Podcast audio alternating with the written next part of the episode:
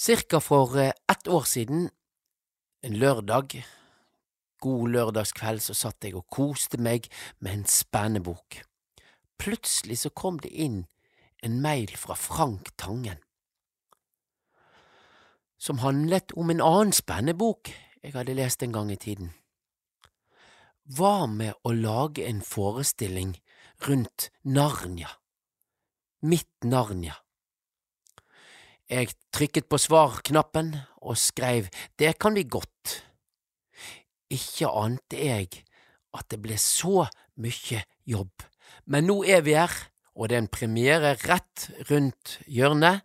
Den får du på Kortreist nær deg. Nå skal du få høre litt fra det som har stått om denne forestillingen på nettsidene til KAB.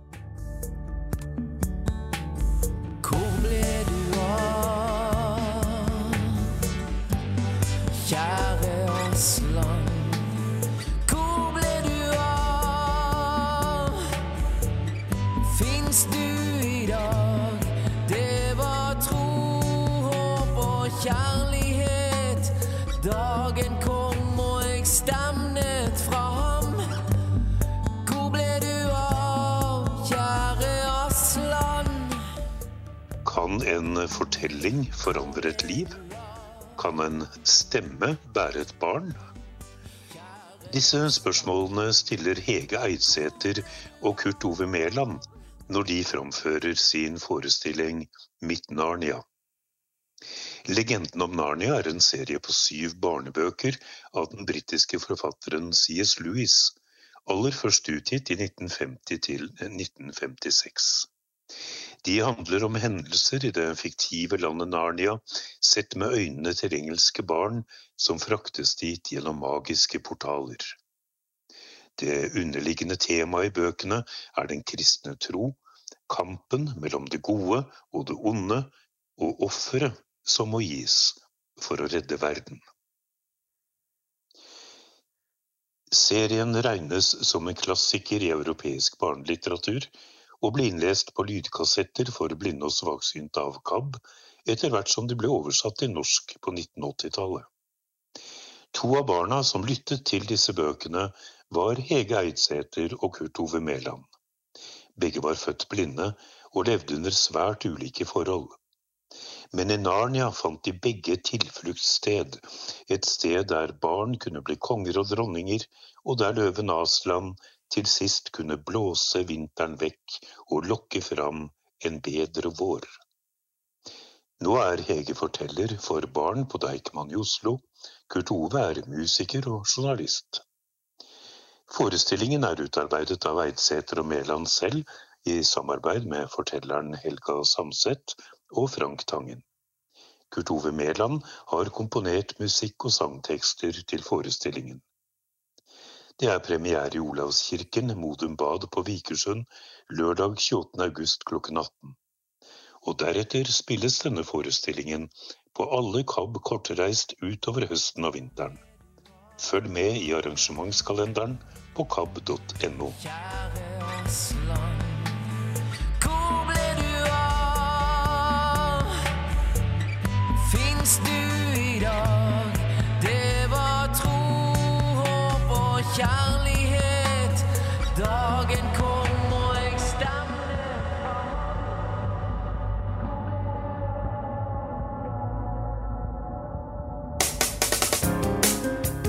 riktig god sommer til deg. Håper han har vært varm og fin. Sådan ikke med min sommer. Den har vært ganske våt.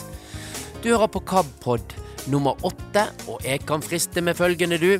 Du skal få møte Solveig Marie Oma. Hun er organist og skal spille konsert i samklang med en synstolking av kunsten i Oslo domkirke. Hilde Diakon Gromstad hun kommer med mer reklame i forhold til kortreist. Du får eh, videre i serien Å leve med tap. I tillegg så blir det nok en episode av portrettserien Velkommen til min verden, og selvfølgelig tanker om tro. Følg med, så får du med deg godbiter på rekke og rad her.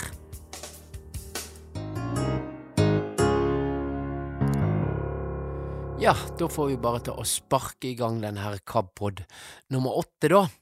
Og du, den 24. september. Den må du sette av dersom du er interessert i å, få vite litt mer hvordan det ser ut, både kunstnerisk og på andre måter, i Oslo domkirke. Da inviteres du til synstolking av kunsten i kirken og konsert med Solveig Marie Oma.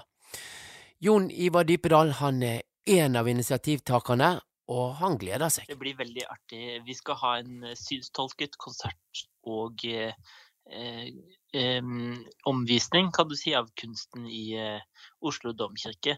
Det fungerer på den måten at eh, Solveig Marie Oma, som er en av våre, skal eh, spille litt orgel for oss. Og så skal en av prester, domkirkepresten i Årset Stene, heter hun, skal lese opp et eh, manus for, for, kunsten i domkirka.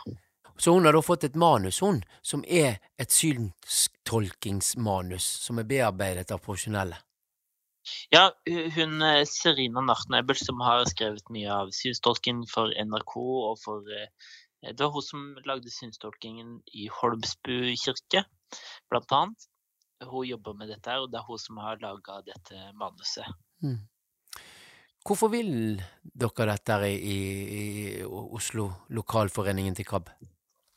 Ja, så vi tenker jo at eh, eh, visuell kunst, eller kunst som sådan, er eh, viktig for eh, veldig mange. Og det er veldig mange som bruker mye tid på det og finner stor glede i det osv. Og, og det er også noe som synshemmede bør få glede av hvis de ønsker det de skal være tilgjengelig for alle, syns jeg, hvis de ønsker det. Jeg tror selv at jeg hadde vært en fyr som hadde vært veldig opptatt av kunst, hvis jeg hadde sett. Eh, så mm, bakgrunnen er at det skal være tilgjengelig for alle, og kirken deretter. Mm. Hva tror du at eh, du kan få ut av en sånn synstolking av eh, bildene og andre ting som er i kirken der, da? Jeg tror at man kan få et inntrykk av hva de har tenkt, og at det er hvor viktig på en måte Hvor mye det betyr, da. Utsmykningen, hvor, mye, hvor viktig den er, kan du si. Um, hvor mye jobb som er lagt ned i det, rett og slett, og hvor mye symbolikk som ligger i det. Um, jeg, jeg, vet jo sånn helt teoretisk at kirkekunst er en stor greie, men jeg vet jo ikke så mye om hva det inneholder. Hvordan eh, gjør folk som har lyst til å være med på dette her, da må man melde seg på, eller hvordan er det? Eh, hele opplegget og arrangementet er gratis, så vi håper at veldig mange har lyst til å dykke opp. Men vi i Oslo Omegn-foreningen har eh, tenkt at vi har lyst til å ha med kabbere på pizza i etterkant. Så vi skal ha pizza i krypten i domkirka rett etterpå. Men da vil vi gjerne ha påmelding. Eh, pizzaen er også gratis, men vi vil gjerne ha påmelding for det.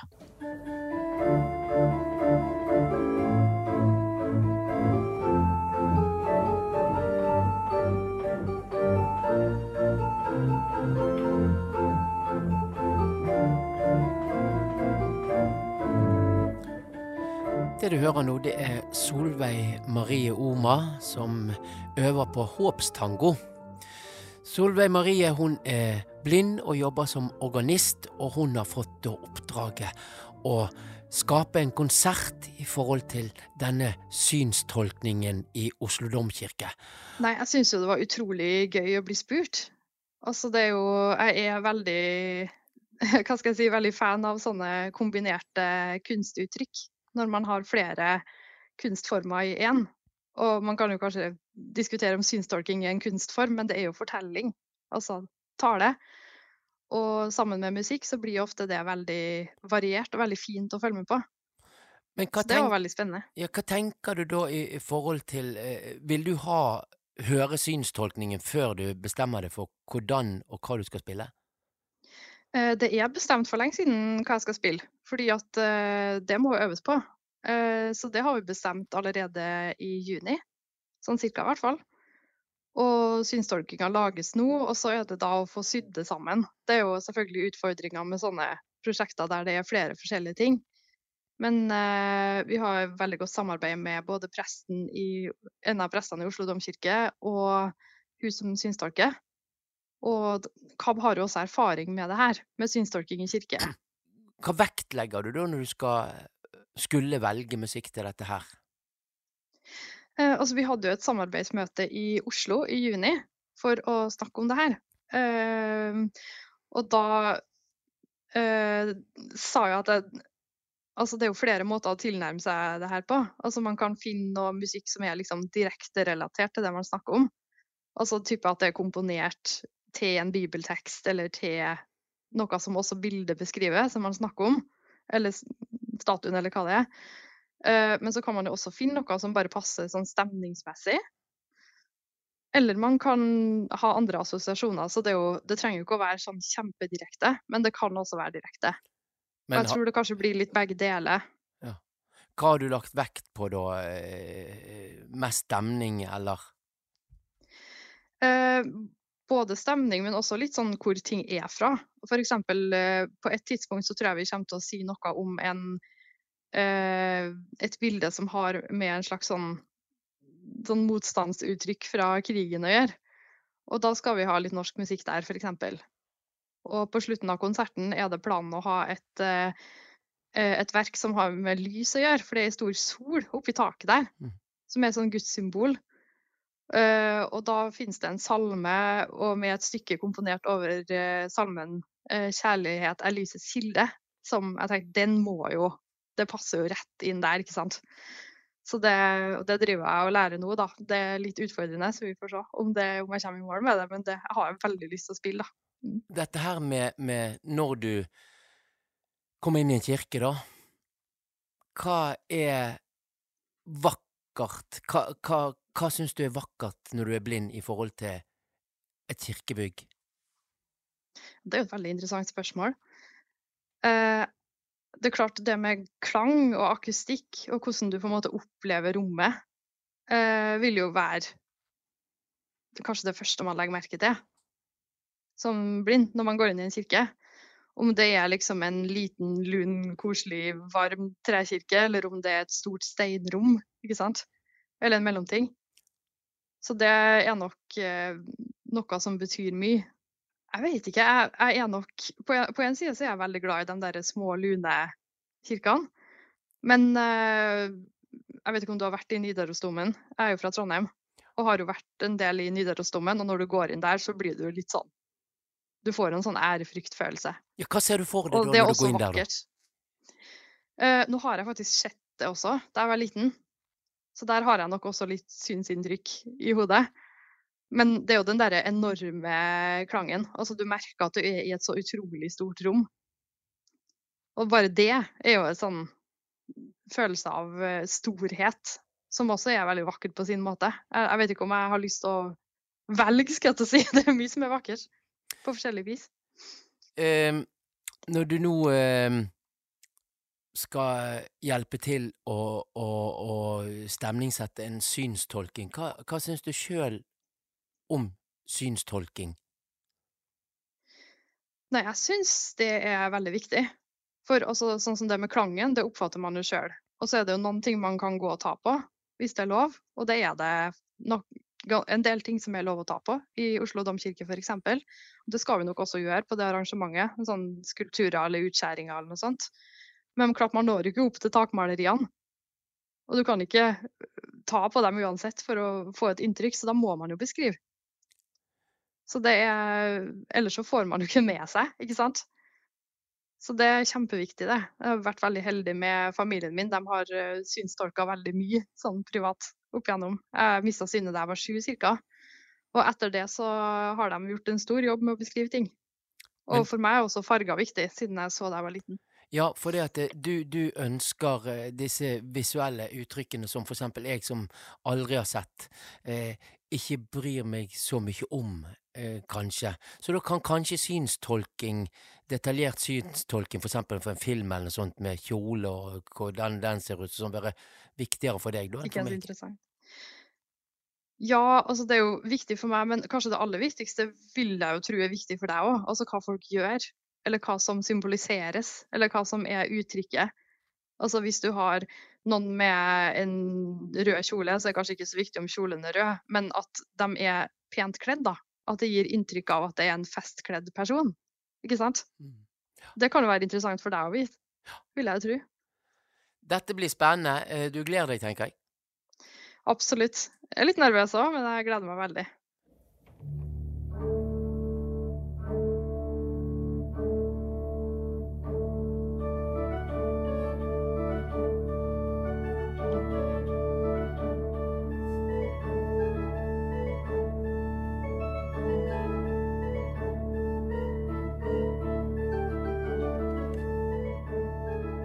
Ja, tøft orgelspill der av eh, Solveig Marie Oma, som øvde på det som heter orgelhalling. Men hun må få lov å få øve litt sånn i fred nå, at vi ikke forstyrrer hun mer. Nå skal vi videre i KABpod, og nå skal du få et eh, litt nytt bekjentskap. I alle fall var det det for meg. For i portrettserien i dag så skal du møte en som heter Knut Odland. Og ja, han eh, hører på KAB-pod og eh, følger med, og han har til og med lovet meg at han skal komme til KAB kortreist i Bergen. Så nå er det offentliggjort, så nå kan han ikke ombestemme seg. I alle fall, her får du velkommen til min verden, der du i dag møter Knut Odland. Ja, jeg ble født herrens år 1950. Og som du sikkert har skjønt etter hvert som jeg er gladgutt, så jeg kom jo til verden 17. mai og deltok i feiringen fra første sekund av. Tekstfelt. Redigerer. Velkommen til inngangen. verden. er beslutning. Hjertelig velkommen til denne utgaven av Velkommen til min verden. I dag skal du få møte Knut Odland fra Bergen. Og da kom plutselig en annen nabo og hentet meg. Og dette skjønte jeg jo ingenting av, men da jeg kom ut til han, så sa han bare 'Karoline er død'. Den 10. mars 2019 opplevde Knut og Marianne Odland det ingen skal oppleve. De mistet sin eneste datter kun 28 år gammel, i en Boeing Max 8 flyulykke. Denne dagen så var Karoline Odland på vei til Nairobi i jobbsammenheng. Hun hadde startet sin egen hjelpeorganisasjon, SOMTO, der hun ønsket å hjelpe svake grupper i ulike afrikanske land. I dag så drives SOMTO videre som en eh, minnestiftelse for Karoline. Det er foreldrene som driver han, for å videreføre Karoline sitt ønske om å hjelpe. Ringer Knut Odland mobil. Hallo, hallo. Da er jeg her, du, Knut. Ja, Da kommer du til å hente meg. Vi preikes. hei, hei. Hei, hei. Halloen. Hallo, Der var du. Ja, Kjekt å treffe deg. i likeså. Alt er bra så langt.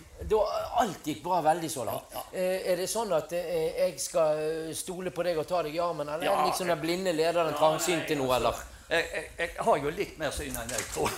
Kjørt over, så. Ja, da skal du være glad. Ja, nei, jeg har under 5 virus, uh, visus, som det heter. Så det er jo ikke så mye det går på. Men Nei, i motsetning til deg, så har jeg nå gått den noen ganger. det har nå gått fint, dette her. Ja, kjære deg.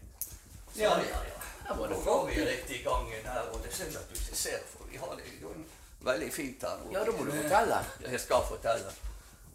Sto akkurat ute på terrassen og hørte på fuglesangen og sånne ting. Og så, så. Det er masse pippiper som sitter ute og synger pent og oss på denne tiden av året, vet du. Så.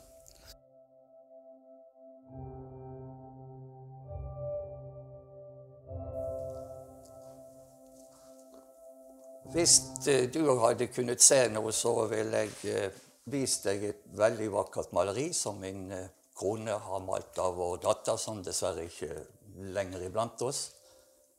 Det er et stort og fint maleri med masse symbolikk. Caroline tilbrakte mye av sin tid for å hjelpe andre i andre deler av verden, så det er litt Afrika der. Hun var veldig glad i Frankrike og litt Eiffeltårn. Så dette bildet ved siden av å være et, et, en riktig gjengivelse, så viser det veldig mye av det hun var, og det hun betydde for oss to, som vårt eneste barn. Ja, for hun er ikke mer. Dessverre så falt hun ned i den flyulykken som var mye omtalt i 2019, da dette Boeing Max 8-flyet falt ned. Hun var eneste, den eneste norske personen som var om bord. Hun var på vei fra eh, Addis Abeba til Nairobi i Kenya. Hun jobbet da for eh, Røde Kors, men hun skulle også ned for å ivareta sin store interesse i livet, nemlig Stiftelsen Santo. Hva husker du fra den dagen? Veldig mye. Veldig tungt. Eh, Jeg hadde gått min daglige tur og hadde stoppet, som jeg også pleier å gjøre, hos en gammel nabo. Og fremdeles nabo, men bor et par hundre meter fra oss her. Og da kom plutselig en annen nabo og hentet meg. Og dette skjønte jeg jo ingenting av, men når jeg kom ut til han, så sa han bare 'Karoline er død'. Og det var jo et øksehugg i bakhodet på meg. Men vi kom jo hjem da, og ja, det ble veldig, veldig, veldig tunge og anstrengende tider som følge av dette. Vi fikk jo også mye medieomtale, så medietrykket var stort. Jeg husker vi var vel sjelden under ti personer til noen måltid, så folk kom reisende fra Oslo og andre steder for å være sammen med oss. Så det var en, en sterk og god opplevelse i all den mørkhet som omgitt et, et sånt tap. Så dagen var fæl. Politiet kom og stilte 200 forskjellige spørsmål om piercing i navlen og sånne ting, så det var en, litt uvirkelig opplevelse. Men igjen, gode venner holdt godt rundt oss, og vi hadde en, en, en verdig og god utgang av hennes uh, altfor korte liv. Hun ble bare 28 år gammel. Det var i den ulykken med disse Boeing, nye Boeing-flymaskinene, det var ikke? Det er helt rett. Og de er jo begynt å fly igjen nettopp. Og jeg kan jo si så sant det at vi har uh, ikke tenkt at de skal slippe billig unna dette Boeing. Så vi har saksøkt i USA sammen med mange andre etterlatte.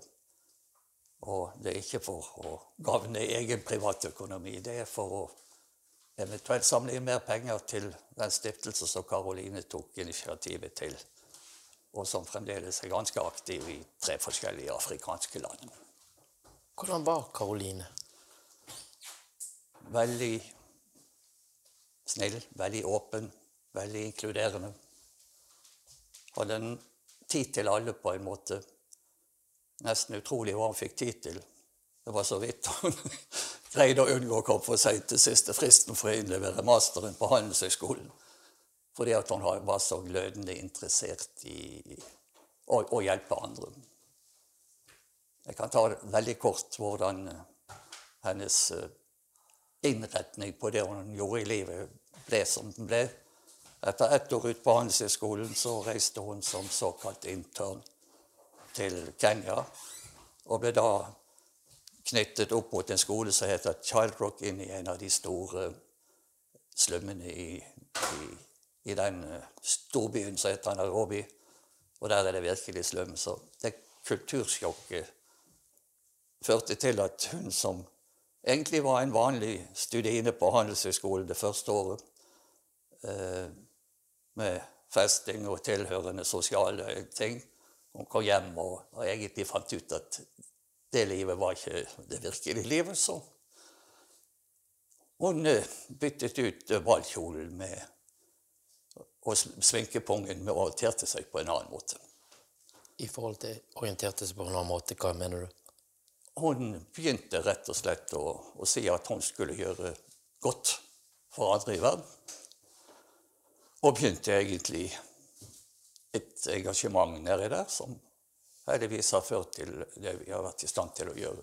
Hva tenker du om at det, det fantastiske hun gjorde for sine medmennesker, som ikke hadde noe, at det resulterte i noe så fælt? Det går ikke opp, kjenner jeg. Det går ikke opp. Og du kan stille spørsmål ved alt og finne noen form for rettferdighet eller sånne ting er jo en umulighet. Og i et uh, gudsperspektiv så kan man jo noen hver komme i tanker på om det er en gud som i tilfelle han er allmektig, ikke noen kan forstå i en sånn sammenheng. Men kjente du noe Hvor var Gud, og hvor er Gud? Det var veldig rart akkurat dette, for uh, på grunn av hennes eh, dødsfall så hadde jeg jo mye med vår lokale prest. Vi hadde en fantastisk eh, minnegudstjeneste for henne i slutten av mars. Eh, og den presten støttet oss på en sånn måte at han var, var rett og slett en, en viktig en veldig viktig premiss for at vi kunne bearbeide sorgen og helt tatt gjøre dette her. Det var en stappfull Selen kirke rett på andre siden av vannet vi sitter ved nå. Så det var en flott opplevelse med Tor Endresen og Rune Larsen og vår gode venn Brudborg som spilte horn fra Voss og sånne ting. Altså. Så det var, det var, en flott opplevelse. Men igjen, når du har ett barn, så skal ikke noen foreldre være nødt til å begrave de på den måten vi gjorde det. Nei, hva, hva tenker du i forhold til Gud? Er du sint på han? Har du mistet han? Har du Nei. fått han? Har du funnet han? Jeg er blitt styrket i min barnetro. Jeg er født og oppvokst i frikirkemiljøet, og jeg har aldri for så vidt gitt glipp på, på barnetroen min. Og jeg, det er så veldig rart etter at jeg begynte å reise ganske ofte til Afrika, det å se hvordan de forholder seg til gudetroen og sånne ting også. Så jeg har vært engasjert mer i kirkelige aktiviteter i, i Kenya enn jeg har vært i Norge de siste årene. Men jeg tror at min, min tro på at Gud eksisterer og sånne ting, er like sterk. Og Karolines engasjement var jo også grunnfestet i slik tro, selv om hennes engasjement var jo mer av altruistisk eh, karakter. Det var ikke noe sånn gudskall som gjorde at hun ville gjøre, bruke sitt liv til innsats for andre. Hun var flink å synge, og den lyden har du fortsatt. Du som ikke ser og hører på YouTube og sånt om hun som synger. Eh, Det er vel altså Maleri er en ting, og bilder og sånt, men det er vel et viktig eh, holdepunkt for deg? Det er et viktig holdepunkt, men fremdeles så blir jeg så følelsesmessig engasjert at eh, det er tåredryppende å høre på henne. Men eh, bare for å indikere prioriteringen hennes Hun var en sangfull og har sunget mange steder. På alle svømmestevner vi hadde i Bergen, så måtte hun synge Bergenssangen a cappello ved åpningen av disse her. I bunad, og det kan være varmt nok, det. Men eh, hun ble jo tilbudt å være med i alle korene de har på Handelshøyskolen, men hun valgte å stille opp i koret til biskop Havns kirke istedenfor. Kan jeg få høre noe synge? Er Det kan du helt sikkert.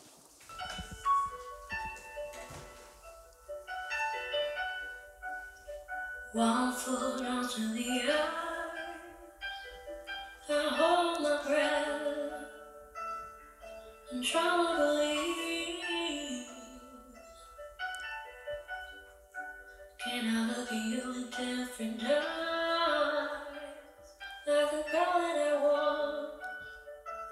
when I was seventeen? Falling out past the shadow glass, the wicked goes down my path. Seen it all before, that's why I'm asking. Will you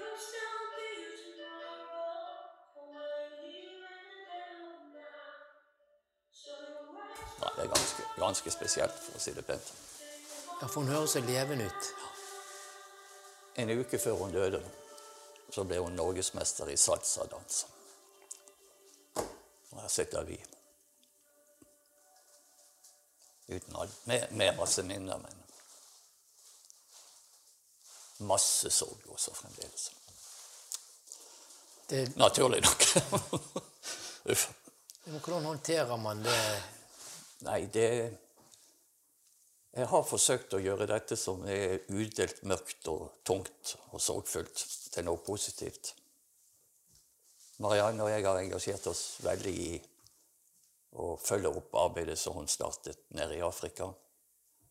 Vi har nå tre forskjellige land med betydelig engasjement der nede. I Etiopia, der jo flyet falt ned, så det var naturlig å finne noen å samarbeide med der. Og måten vi gjorde det på, var jo å få tak i en familie som også hadde mistet en av sine kjære i denne ulykken. Og vi har sammen med de, da, men i Somtos navn, søkt og fått støtte til tre veldig flotte prosjekter i Etiopia som pågår over tre år. Vi er inne i det andre året nå, men vi, skal, vi gjør veldig mye godt i, i disse prosjektene. Hva gjør dere, da? Vi har eh, forskjellige prosjekter. Ett er for uh, ungdom, dropouts fra skoler, få de integrert. Et annet er et uh, undervisningsopplegg med faktisk praksis i arbeidslivet. Et tredje er uh, å, å støtte opp med et eh, gitt antall eldre enker. Dessverre er det slik i Afrika, og for så vidt også i andre land, at de eldste enkene og sånt ting blir eh, bare sett på som ikke noe å, å støtte opp om. Så vi har forsøkt å finne det ut. Det er for så vidt det vi gjør i Etiopia. I Kenya startet jo Karoline opp allerede i 2012. Og der har vi en primæraktivitet knyttet til en skole som heter Child Rock Initiative i Mukuru-slummen der nede. Og hva gjør vi der? Jo, vi For det første samler vi inn penger til å gi barna mat. Og en av grunnene til at foreldrene sender barna på skole, er jo at de får mat der, fordi foreldrene har ikke verken råd eller penger til å fø sine egne barn. Videre så betaler vi lærerlønn til, til ni lærere som er på den skolen. Og det har vi gjort over år nå. Skolen der er den eneste som har strøm og rent drikkevann knyttet til seg.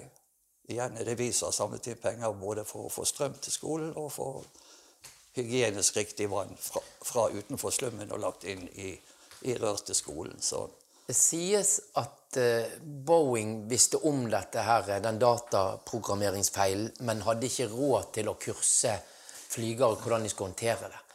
Eh, hvis det er sant, hvis, hvis dette er sant at det er økonomiske ting som gjør at dette skjer, hva tenker du da? jeg syns det er en forferdelig trist sak. Det er for så vidt allerede kjent fra Boeing-fabrikken at de visste om dette. De er tatt med buksene nede, eller de har knapt bukser på. Så det, de har ikke engang muligheter til å si at de ikke visste om det. Så dette har de sett på som en driftskostnad.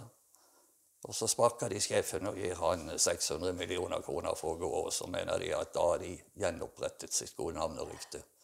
Ikke i min verden, og ikke i mange andres verden heller. Vi har anlagt en sak mot de, men den saken er foreløpig ikke kommet til uh, retten der borte, eller eventuelt uh, blitt enighet om utenomrettslig. Så uh, foreløpig har ikke vi fått noen erstatning direkte fra Boeing. Men det, det håper vi på, for det skal gå til stiftelsens arbeid.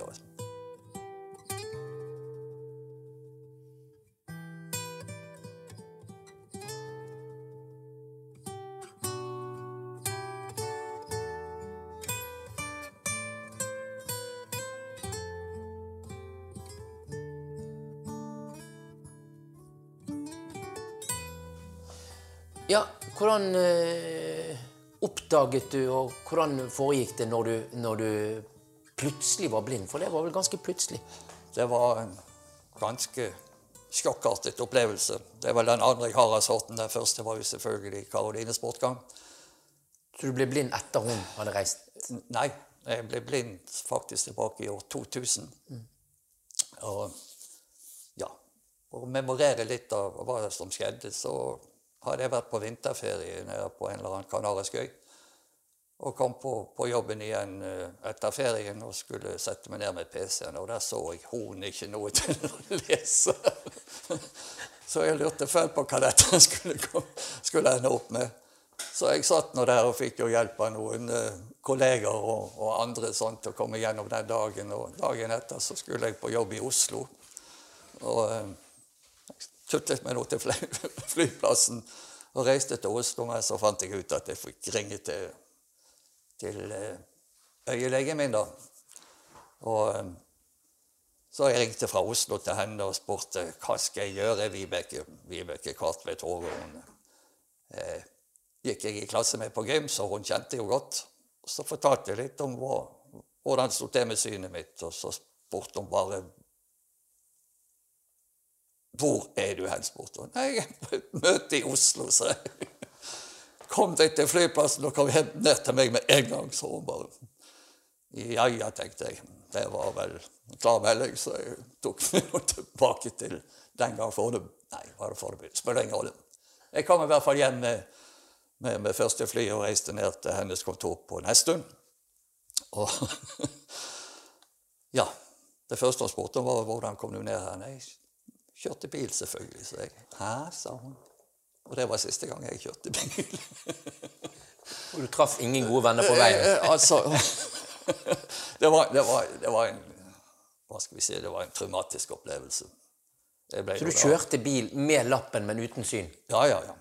Rett og slett. Og um, så Men så har han alltid vært en sta fyr som ikke har tenkt å gi meg på, på tørre møkken. Så jeg ble jo beordret ned på øyeklinikken på Haukeland. og der ble jeg jo tatt vel imot, men de skulle på døden legge meg inn i en seng. Så sa jeg nei, jeg har foreldrene mine rett nede i gaten her, så jeg bor der. Hvis dere vil ha tak i meg, så er jeg der, sa jeg bare. Og så, så hadde jeg en utredningsuke der, da, og fikk egentlig epikrisen som uh, blind, faktisk, i slutten av den uken. Det ene øyet mitt er teknisk sett helt uh, ute av drift, så det kan jeg ikke si noe på. Så jeg har 5 restsyn på det ene øyet, og det, det greier jeg meg ganske godt med. Men altså, jeg, jeg, jeg vet at du har eh, du vet hva, trukket blindekortet i ulike kinkige situasjoner. Så jeg fikk en historie her som jeg har lyst til å dele med deg. Nei, gode, gode catchy greier. Ja, nei, altså jeg kan jo fortelle om den eh, siste gangen vi var i Kenya, eh, Knut Nøy, i Sonto-regi. Sonto regi. Så eh, så vi det på flyet, når vi satt på flyet fra Nairobi til Schiphol, der vi skulle mellomlande, at det her kom ikke til å holde tidsmessig med flyet til, eh, til Bergen igjen derfra. For det, det er bare en liten time eller noe før vi må må finne den neste gaten og komme på flyet. Eh, jeg var veldig stresset og tenkte eh, dette her blir ombooking og venting og mye sånn da. Men Knuten slappet helt av. Han bare vippet ut den hvite stokken og sa dette ordner vi. Og når, eh, når flyet landet da, så reiste han seg bare og sa eh, Hallo, jeg er blind. Jeg skal rekke et fly til, eh, til Bergen.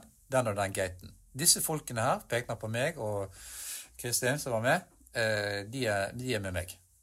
Og det bare durte gjennom hele flyplassen, kilometer på kilometer, med, med assistanse og nesten med blålys. Det var ikke blålys, men jeg følte det var litt sånn utrykning.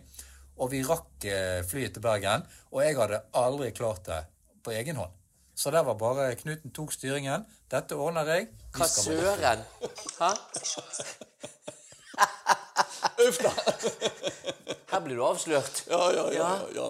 Ja, men det er greit å ha uh, hvit stokk når du trenger den, ikke Ja, det? det er helt korrekt. Altså, det, det var ingen grunn til at vi skulle bli sittende der nede en halv dag ekstra, når jeg tross alt har både papir og alt på at jeg kan eh, Jeg har faktisk krav på å få sånn støtte og hjelp fra- flyplassen. Men det er også helt rett, vi hadde aldri nådd det flyet uten.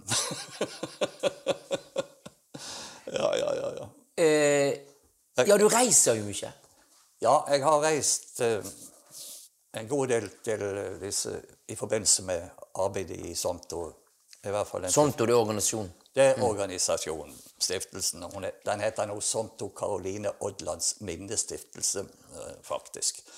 Og eh, tidvis har jeg jo måttet reise alene, for det er jo ikke snakk om at vi skal bruke penger på unødige flyreiser. Så Altså, du reiser til afrikanske land alene med 5% syn og en hvitstokk? det er det jeg gjør. Ja, hvordan går det? Det går alltid bra. Særlig hvis du ikke er redd for å åpne munnen og be om hjelp hos de du måtte trenge det fra. Generelt sett så er det mye enklere å ta seg frem etter min erfaring, i utenlandske store flyplasser enn det er i norske. Hvorfor det? For eh, hvis du ber om å få assistanse på en norsk flyplass, så blir du nesten sett på som der er noen som er litt utenfor og trenger hjelp og sånne ting. Mens i f.eks. i eh, Afrika så blir du møtt med en helt annen form for varme. og De ønsker å hjelpe til, og de er langt mer forekommende og, og mer sosiale. Har du opplevd noe skikkelig hektisk, eh, kanskje litt dramatisk, som endte bra?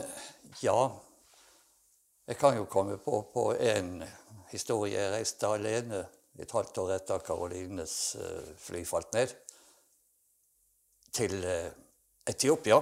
For jeg hadde forbannet meg på at jeg skulle se det stedet der dette flyet kom ned. Eh, Dette ble jo ikke så positivt mottatt av de etiopiske myndigheter. Ei heller Ethiopian som var, opererte det flyet som falt ned. Og, fordi at eh, de ikke ville lage De, de, de ville ikke at noen skulle komme og se på det store hølet der og finne sandaler og sånne ting, som jeg faktisk fant der ute. da. Fant Men da sandaler? Greide jeg å eh, snike meg unna. Alle ventet på en mann med hvit stokk og sånne ting. Og skulle sørge for at jeg ikke gjorde dette. Men jeg bare snek meg ut og gikk som de vanlige passasjerene over til hotellet mitt. Med hvit stokk? Nei, nei, nei. nei. Du kan ikke bruke hvit stokk når du skal snike deg ut. Men hotellet ligger på flyplassen, så det var ikke noe heft. Og ved gode venners hjelp og sånne ting, så greide vi å ta oss ut til, til stedet dette var. Det jo ja, seks mil utenfor Addis. Så det var i det våte halvåret, så vi gikk og trasket, så det var strabasiøst. Men vi nådde frem, og jeg fikk dette stedet tatt i øyesynet. Da vi kom ut der, så sto det jo væpnede vakter. Men da de hørte at jeg var faren til en av de som omkom, så fikk jeg jo lov til å komme inn og bese dette. Og jeg er glad for at jeg fikk det der til. Jeg vet ikke hva som stakk meg, men jeg bare hadde forbannet meg på at dette skulle jeg gjøre. og det gikk bra. Hva gjorde du der, da? Jeg hadde en stille stund for meg selv. Og en veldig sterk opplevelse like etterpå var når jeg kom ut igjen derfra. For da kom vi opp på, på en landevei, og der kom en av de ortodokse kristne prestene der og omfavnet meg. Og det var, det var ikke måte på. Det var følelsesmessig noe av det sterkeste jeg har opplevd. Så eh, dette var en, en utrolig god opplevelse. Du som eh, ser 5% og var inni dette med dette krateret, som du sa. Ja. Eh, hvordan, på hva slags måte opplevde du det stedet med dine sanser? Jeg så jo, selv med mitt sterkt reduserte syn, hvor dypt krateret er. Og kunne jo bare forestille meg hvordan hele denne flykroppen kom ned og laget dette krateret. Eh, Så det har ikke vært noen myk landing, for å si det veldig pent. Det andre som overrasket meg litt, var jo å se hvor mye skrot som lå fremdeles på stedet der. Rester av personlige eiendeler og masse ting. Så jeg skjønner godt at de ikke ville at jeg skulle komme og, vise frem dette stedet, kanskje på, på bilder og i media i etterkant. Men eh, eh, jeg var jo tilbake igjen på årsdagen samme sted, og da hadde de jo jevnet ut hele hullet. Det var ikke noe der, og masse blomster og Hvor dypt var hullet? 15-20 meter, tenker jeg. Nedover i jorden? Og svært. Sikkert så kanskje 100 meter langt. Hvorfor var det godt å se dette, på en måte? Være Fordi at da har det vært der som hennes Karolines liv endte opp. Og jeg kan levende forestille meg at hun ikke av de som hadde panikk der, men at hun forsøkte å roe ned med passasjerer i det flyet der, for det ville vært likt henne. Ja, å oppleve verden. Du har vært fullt seende, og så mistet du synet. Ja. Hvordan Hvordan opplever du verden? La meg si det sånn, overgangen var veldig konkret og brutal. Jeg kan eksemplifisere ved å si at i 99, så var det første året før jeg fikk denne epikrisen, så jobbet jeg i 19 land. Så jeg var jo kontinuerlig på reise og hatt et veldig veldig aktivt og omflakkende arbeidsliv, som har brakt meg til mange flotte steder og alt dette her, så jeg har ikke noe å si på det. Men liksom det som skjedde, det førte til at du som var vant med å nærmest løpe til flyplassen flere ganger i uken, egentlig på sett og vis måtte delvis slutte med dette. Det jeg nå tenker på, er at eh, jeg nektet vel å innse og ta inn over meg. Jeg var rett og slett en fornekter, som det heter, i de første årene. Jeg solgte f.eks. ikke bilen min før det var gått tre år.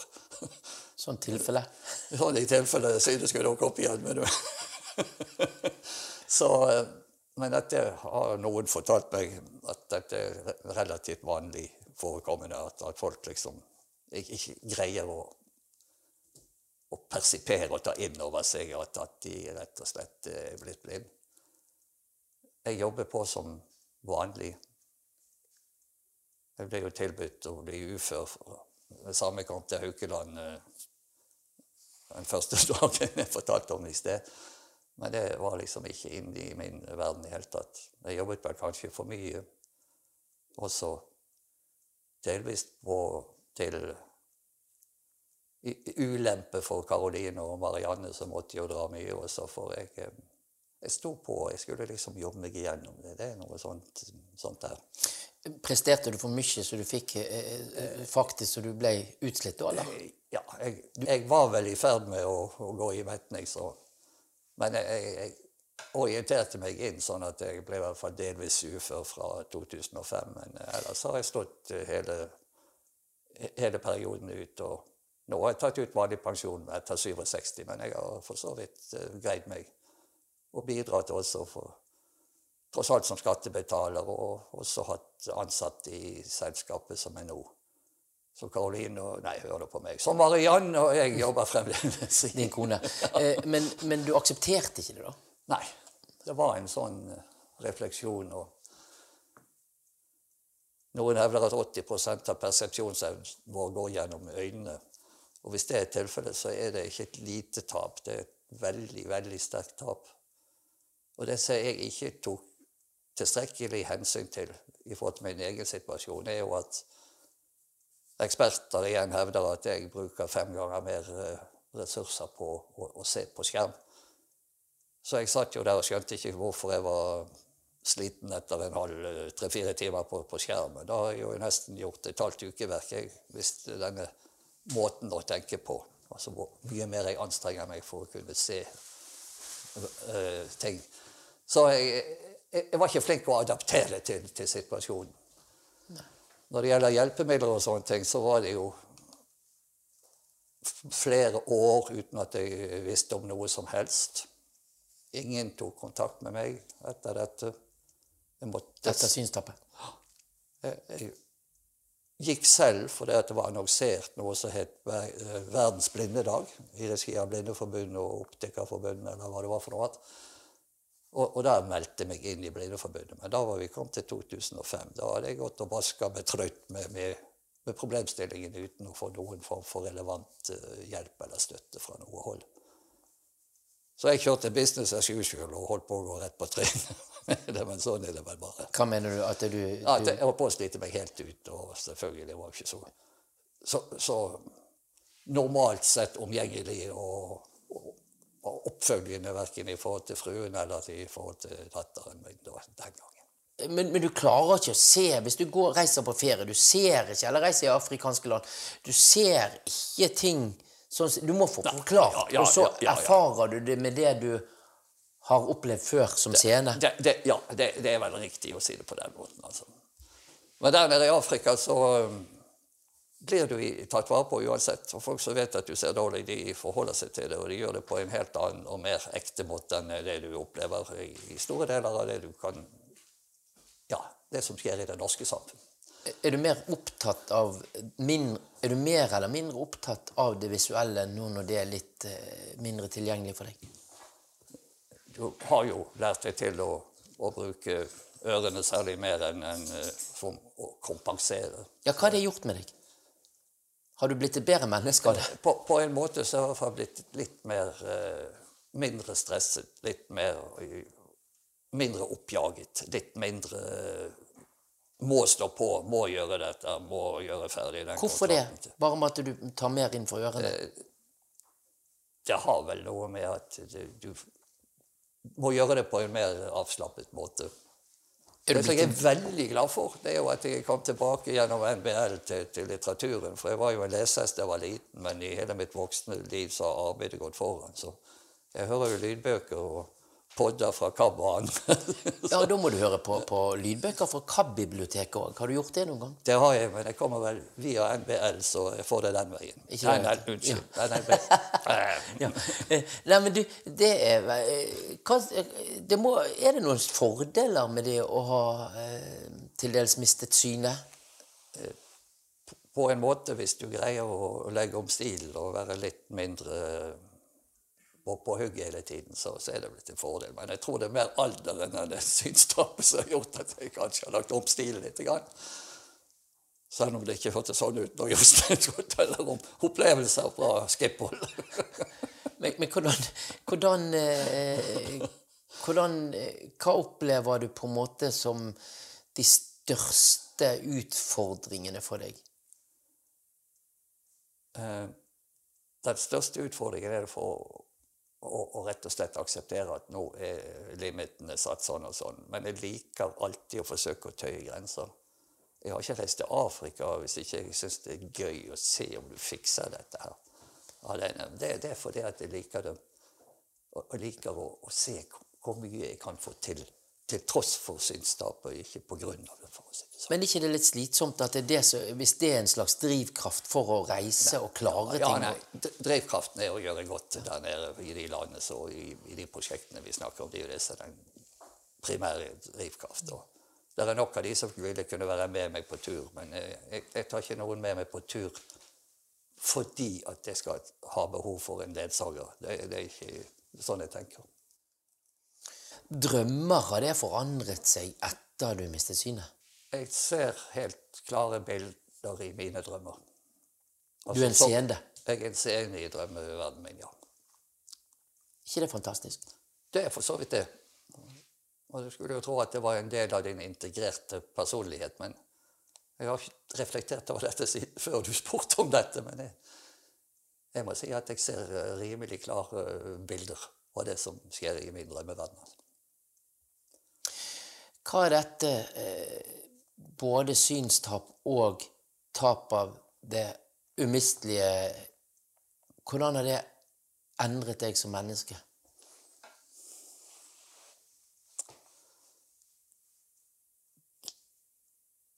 Synstapet får vi ta først, siden det var nesten 20 år mellom disse to hendelsene. Det tror jeg ikke førte til så dramatiske endringer for meg. Eh, forsøkte å gjøre det samme, som du skjønner, i en lang tid, men jeg har jo adaptert til situasjonen underveis. Eh, når det gjelder tapet av Karoline, så har det vel det reorientert min totale tilværelsen og stilt spørsmål om hva som er viktig her i verden versus å, å kave eller gå etter mer materielle ting. Så jeg tror vi kan si at vi har lagt om stilen ganske kapitalt i forhold til hva som er de reelle verdier, og hva som er viktig å, å gjøre i en verden som er jo utsatt for all verdens uh, styggedom for tiden. Vi må aldri slutte å, å gjøre godt. Vi må aldri slutte å tro at enkeltmennesket ikke betyr noe. Vi må faktisk gjøre dette, og så får vi håpe og tro at vår innsats som individer kan bidra til noe som er positivt for både seende og mindre seende. ikke det rart at sånne vonde opplevelser på en måte må til for at man skal se at man kanskje må prioritere litt annerledes?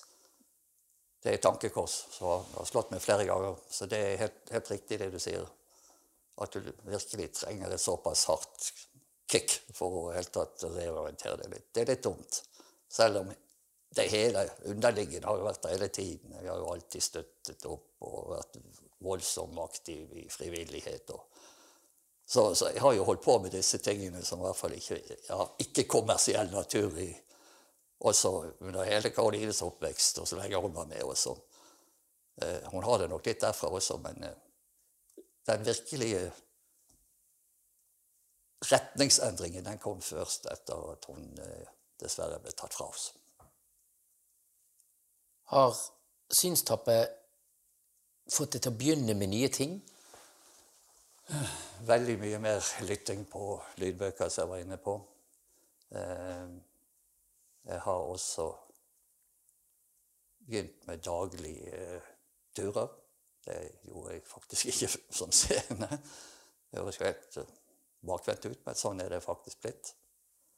Så Men andre ting Ja, dette engasjementet vi snakker om i forbindelse med Karolines stiftelse, det er jo selvfølgelig blitt nærmest hovedengasjementet i, i, i mitt liv nå. Altså. Jeg bruker mer tid på det enn å, på, på jobben, for å si det på den måten. Tror du vi hadde eh, klart å tatt en tur i lag uten å knekke lårhalsen? For da vil vi være med deg på en tur. Vi tar oss en tur, du og jeg. Dette skal gå fint, skal du se. Nå blir nå den halte er vel omtalt i en viss bok, men Men, men først må vi drikke opp kaffe. Ja, det må vi. Og så har vi Marianne laget mat til oss. Oh, så, så nå er det skiver du får føle det frem. oh.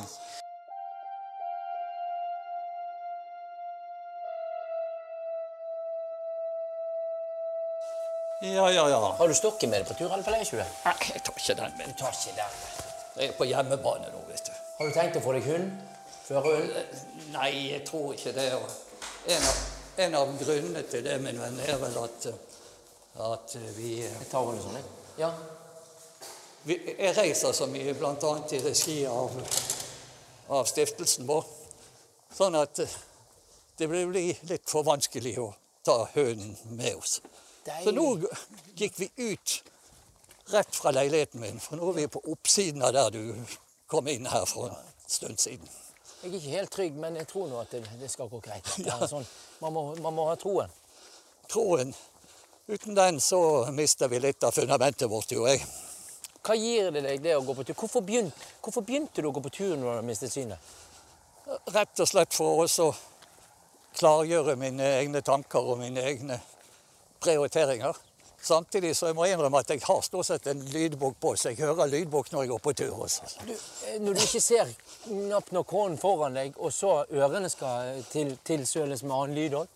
Jeg bruker bare en, ene øreproppen, den andre må jeg høre på om det kommer biler og annen styggedom på veien. Hvor langt går du, da? En liten times tid. Har 7-80 km. Har du rotet det vekk? Ja, det har forekommet. Hva gjør du da? Da ringer jeg hjem til konemor, mor, hun har sporing på meg, så hun finner meg igjen. Hvordan det der fungerer det? Det får du spørre henne om. Hun har en GPS på meg. Så du, hun vet alltid, du kan ikke gjøre mye galt, du. altså, jeg kan ikke ha noen sånne der venninner på jeg, altså. For hun kan finne meg når som helst, vet du.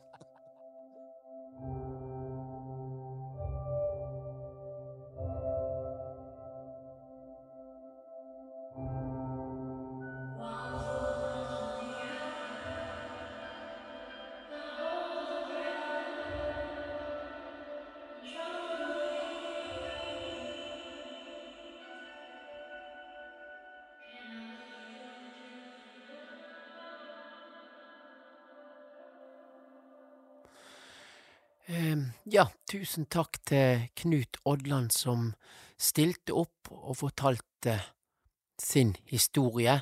Eh, I tillegg så hørte du han som skulle fortelle denne catchy eh, historien om Knuten, da. Det var en med navn Jostein Brattaule.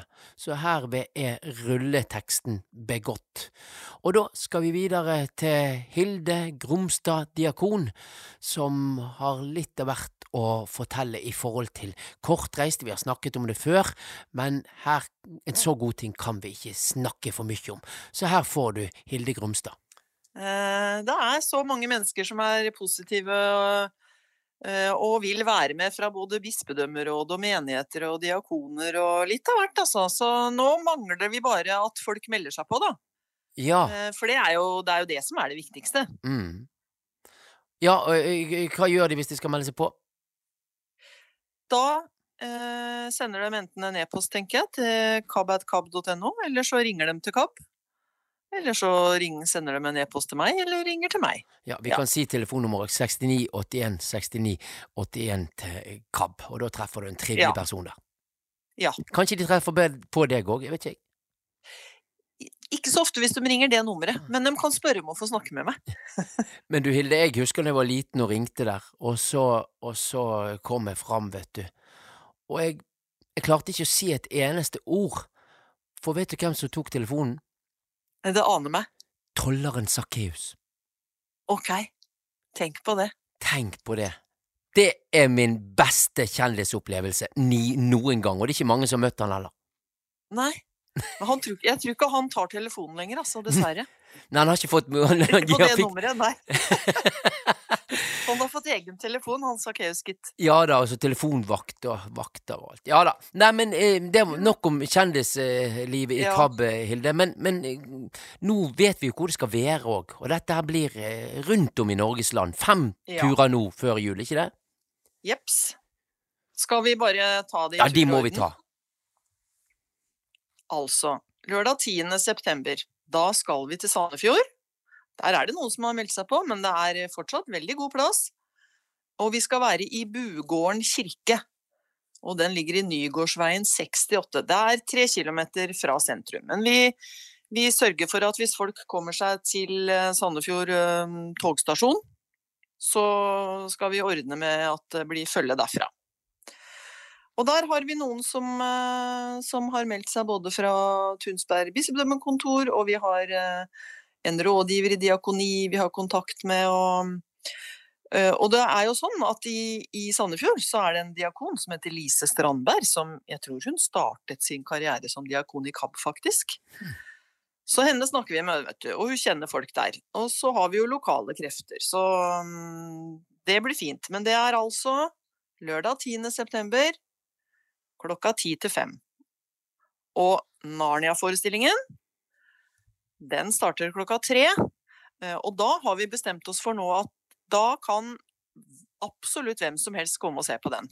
Så da må folk Eh, komme sånn fort til, Hilde, for det kommer til å gå folk mann av huset der for å la, komme. la, ja. ja. Nei, men da blir det, da blir det sånn at uh, Sandefjord menighet og, og kanskje bispedømmekontoret der nede også på en måte informerer litt om det. da. Vi har lagd et arrangement på Facebook som vi driver og deler. Så da kan venner og kjente og alle som kunne være interessert, eh, selv om de ikke er nødvendigvis medlemmer i KAB eller har en syns- eller lesehemming, komme og være med på den. Ja, og det kan vi jo presisere òg, Hilde, at, det, at det, forestillingen heter Mitt Narnia, men her trenger man ikke ha lest bøkene Narnia i det hele tatt, altså. Nei, det er veldig bra. Jeg har lest litt, men eh, det er så lenge siden at jeg husker ikke så mye av det. Så da blir det Narnia-forestilling klokka tre, og så skal vi slå til med en sånn god gammeldags eh, kirkekaffe etterpå det, da, vet du. Med vafler og greier. Så det blir det samme alle stedene. Når vi har vært i Sandefjord, så tar vi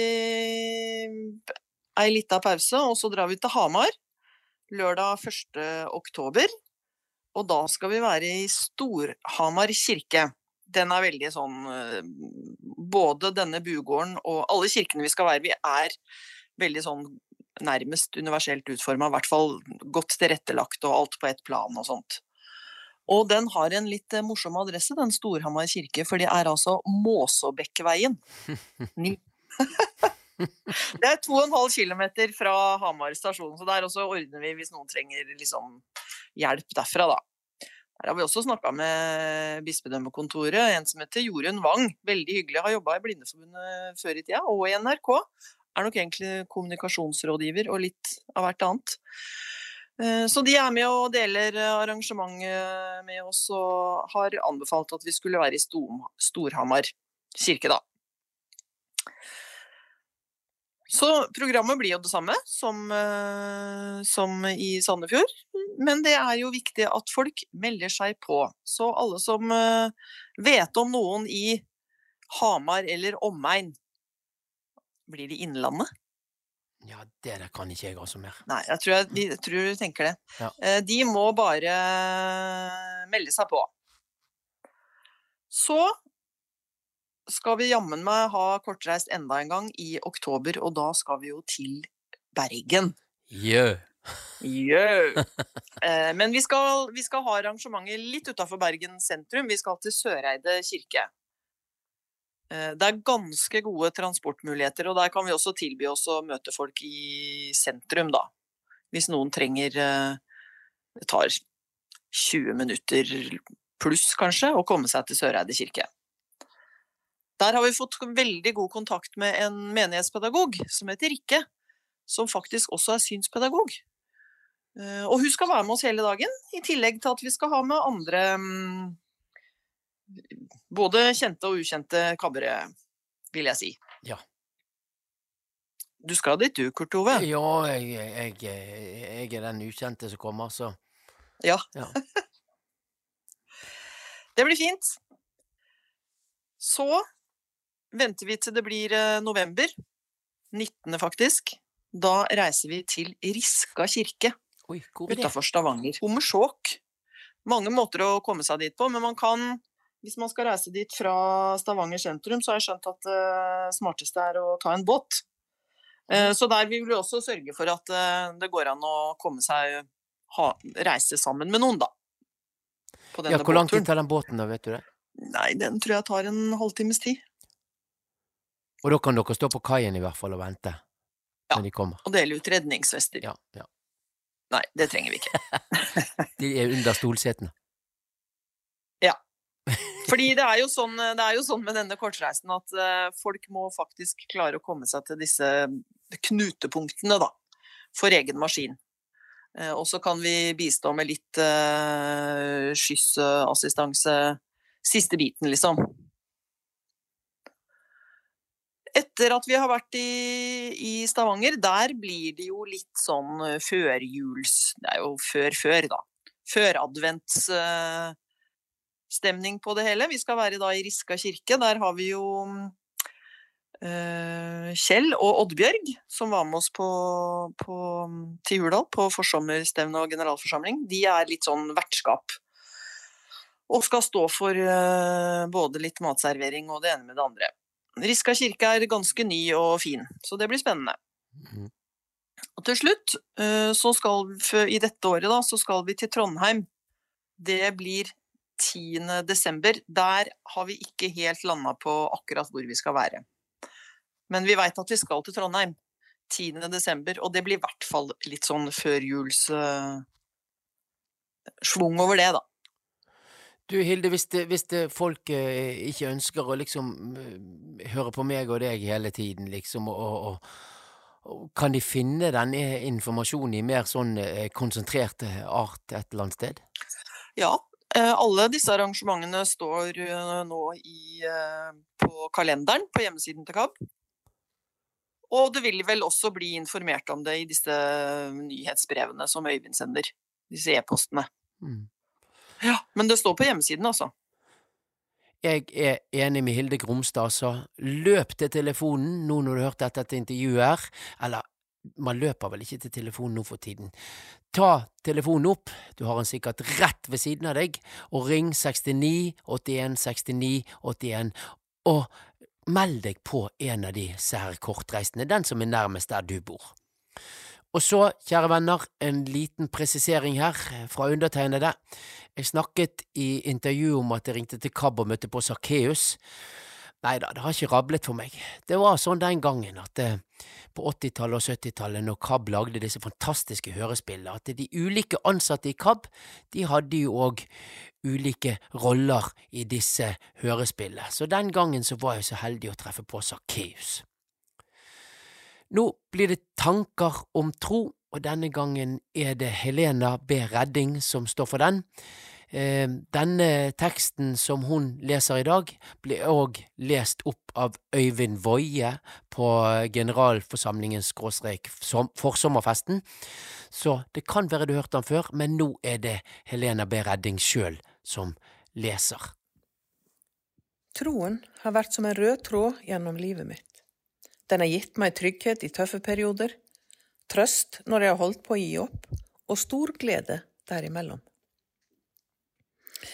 Jeg er så heldig å ha vokst opp hos foreldre som var personlig kristne, og hvor bønn var en naturlig del av hverdagen. Foreldrene mine sang i kirkekor, og kirkebesøk på søndager var derfor alltid en del av livet. I min barndomskirke hadde vi en fantastisk flott prest som åpnet lett opp for samtaler om det en måtte ønske.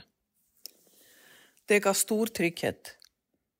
Jeg husker fortsatt samtalen vi hadde før min konfirmasjon. Jeg var usikker på om jeg var troende nok. Det blei en fantastisk fin samtale om tro og tilhørighet, om å være god nok, akkurat slik jeg var. Å ikke føle seg god nok har vært en fast følgesvenn gjennom hele livet mitt. Jeg er født svaksynt, noe som ga bensin på bålet hos mobberne på skolen.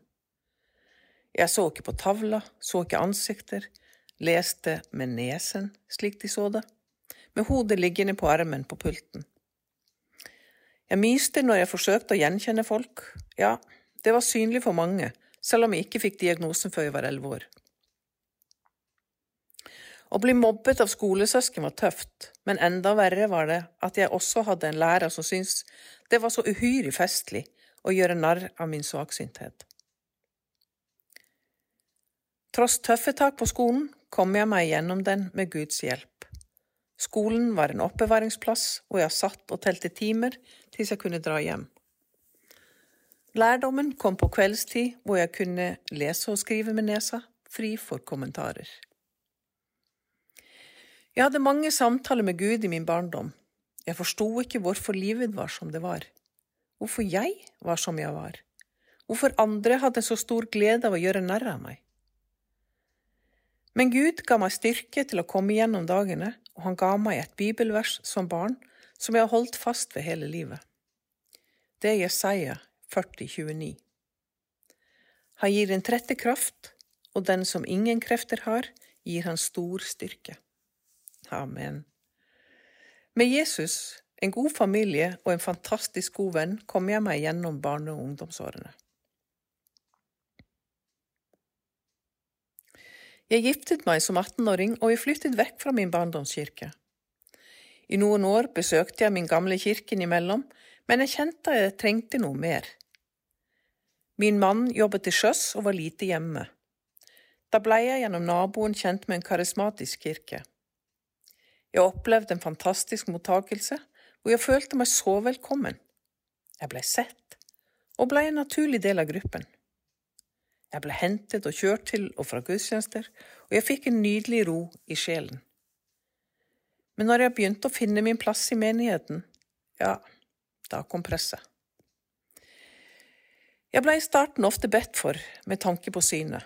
Gikk jeg opp til forbønn av andre årsaker, blei det feid vekk til fordel for bønn for forbedret syn. Når det kom en pastor fra Amerika, ble jeg geleidet fram som lam til alteret, for at hele den store menigheten skulle be sammen for meg, slik at jeg i Jesu kraft skulle få synet tilbake. Der og da, foran menigheten. Men slik gikk det ikke. Nå begynte det hele å føles ubehagelig ikke minst fordi synet fortsatte å forverres. Da kom tvilen. Ikke kanskje helt fra intet heller, fordi det ble flere og flere som nevnte at jeg kanskje ikke var troende nok, at jeg måtte be mer, lese mer i Bibelen, gi mer, delta mer, bære vitne mer, og jeg begynte å trekke meg tilbake. Jeg blei usikker, så forferdelig usikker. Jeg hadde mange samtaler med Gud om situasjonen og om min tro. Da blei jeg minnet om fortellingen om sennepsfrøet. At tro på størrelse med verdens minste frø er tro nok. Slik tro er faktisk nok til å kunne flytte fjell, slik vi leser i Matteus 1720. Og jeg ble minnet om at jeg aldri er alene, heller ikke når alt virker å rase rundt meg. Gud har aldri lovet at vi ikke skal oppleve sykdom eller møte motgang, men han skal gå sammen med oss gjennom slike perioder i livet. Dette ga meg enorm trøst. Etter mange runder med meg selv trakk jeg meg helt ut av denne kirken. Det var en lettelse, men også en stor sorg, for selv om tro er personlig, så trives den særdeles godt i fellesskap. Det er godt å kunne dele sin tro med andre, kunne snakke om sine tanker, tvil og vitnesbyrd. Det er noe annet hjemme, alene i stua. Men slik var det de neste år.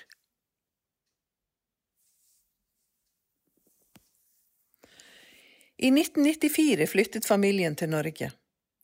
Jeg snakket jo ikke norsk, så jeg blei en del av den islandske menigheten i Norge.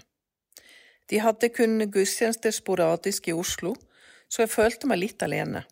Ingen merket heller om du kom til gudstjeneste eller ikke, jeg heller ble noe tilrettelagt i forhold til deltakelse for en som nå var blitt blind. Det var vanskelig å få til gode samtaler med presten, for prestene ble byttet ut regelmessig, så jeg fikk aldri en ordentlig kontakt med noen av dem. På den tiden gikk barna våre på en privat kristen skole. En særdeles flott skole hvor hver enkelt elev fikk mye og god oppfølging og læring. Familiene kom fra forskjellige menigheter, og jeg ble kjent med mange veldig hyggelige mennesker. Etter en stund, derimot, begynte jeg å oppleve noe av det samme som i den karismatiske kirken på Island. Noen foreldre, og deres barn, begynte å snakke om min tro, og at den ikke var sterk nok siden jeg ikke hadde fått synet tilbake. Det var tøft, og jeg følte meg totalt mislykket, også denne gangen som kristen. Jeg var fremdeles svært glad i skolen, men trakk meg unna det meste som krevde samspill med andre foreldre. Når man opplever sånt, ja, skal jeg være så rett frem og kalle det overgrep? Av felles kristne? Ja, da er det lett å kjenne seg mislykket og liten. Men jeg tvilte ikke på Gud, selv om jeg tvilte på meg selv. Heldigvis. Jeg hadde mange fortrolige samtaler med Gud og ba Han hjelpe meg finne min vei i livet. Og akkurat slik det står i Salmenes bok 34, 19, opplevde jeg at Han helbredet mitt nedbrutte hjerte. Jeg forsto at det var ikke meg som var problemet her, men det tok tid, særdeles lang tid. I flere år gikk jeg ikke til gudstjeneste, men hadde kun mine samtaler med Gud hjemme. Det føltes tryggest. Men savnet etter tilhørighet vokste seg stor. Eller, tilhørighet hadde jeg jo, for jeg var Guds sin. Men tilhørighet i en forsamling av kristne betyr så mye, å ha det fellesskapet, føle seg som en del av en helhet. Jeg tenkte at kanskje jeg burde prøve bare å bli med i min lokale norske kirke. Jeg har bodd i byen i så mange år, og alle vet jeg ser dårlig. Dere skjønner uh, sikkert mine tanker der. Jeg som går med stokk, føler ofte at jeg er en del av en realityserie. Alle vet hvem jeg er. Og det kan ofte være en lettelse å ikke behøve forklare, selv om det også kan være litt ubehagelig. Det var godt å komme i kirken og delta i gudstjenester igjen, men følelsen var at ingen la merke til om jeg dukket opp på søndager eller ikke. Hvis det var noen jeg kjente i kirken, hendte det at jeg fikk tilbud om uh, hjelp hvis lys skulle tennes, eller var tilbud om forbønn, eller for å høre om jeg ønsket uh, hjelp til å delta i nattverd. Jeg kunne selvfølgelig ha spurt noen om hjelp idet jeg gikk inn til gudstjenesten, og det burde jeg nok ha gjort, men det sleit jeg med. Da var det bare enklest å sette seg bakerst og delta i den grad jeg fikk til. Gudstjenestene var fine, ga meg mye, men fellesskapet jeg drømte om, ja, det uteblei. Troen fortsatte å være, for det meste, på privaten. Jeg nevnte for en i menigheten om muligheten for å bli med i en bibelgruppe, men siden jeg ikke kjører, var det ikke så enkelt å få til. Jeg følte meg litt som den som sitter på utsiden av sirkelen og titter inn, mens jeg drømte om å få lov til å bli en del av sirkelen. Så kom pandemien, og plutselig var jeg som alle andre. Ingen kunne delta i gudstjenestelivet, og da dukket det opp utallige muligheter til å delta på gudstjenester, gospelsang, tanker om tro og mye annet moro på nett. For en herlig tid! Ja, det var det faktisk, for plutselig befant jeg meg inne i sirkelen, sammen med alle de andre. Under pandemien var jeg mye på Island og tok vare på gamle og syke foreldre så godt det lot seg gjøre. Det var utrolig givende, og vi fikk så mange måneder sammen, så mange gode samtaler om livet, troen og tilhørigheten, om Guds løfte om plass i Hans hus, og om døren vi alle må igjennom for å komme oss inn, nemlig Jesus. I løpet av et år gikk begge to bort. Det var vanskelig, trist og veldig tungt. Savnet og sorgen tok mye plass, samtidig som jeg kjente på at jeg hadde all den omsorgen og litt tid til overs jeg ikke visste hva jeg skulle gjøre med. Da tenkte jeg at jeg kunne bli, bli frivillig et sted, besøke noen eller gjøre noe som kunne være til hjelp og hygge for noen andre der ute. Jeg søkte rundt etter steder som kunne være aktuelle for meg. Jeg ringte flere og spurte om de trengte frivillige, men med en gang min synshemming kom på bordet, forsvant interessen. Enten fikk jeg et rungende nei, eller spørsmål som eh, hva kan du gjøre for oss?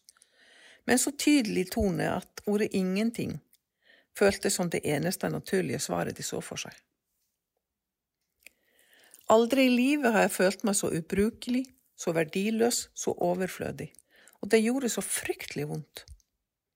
Jeg hadde samtaler med Gud hver dag, men jeg kjente hvordan gløden forsvant, hvordan jeg holdt på å gi opp hele dette prosjektet, og det meste andre egentlig også.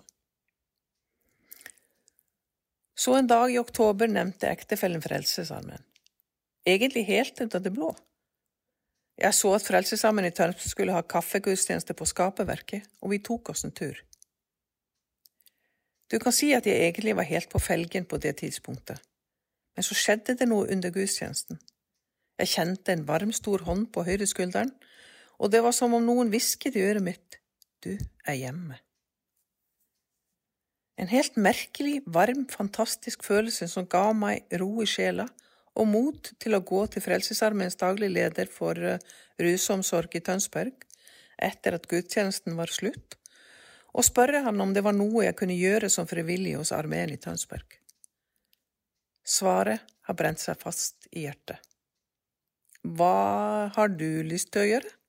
Vi har mye forskjellig. Hva jeg har lyst til? Liksom ikke hva kan du gjøre, eller hva slags tilrettelegging trenger du? Nei, bare hva har du lyst til å gjøre? Vi ble enige om at jeg skulle møte opp på Åpen dør, en plass hvor folk som trenger det, kan komme for å få utdelt mat, ta en prat og ta seg en kopp kaffe og noe å bite i. Jeg var veldig stresset første gang jeg møtte opp, for hvordan ville de som styrer skuta ta imot meg? Hva ville de tenke om å ha en blind som hjelper? De kaloriene kunne jeg virkelig spart meg for. Fra første sekund ble jeg en velkommen, integrert del av gruppen. Jeg ble sett på som en ressurs, og så lenge jeg ikke sier ifra om annet, så gjør jeg akkurat det samme som alle de andre frivillige. Jeg er bare Helena, ikke hun blinde. Det er en så fantastisk frigjørende opplevelse som jeg nesten ikke kan forklare med ord. Ikke nok med å finne plassen min på åpen dør, så har jeg også funnet plassen min i menigheten. Der blir jeg alltid møtt med et smil og gode ord. Vi sitter som regel ved kafébord under gudstjenestene, og jeg behøver aldri være redd for at jeg kommer til å sitte alene. De som ikke kommer og hilser på før gudstjenestene, ja, de kommer og hilser på etterpå. Og ting blir lagt til rette. Frelsesarmeens sangbok fantes ikke elektronisk, så ble det, da ble det slik at menighetsleder skrev i Word-dokument alle sangtekster som skulle synges kommende søndag, og sendte meg i forveien. Tenk på den jobben hun har lagt ned for meg. Og det som er så overveldende, er at hun syns det bare var hyggelig, ingen større sak.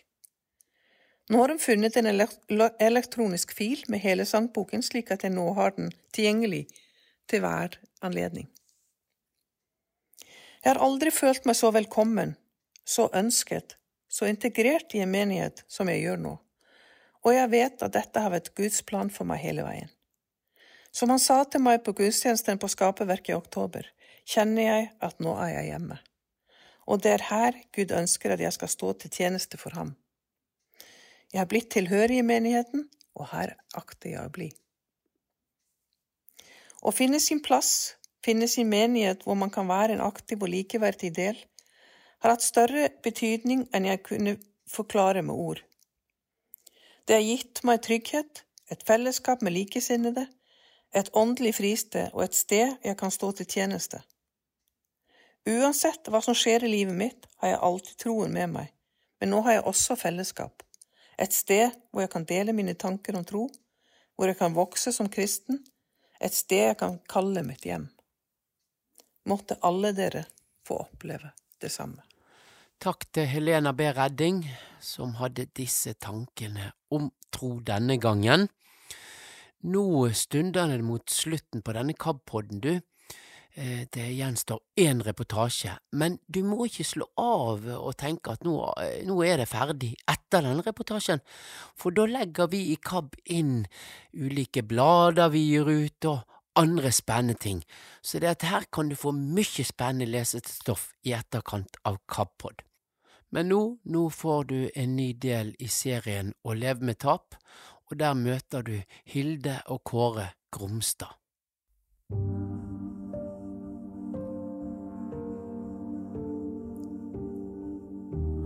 Hvordan er det mulig å gå videre når man har opplevd å miste det som man ikke kan miste? Jeg tror at du hadde drevet med noe kreativt eh, i en eller annen form. Var eh, gjerne kanskje kombinert med noe sosialt. Og, og jeg tror du antagelig hadde enten vært i utlandet og studert, eller kommet hjem og begynt å jobbe med et eller annet. Kristin hun fikk bare leve i 16 år, og tilbake var foreldre og søsken og sorgen. Ja. ja, det tenker jeg er noe av det som kanskje i ettertid gjør inntrykk når jeg tenker på Kristin, at hun for flere var liksom den ene venninna. Eh, De jentene som ikke hadde så mange andre. Var det en mening med dette? Eller var det bare uflaks? Ja, det må jeg spørre om i tilfelle når den dagen kommer, for jeg, jeg kan ikke Altså, jeg kan gå med på at Gud vil lære meg noe, men da må han jo gjøre noe med meg, og ikke la det gå utover barna mine. Du hører på podkasten Å leve med tap, der programleder Frank Tangen snakker med Hilde og Kåre Gromstad. Jeg heter Hilde Løven Gromstad. Jeg er et stykke opp i 50-åra. Jobber som diakon i KAB og bor i Drøbak. Og jeg heter Kåre Gromstad og er, driver planlegger 60-årsdagen min nå. Så det vil si at jeg er enda litt mer opp i åra. Er eh, pensjonert feltprest, og nå kjører jeg lastebil og buss. Og bor i Drøbak sammen med Hilde. Hvis eh, datteren deres, eh, Kristin, hadde fått leve, hvordan tror dere livet hennes hadde vært nå? Ja, det har jeg lurt på uh, sjøl, og eh, jeg tror at du hadde drevet med noe kreativt eh, i en eller annen form. Var eh, gjerne kanskje kombinert med noe sosialt. Og, og jeg tror du antagelig hadde enten vært i utlandet og studert, eller kommet hjem og begynt å jobbe med et eller annet. Og hatt det gøy og travelt. Når jeg tenker på det, så har jeg på en måte to versjoner. Jeg har versjonen om hvordan Kristin ville vært hvis hun ikke hadde blitt syk. Og da er jeg enig med Kåre. Og så har jeg versjonen av hvordan det kunne vært hvis hun hadde blitt frisk. Men det hadde nok vært et annet liv, med tanke på behandling og alt som Kristin måtte gå gjennom. Så det er Ja, hvordan tror du det hadde vært? Det er vanskelig å si. Det er klart at med å ha en sånn sykdom bak seg, så gjør det jo noe med en. Én ting er at kroppen har fått juling, og vi hører jo mer og mer om senskader og hvordan det er. For Kristin så gikk det jo lenge Eller det virka som om det skulle gå fint. Men at det også psykisk kan være en belastning og en påkjenning å ha hatt noe sånt Å ha en sånn opplevelse, da, gjør at jeg er veldig usikker på det. Kristin fikk leukemi, og det er ca. ti år siden nå. Greier dere å tegne et bilde av hvordan hun var før hun ble syk? Ja, det er eh, egentlig lett, men når du stiller spørsmålet nå, så kjenner jeg plutselig at det er ti år sia. Har du blekna?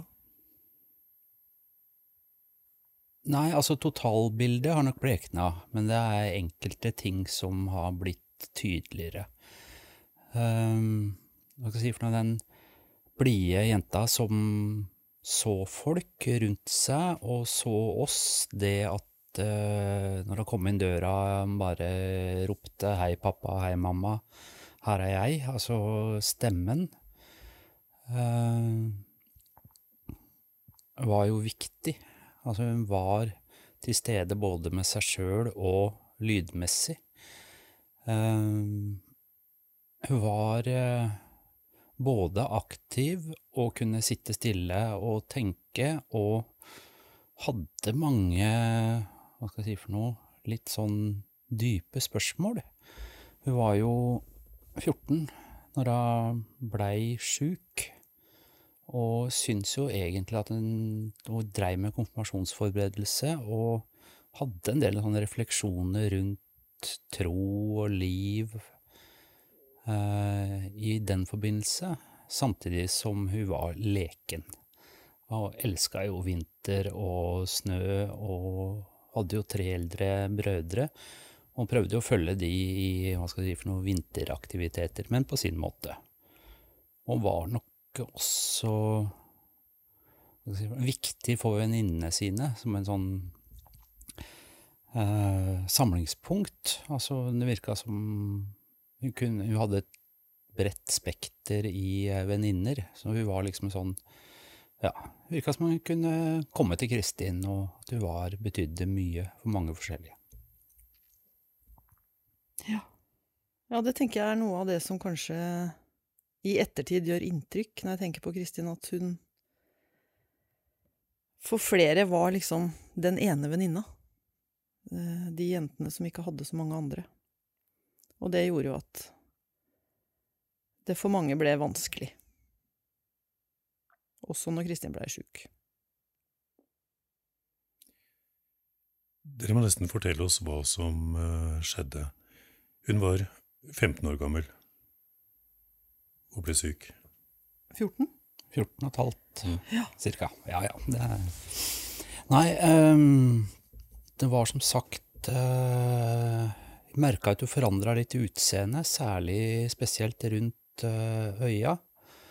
Hun var av gårde på vinterferie, og hun blei eh, raskere sliten. Og jeg tenkte at dette her er en sånn vinterinfluensavirussak som sitter i.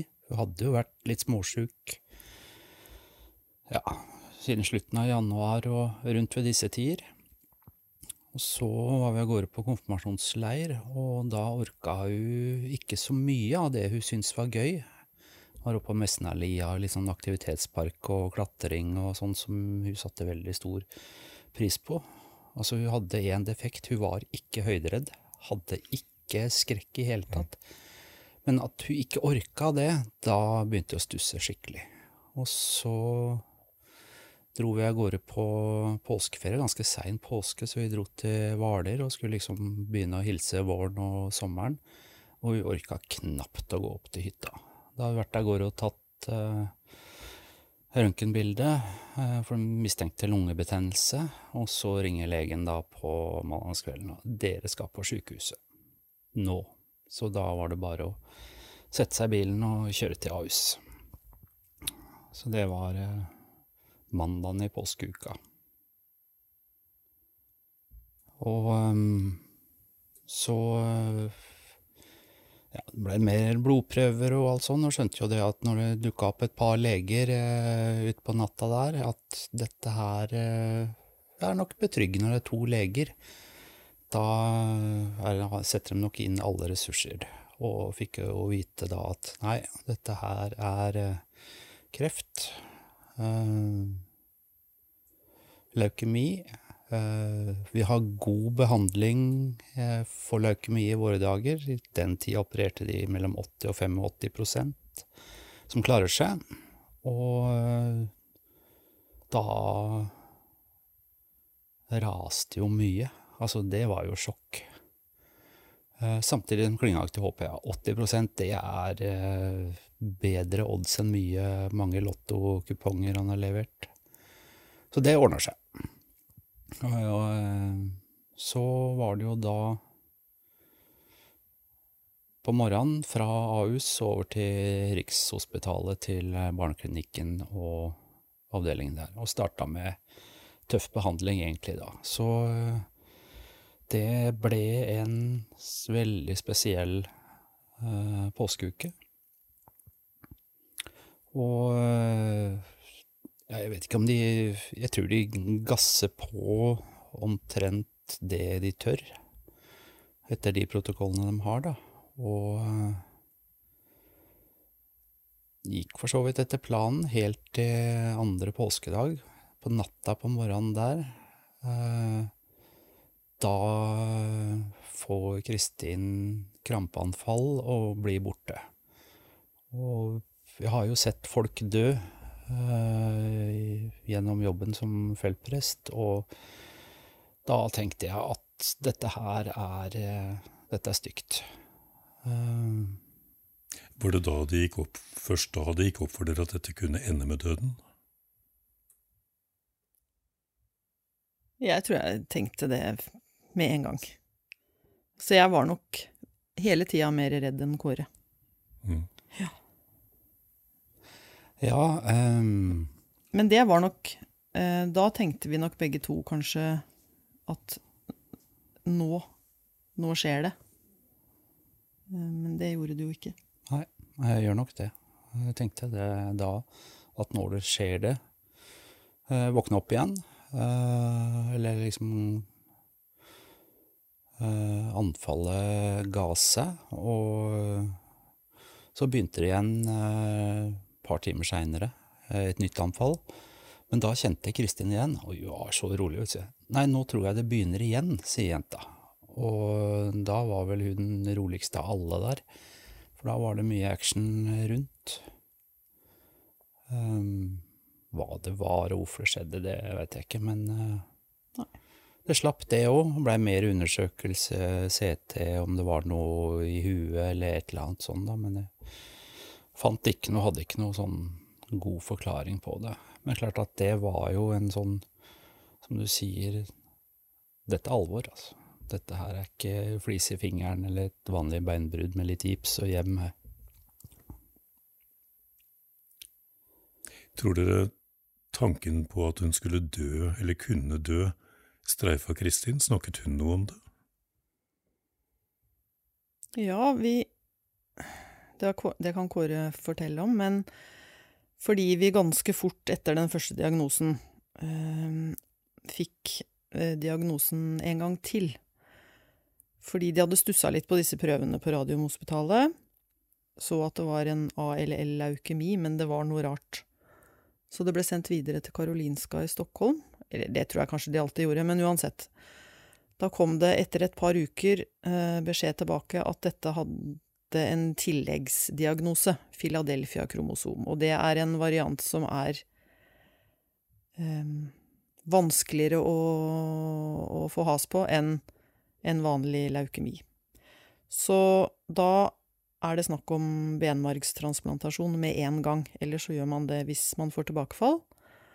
Men for Kristin da, så var det bare å få den transplantasjonen under første runde med behandling.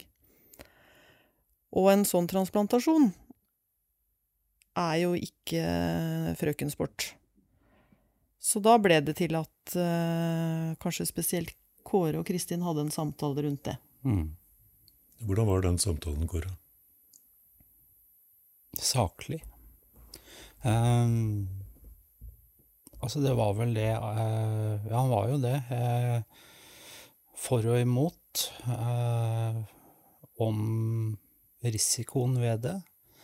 Og som Altså, Kristin mangla nok et eller annet sånt der fryktgreie, så hun var veldig rolig. på det jeg sa. Ja, øh, hvis du ikke gjør noe, da dør jeg i hvert fall. Og det jo, var jo helt riktig. Så det var jo en veldig ærlig øh, samtale sånn sett. Så den var ikke lang, og ikke Hva skal jeg si for noe Ikke noe på en måte at vi foregrep døden eller noe sorg eller tristhet. Altså, det var liksom Nå må vi gjøre det vi kan gjøre, og det som må gjøres, og så får vi se. Uh, og Så vi var nok Så vi var egentlig veldig samstemt. Så spørsmålet om uh, At Hilde var kanskje den som sa minst, men følte, tenkte mest. Jeg veit ikke. Mm. Klart Kristin tenkte, men eh, Men vi kom jo aldri så langt at vi fikk noe beskjed om at dette går ikke. Nei. Eh, Det var hele tiden legenes tanke at dette her skal vi ordne. Og da tenkte i hvert fall jeg at da er det jo det vi må forholde oss til. Selv om jeg kjente klump i magen og sov dårlig, for å si det sånn. Nå etter hvert så nærmer det seg jo Kristins konfirmasjonsdag også. Hvordan var eh, den perioden? Ja, det er en av de verste dagene nesten, tror jeg, i mitt liv. Den konfirmasjonen der. Eh, Kristin hadde nok en fin dag. Eh, Det var jo tidlig i runde med behandling. Kortison hadde jo all, Selv om det bare var noen uker siden dette starta, så hadde utseendet forandra seg. Blitt mye rundere i ansiktet, hadde fått parykk. Så det var jo ikke Kristin. For meg. Eh, Og man er jo skjør i immunsystem, sånn at vi hadde en egen konfirmasjon for Kristin. Eh, Etter at alle de andre var blitt konfirmert, så hadde vi kirken for oss sjøl. Og vi måtte jo si til alle gjestene at eh, vi vet ikke om det blir konfirmasjon, fordi Kristin fikk såpass mye cellegift og behandling at eh, det kunne jo komme en inf... Altså, det var jo bare å lure på når kommer infeksjonen. Eh, Ikke hvis, men når. Men den kom ikke så fort, så vi klarte å ha konfirmasjon. Men når vi satt foran i kirken her, bare vår familie og våre gjester, og den der døra gikk opp, og Kristin og presten kommer inn i prosesjon, så tenkte jo jeg bare, ja, hva Hvordan er det neste gang vi er her? Er det begravelse, eller hva er det da?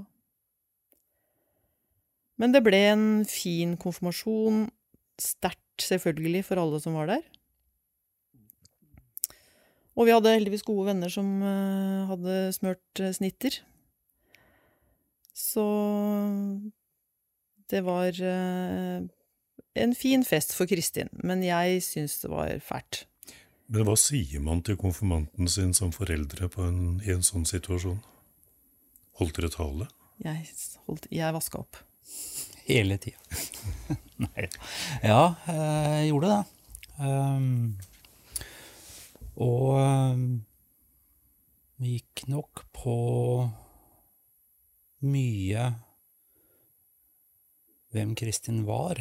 Altså Som kunne si at ja, dette er meg, og at jeg har blitt sett, og dette ser folk rundt meg setter pris på. Um,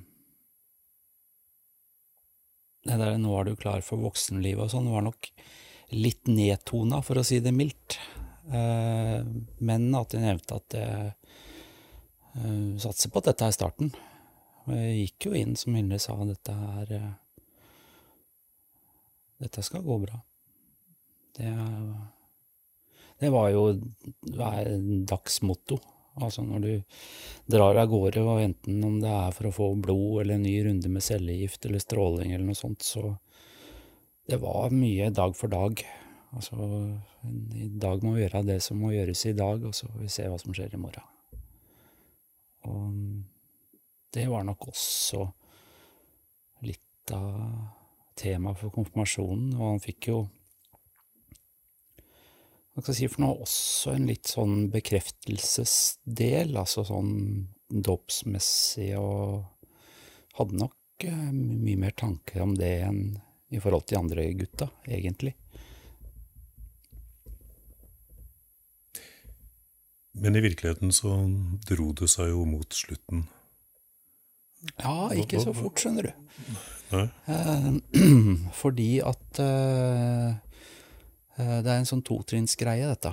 Og eh, Så det var jo tøff behandling fram mot uh, Fredag den 13.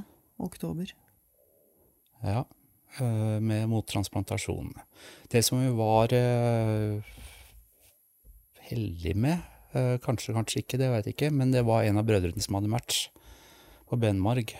Og eh, det var en kraftig, eh, solid kar, eller han er fortsatt. Eh, Så vi kalte det bare Obelix-stamceller. Altså de har en del felles, altså alltid vært sterke og solide og trygge. Eh, Sånn at vi var, eh, tenkte at det var bra. Så den transplantasjonen gikk bra. Kristin var på isolatet uten for mye reaksjoner og eh, kommer seg gradvis. Hun var lys før transplantasjonen. Når håret vokste ut igjen da, da på våren 2010, som er på en måte sånn festhalvår, da fikk hun mørkt, krøllete hår, så fikk på en måte Å ja, dette blir på en måte den voksne Kristin. Altså hadde jo en sånn modenhet og en refleksjon som eh, Ja, jeg sliter fortsatt med å matche den nå nærmere 60. Eh, og Så det var et sånt festhalvår. Eh, to 17. mai, en var 17. mai 09, rett etter konfirmasjonen. Det tror jeg var den verste dagen eh, i mitt liv. For det var et eller annet med alle ungdommene, glade, feststemte eh, greiene, og det var så feil som det kunne få blitt. 2010 var festligere på en helt annen måte. Da hadde vi virkelig godtrua på at ja, dette ordner seg. Eh, sommeren 2010, flott sommer. Eh, båtliv. Kristin fikk dratt på båttur til Danmark, som hadde hatt lyst til. Og da kjente vi at det begynte å lugge. Eh, og Kristin hadde vondt, merka at hun ble sliten igjen. Så helt til begynnelsen av august så var vi oppe og tok prøver igjen, og da var det konstatert tilbakefall. Og da fikk vi vel egentlig første gang spørsmålet om jeg ønska å starte en ny runde med behandling. Uh, og det var jo ikke tvil hos oss om at jeg må jo prøve igjen. Det har jo funka én gang, så hvorfor ikke? Men det var eh, tøft. Kristin hadde en sliten kropp, så det var eh, ett skritt fram og to tilbake. Og, og det var jo da å ta fram barbermaskina og For hun ville ta håret med en gang nå, ikke vente til det gikk. Og ja, det var Den er eh, tøff måned. Og det er jo da, helt på slutten av august, vi skulle inn til videre behandling, men i løpet av natta så har tydeligvis Kristin fått en total infeksjon, og vi drar av gårde til Ahus. Og tenkte vel at altså fra vi ringer til helikopteret er her til hun er på Ahus igjen, så er det raskere å kjøre sjøl. Det var tidlig på natta, så eh, det gikk raskt. Det gikk greit. Og fikk behandling, og hun kom og gikk. Bevisstheten der, eh, intensiven på Ahus først, og så overflytta til eh, Ullevål. Og vi dro av gårde i egen bil. Rikshospitalet. Rikshospitalet. Ja, greit. Ja. Eh, Og bli forbikjørt av intensivambulansen med Kristin. Og da var det tøff behandling. Kom og gikk litt bevissthet da, og blei vel borte utpå ettermiddagen sånn i sju-åtte-tida på kvelden for siste gang. Og da, i firetida, så trodde vi at dette hadde de kontroll på. Og eh, Men etter hvert så ble det sagt at nei, vi er ikke på tørt land. Og i løpet av natta der så blei vi vel eh, i hvert fall skjønt at nei, dette går nok ikke. Håpet var eh, veldig lite. Så jeg var inne og hadde en liten sånn nattverdstund. saft og kjeks. Kristin. Det kunne vært sånn i sekstida, og klokka ni så var jeg død. Så da var det ja, nesten ett og et halvt år siden hun blei sjuk. Og Kåre hadde hatt åndsnærværelse til å få ringt til eh, brødrene. Mm. Så de kom. Herfra og derfra. Og Kåre har en bror som er sykepleier, og han var sammen med oss hele tida på intensiven, og det var bra, for det var jo bare helt Én ting er å være på intensiven, men i tillegg var det altså et isolat intensivrom av Kristins eh, null immunforsvar, så det var jo hetter og hansker og munnbind og alt som tenkes kan. Mm. Men vi var der alle sammen.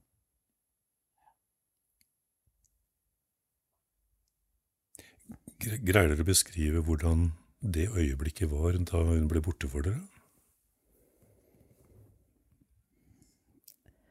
Akkurat når hun ak I dødsøyeblikket så var vi faktisk ikke der, for vi hadde vært Vi ble kalt inn til legene på sånn morgenmøte. Når vi kom dagen før, så var den legen vi hadde hatt mest å gjøre med på Riksen under hele Kristins behandling der, så han kom. Og når han gikk på ettermiddagen, så var jo han sikker på at det her skal vi få til. Det er en eh, kraftig blodforgiftning, men dette skal gå bra. Men det gjorde det jo ikke. Og når vi da Når han kom om morgenen, så var det nytt møte hvor de måtte jo bare si at det her går ikke. Vi hadde fått beskjed om det i løpet av natta. Men brødrene var der. Mm. Så idet vi er på vei inn døra igjen, så ser de at nå er det slutt. Jeg tror jeg var i sånn sjokk. Jeg klarte ikke å skjønne noe særlig, tror jeg, egentlig.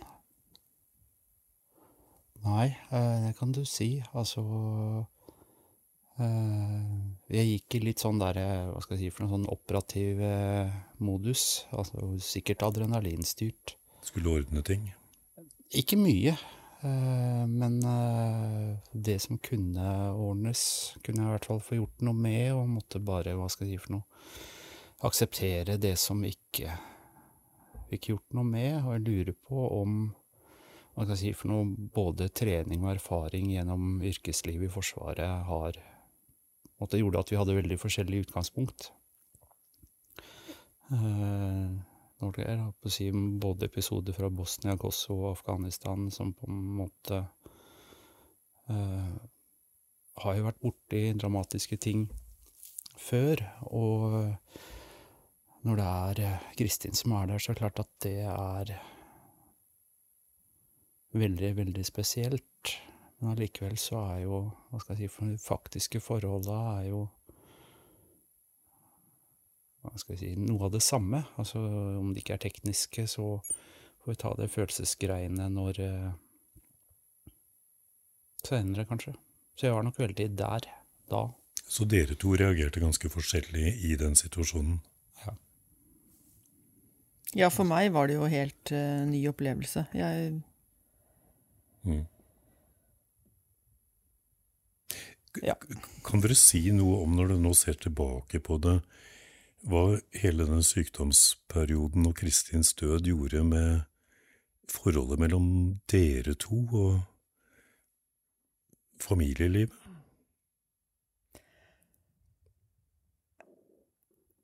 Jeg vil jo si at under selve mm, sykdomsforløpet Og kanskje Vi var jo mye på sykehus.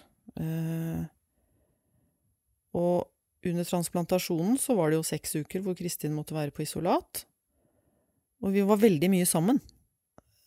Og det var på mange måter veldig fint. Så jeg syns jo at vi fikk jo veldig mange fine stunder med Kristin som er litt sånn gull eh, i ettertid. Når vi var på Ahus, så Der kunne vi ikke sove begge to. Eh, Fordi vi fikk en ekstra seng inn på rommet, da. Så da var det litt mer sånn at vi hadde litt sånn vaktskifte. Eh, Og da husker jeg en gang hvor jeg kom, og Kristin skulle dra, og Kristin var sånn Man kan ikke bare være her begge to. Og det var ikke fordi Kristin liksom skulle snakke så mye med oss, men jeg tror hun syntes det var så koselig at vi bare, vi bare hørte at vi drev og småprata litt sånn i bakgrunnen, og så lå Kristin med sin Fikk en liten iPod. Som det het i gamle dager. Ja, til konfirmasjonen. Eh, som hun hadde lasta ned Friends-episoder, så hun lå mye på senga også på Friends da. Og så syntes jeg det var veldig fint at vi bare var litt sånn i bakgrunnen, da. Så, så vi var jo veldig mye sammen. Eh, Så gikk det nok kanskje litt utover disse brødrene. Nå var jo de såpass voksne eller store at de på en måte klarte seg jo sjøl. Men det var jo Kristin hadde jo 15-årsdagen sin på isolat. Eh, Og da skulle jo to av brødrene komme på besøk, men de slapp jo ikke inn engang. De fikk lov å vinke gjennom et vindu i døra. Det er, men det tror jeg nok også var litt sånn Var på en måte så På én måte så sikker på, eller eh, tenkte at uh, dette er bare en fase vi må igjennom. Hadde jeg visst det jeg veit nå, så hadde jeg nok kanskje involvert disse brødrene litt mer i den tida vi hadde på sykehuset også, da. Men det er jo ingen som i utgangspunktet syns det er kjempestas å være på sykehus og være på sykebesøk. Men hvordan kom dere som par ut av det? Som ektepar? Vi sitter jo her sammen i, i dag, og det er vel kanskje et gudsbevis i seg sjæl. Men eh, Nei eh,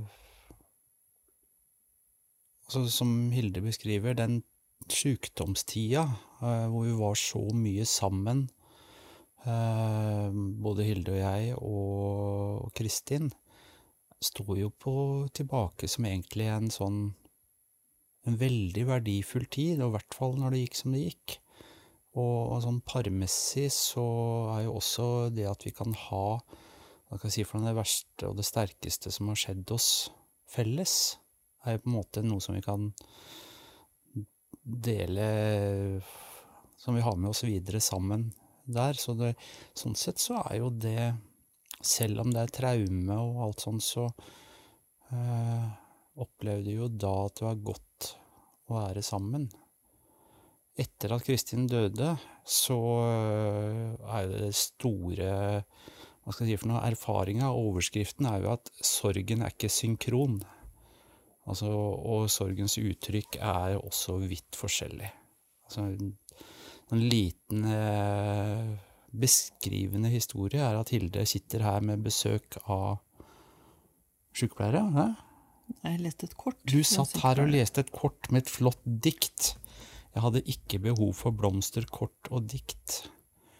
Men jeg hadde et desperat behov for å fikse ting. Altså, jeg klarte ikke å fikse Kristin, men noe må jeg klare å fikse. Hun ble kjempestressa av alt som gikk i stykker. Så hadde jeg en gammel motorsag som eh, jeg hadde stått og tenkt jeg skulle fikse lenge. Så jeg går ut og fikser den saga, og eh, får jo starta den rett utafor vinduet hvor Hilde sitter og leser kort. Da var det litt strekk i feltet, i sorgfeltet. Eh, Men samtidig så blei det en veldig sånn Beskriv at sånn er, er sorgen. Altså, vi er på forskjellige planeter, men deler sorgen, og både det å ha raushet for hverandres sorg. Eh, For jeg noen ganger, altså vi hadde lagt oss, og så kjenner jeg bare at uh, senga rister, for da ligger Hilde og gråter. Og jeg kjente at åh, nei, skal jeg bare gå og legge meg et annet sted? Jeg orker ikke den der grininga eh, hver natt. Tenkte jeg nei, nå er det hun som griner og, og har det vondt. Da skal jeg være der. Og så samtidig skulle det være at jeg lå grein og ikke skjønte noe sånn. Og, om det er en sånn omvendt asynkron greie, så vi har på en måte støtta hverandre gjennom de åra som har gått, på en eller annen sånn merkelig måte. Så på spørsmålet ditt sterkere, svakere Jeg tror det er sånn styrka, men altså, vi har brukt krefter på det.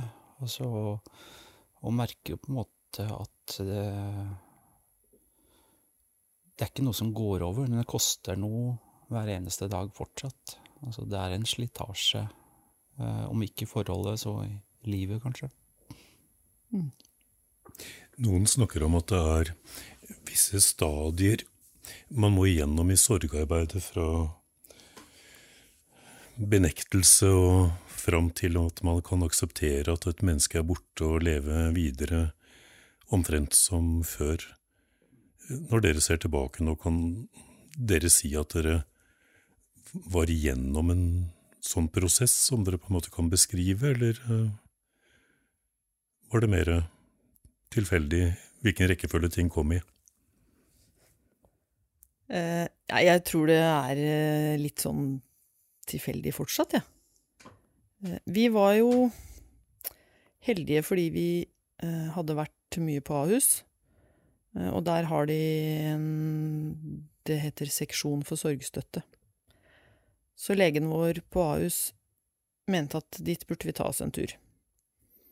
Og da kunne vi også ha med gutta. Og der er de gode på sorg. Naturlig nok. Eh, Så der fikk vi faktisk litt undervisning. Ja. Om dette med og, og, og jeg var helt sånn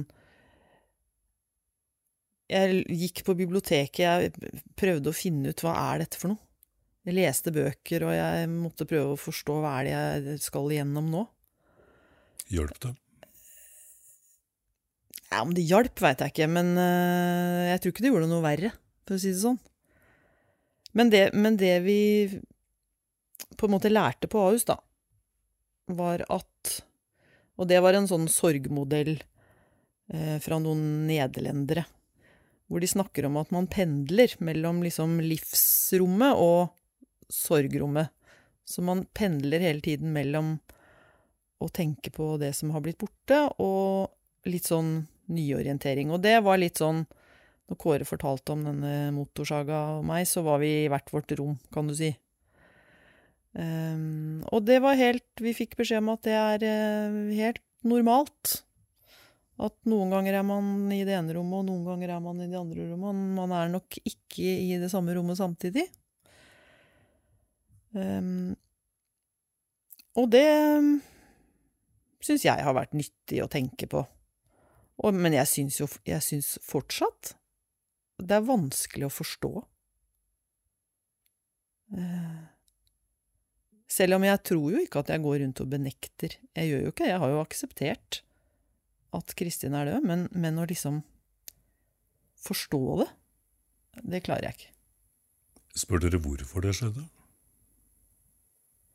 Der har vi kanskje vært litt forskjellige. Jeg veit ikke. Eh, nei, det har ikke vært noe stort tema. Altså, vi har jo tenkt gjennom hva si, verdens elendighet, og at det faktisk er sykdom og død det er en realitet.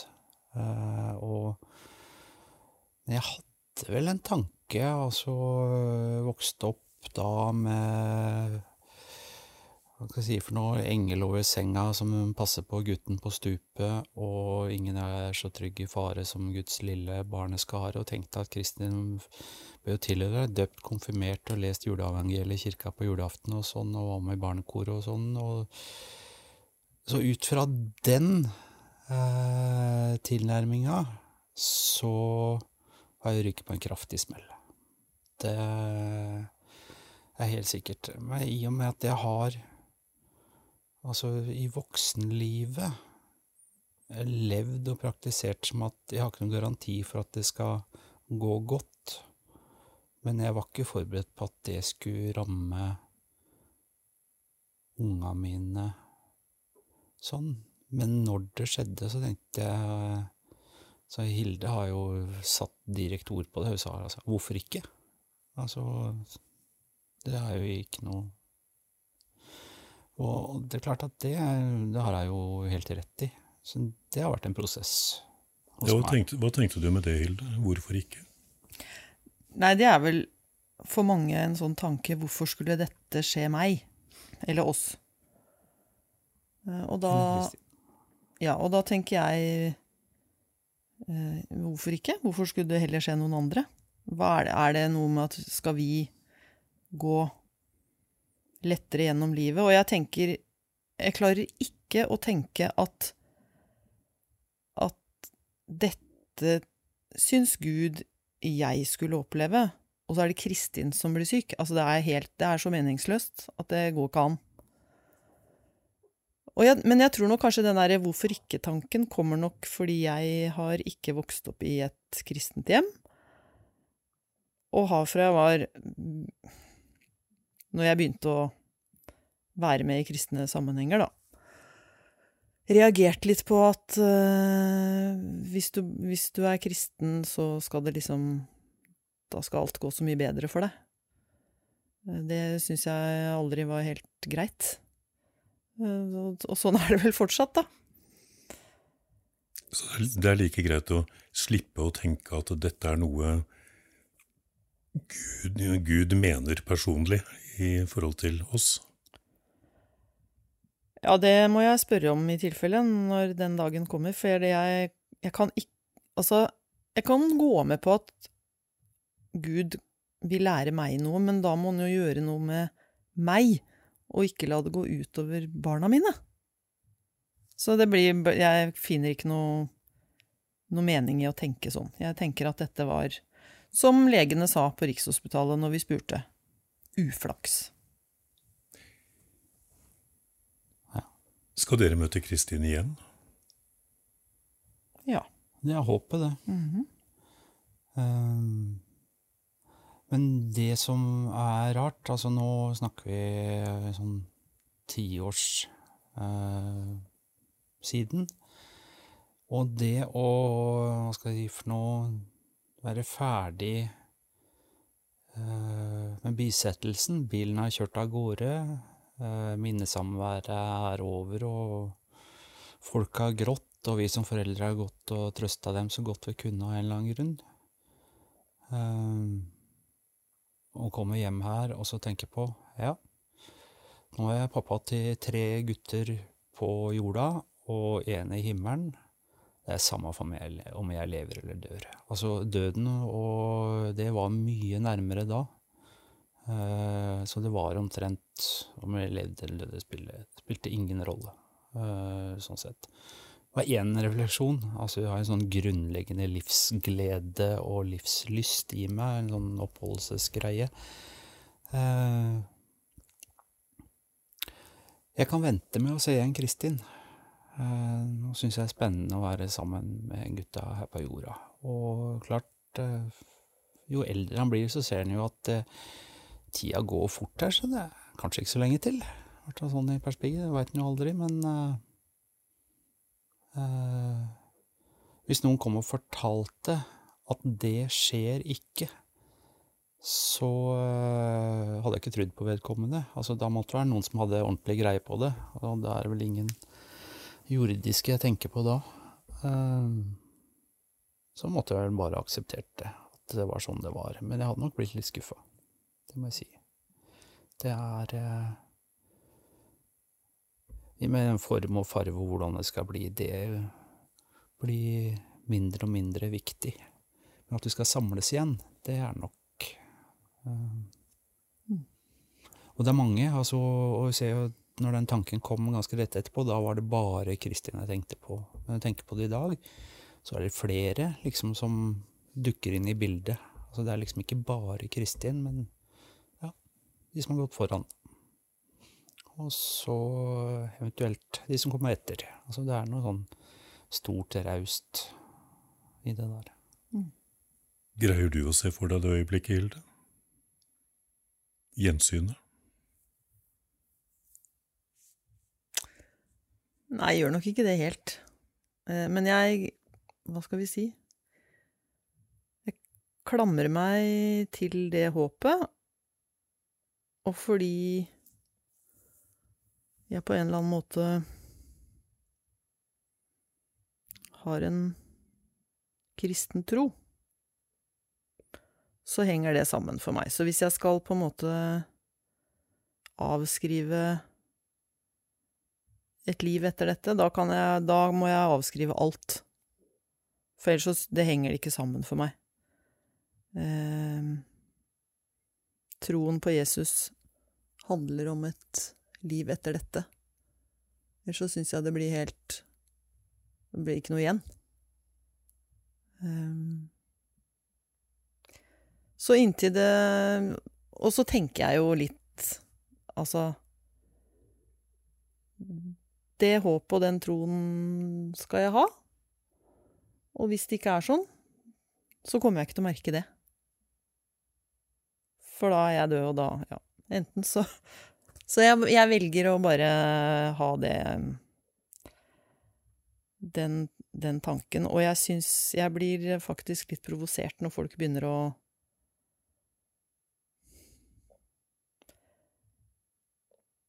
Gjøre dette til en sånn veldig intellektuell eller uh, Dette skal forklares eller ikke forklares. For hele greia med tro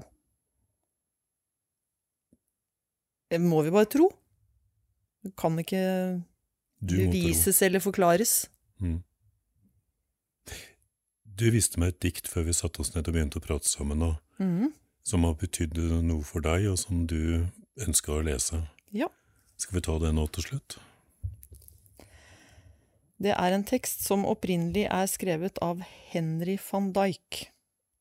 Han levde fra 1852 til 1933, så det er jo ikke helt nytt.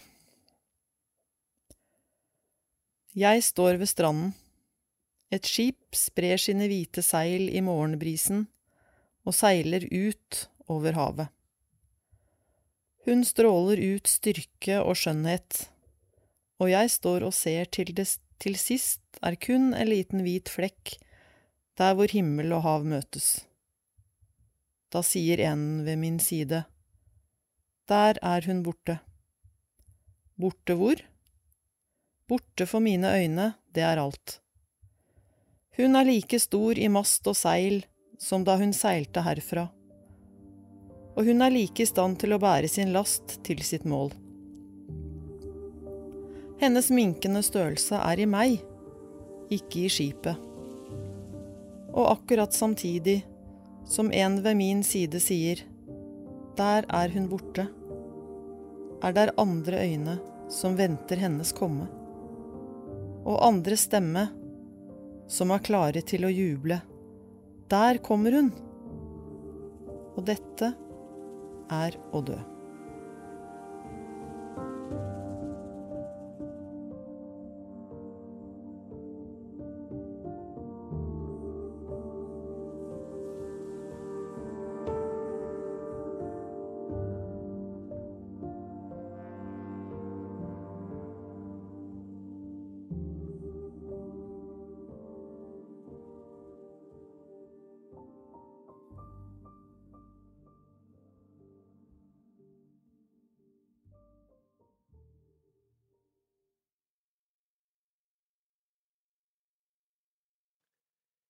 Misjonstidene 4B August 2022 Spesialutgave av Misjonstidene i anledning Frivillighetens år.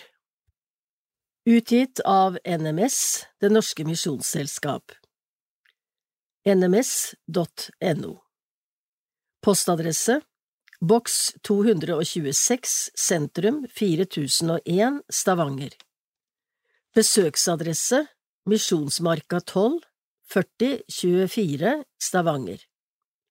Telefonnummer 51 51 61 00 Mandag, tirsdag og torsdag mellom 9 og 14 Gaver til NMS Bankgiro 8220 02 85 057 Vips 10 932 Gaver til NMS gir rett til skattefradrag. I 2022 får du fradrag for gaver fra 500 til 25 000 kroner. Misjonstidende Redaksjonen Tips mt-nms.no Spørsmål om abonnement mt krøllalfa nms.no eller telefon 5151 6100. Ansvarlig redaktør Trond Hjorteland. Trond H. krøllalfa nms.no Telefon 46 94 52 42 Redaktør Helene Reite Uglem. Hru krøllalfa nms.no Telefon 95 21 74 92 Grafisk arbeid og trykk. Ålgård Offset. Opplag 16 700 Papir er svanemerket og miljøvennlig. Annonsebestilling Salgsforum AS Post krøllalfa salgs-forum.no Telefon 915 90 578 Neste utgivelse Nummer fem kommer i oktober 2022. Bladet blir lest inn av Randi Hasselgaard. Leder Misjon og dugnadsånd av Helene Reite Uglem, redaktør. MT-redaksjonen har setet seg i godstolen, slengt beina på bordet og festa lesebrillene på nasen. For i denne utgåva har en frivillig flokk gjort hele jobben for oss, uten lønn. I vekevis har de, med penn, blokk og kamera i hand, og med blod på tann for de beste nyhetene i verden, enda opp med en page-turner av et MT. Ole Andreas Husøy har med stødig hand leia prosessen. 2022 er frivillighetsåret. Det feirer vi med et ekstranummer for frivillige, laga av frivillige, i god NMS-ånd. Dugnadsiveren ga oss tid til å sysle med andre ting. Tusen takk til den frivillige redaksjonen. Tilfeldigvis er 2022 også året da NMS fyller 180 år. Frivillighet har vært NMS sitt DNA siden 1800-tallet. NMS er en av de organisasjonene med lengst fartstid når det gjelder frivillig innsats. Med 2500 frivillige i NMS gjenbruk, 13 leirsteder og over 1000 småfellesskap, er vi fremdeles høyt oppe i ligaen når det gjelder dugnadsånd. Og siden vi har smugkikka litt i bladet, kan vi røpe at du nå skal få bli kjent med flere av de frivillige. Ja, faktisk møter du en frivillig fra hvert tiår, fra den spede start i 1840 til frivillighetsåret 2021. Visste du at vi har en jubilant som lyser opp stadig flere norske heimer? I 25 år har Knausen Lysstøperi, den sjarmerende lysfabrikken i Trøndelag, laga kvalitetslys av lysstumpene våre. Her bugner det av fargerike lysrester, dugnadsånd og ståpåvilje. Lysa brenner dessuten lenger enn de du rasker med deg fra Kiwi. Ikke minst bidreg de til at også NMS kan lyse lenge for hjertesakene, dele trua på Jesus, kjempe mot urett og utrydde fattigdom. Visste du at Madagaskar også finst flere steder i Norge? Eller at folk dyrker poteter til inntekt for NMS? Og hvem er de egentlig, disse som skjuler seg bak tittelen Frivillig i NMS? Jo, de er både fotballspillere, bankmenn, sjefsleger, jordmødrer, bønder og gjenbruksentusiaster. Hver og ein hadde fortjent medalje. Tusen takk til alle som bidreg på så mange forskjellige måter. De er kreative, trufaste og dyktige. Uten dykk hadde ikke NMS våre NMS. Frivillighetens år 2022 er erklært som Frivillighetens år i Norge.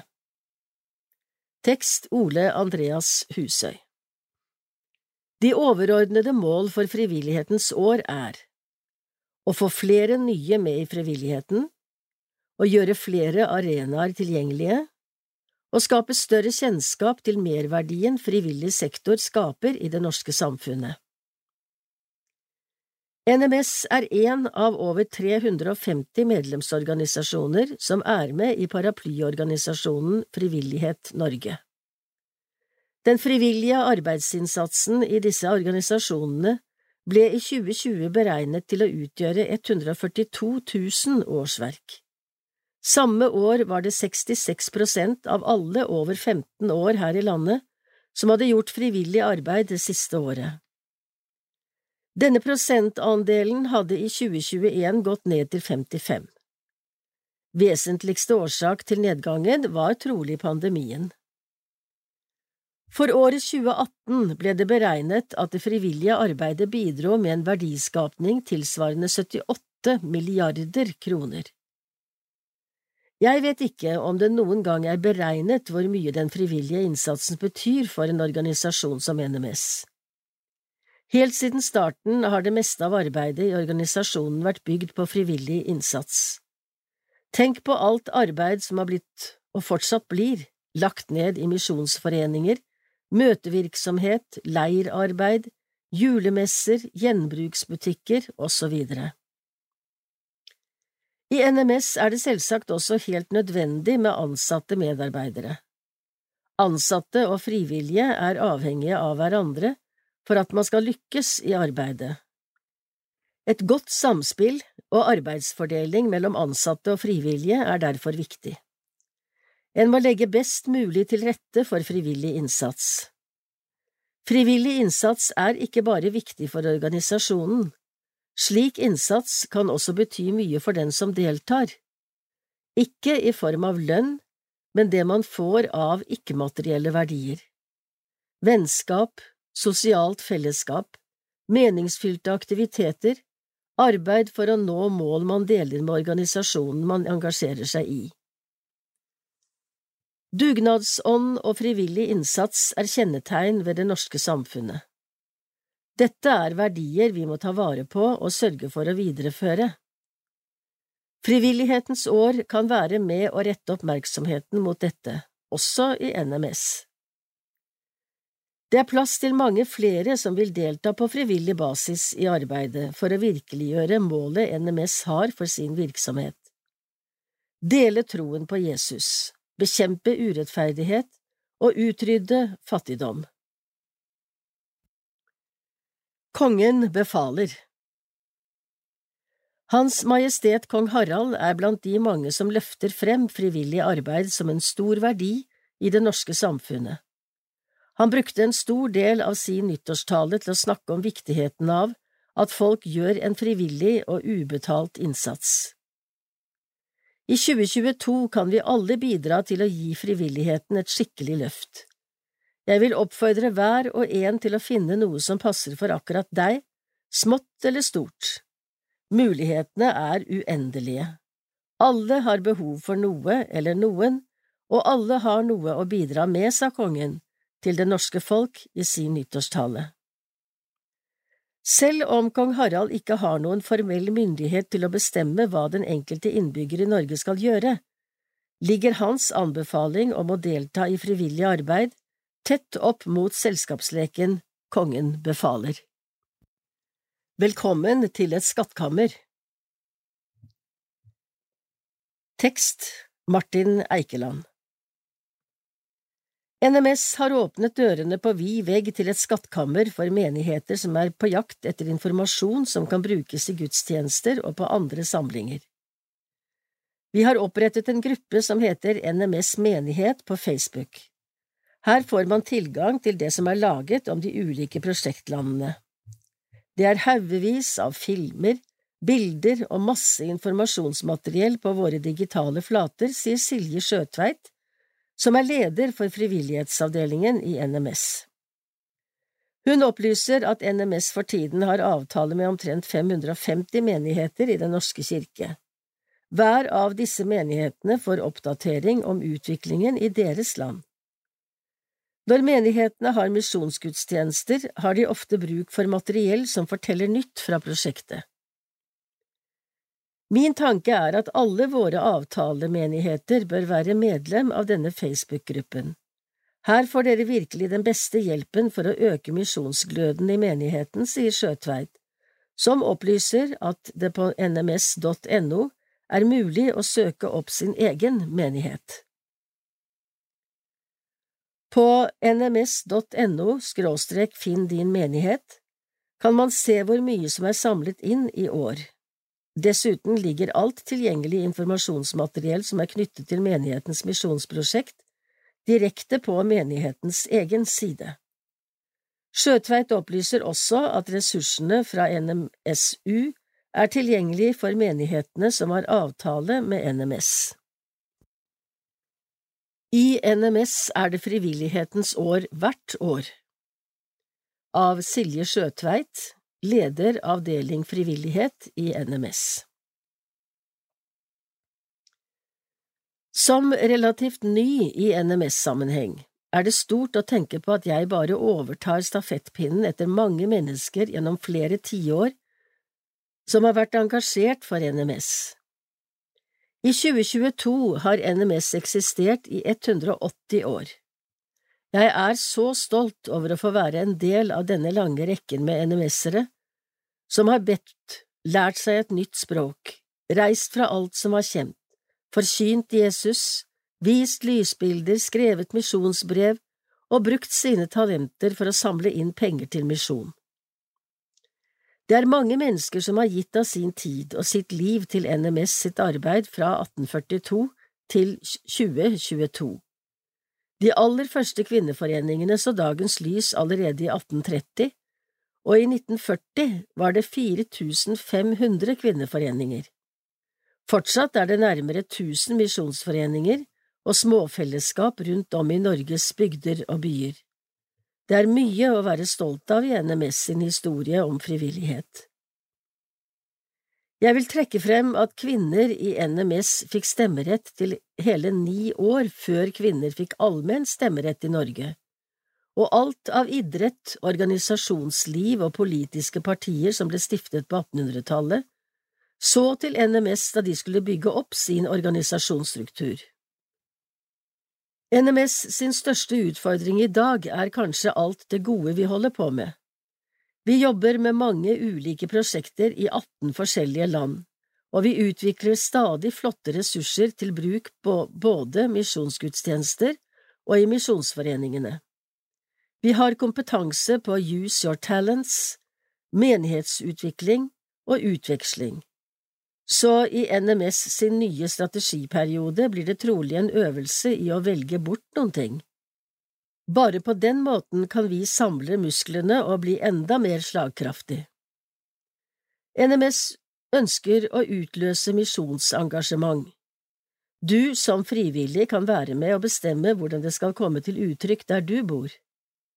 For meg personlig har det å være engasjert frivillig for kirke og misjon vært svært meningsfylt. Jeg trives godt med å være med å bygge og skape nye ting og legge til rette for gode møteplasser. Som frivillig er man i den heldige posisjon å selv kunne velge sine arbeidsoppgaver. Møt NMS-misjonærer hver måned. Tekst Martin Eikeland En gang hver måned kan du møte en av misjonærene til NMS. Klokka 20 den første torsdagen i måneden er det digital sending for frivillige og andre NMS-interesserte. Vi som er ansatte i NMS, har lenge hatt digitale allmøter der vi blant annet har møtt misjonærer og andre utsendinger som forteller om arbeidet på feltene. Men hvorfor skal ikke de frivillige ha det samme tilbudet? Derfor har vi satset på digitale informasjonsmøter, sier Silje Skjørtveit, som er leder for frivillighetsavdelingen i NMS. Silje forteller begeistret om informasjonssendingene. I tillegg til muligheten for å få direkte oppdateringer fra feltene, er det informasjon om ulike prosjekter i både Norge og utlandet. For oss i NMS er det viktig å skape vi-følelsen. Det er vi, både de ansatte og de frivillige, som sammen utgjør NMS. De viktigste i NMS er faktisk de frivillige. Derfor er det helt avgjørende at også de føler at de tilhører det store laget som til sammen utgjør NMS. Er disse sendingene også et opplegg for å rekruttere frivillige medarbeidere til dugnadsoppgaver og skaffe inntekter til misjonen? Selv om hele NMS som organisasjon er opptatt av å øke inntektene og få flere frivillige medarbeidere, har vi ikke noen tanker om at disse sendingene for frivillige skal skaffe inntekter og nye medarbeidere. Disse sendingene er en arena der hele organisasjonen knyttes sammen. Sjøtveit forteller at den enkleste måten å finne kommende og tidligere sendinger på, er ved å gå inn på nms.no skråstrek infosendinger. NMS tidslinje NMS en historie om frivillighet i 180 år har NMS vært båret av frivillige medarbeidere. Historien til NMS er en historie om frivillig engasjement og hjertevarme. Vi presenterer her 18 frivillige fra historien til NMS, én for hvert tiår. Noen av dem var store kjendiser i sin samtid, andre hadde en mer anonym posisjon. Felles for dem er at de sammen har skapt misjonshistorie. Tekst Tordis Dale Trygve Omland Erik Tangedal Martin Eikeland Billedtekst Gustavaforeningen Kvinneforeningens mor, Gustava Kielland, startet kvinneforening i prestegården i Lyngdal. I generasjoner var dette møtestedet for foreninger i bygda. 1840 til 1850 Gustava Kielland Kvinneforeningsbevegelsens mor Mer enn noen andre bidro Gustava Kielland 1800 til 1889 til at NMS ble en folkebevegelse. Hun var gift med Gabriel Kielland, som var en av pådriverne til at NMS ble etablert i 1842. Hennes store bidrag til misjonsarbeidet er knyttet til kvinneforeningene. I sin selvbiografi forteller hun at hun, etter å ha vært på generalforsamlingen i 1844, talte med min kjære gamle venninne Gunhild Oftebro om at også kvinnene måtte engasjere seg i misjonssaken. De ble enige om at nå skulle alt bli annerledes. 13. juli i 1844 samlet en gruppe kvinner seg i prestegården i Lyngdal til kvinneforeningsmøte. Foreningsmøtene var først og fremst arbeidsmøter. Kvinnene kommer med både ull og rokk til møtene. Gustava Kielland skriver at de allerede etter ett års tid sendte åtte par ullsokker og 24 kjoler til nøgne skolebørn i Syd-Afrika.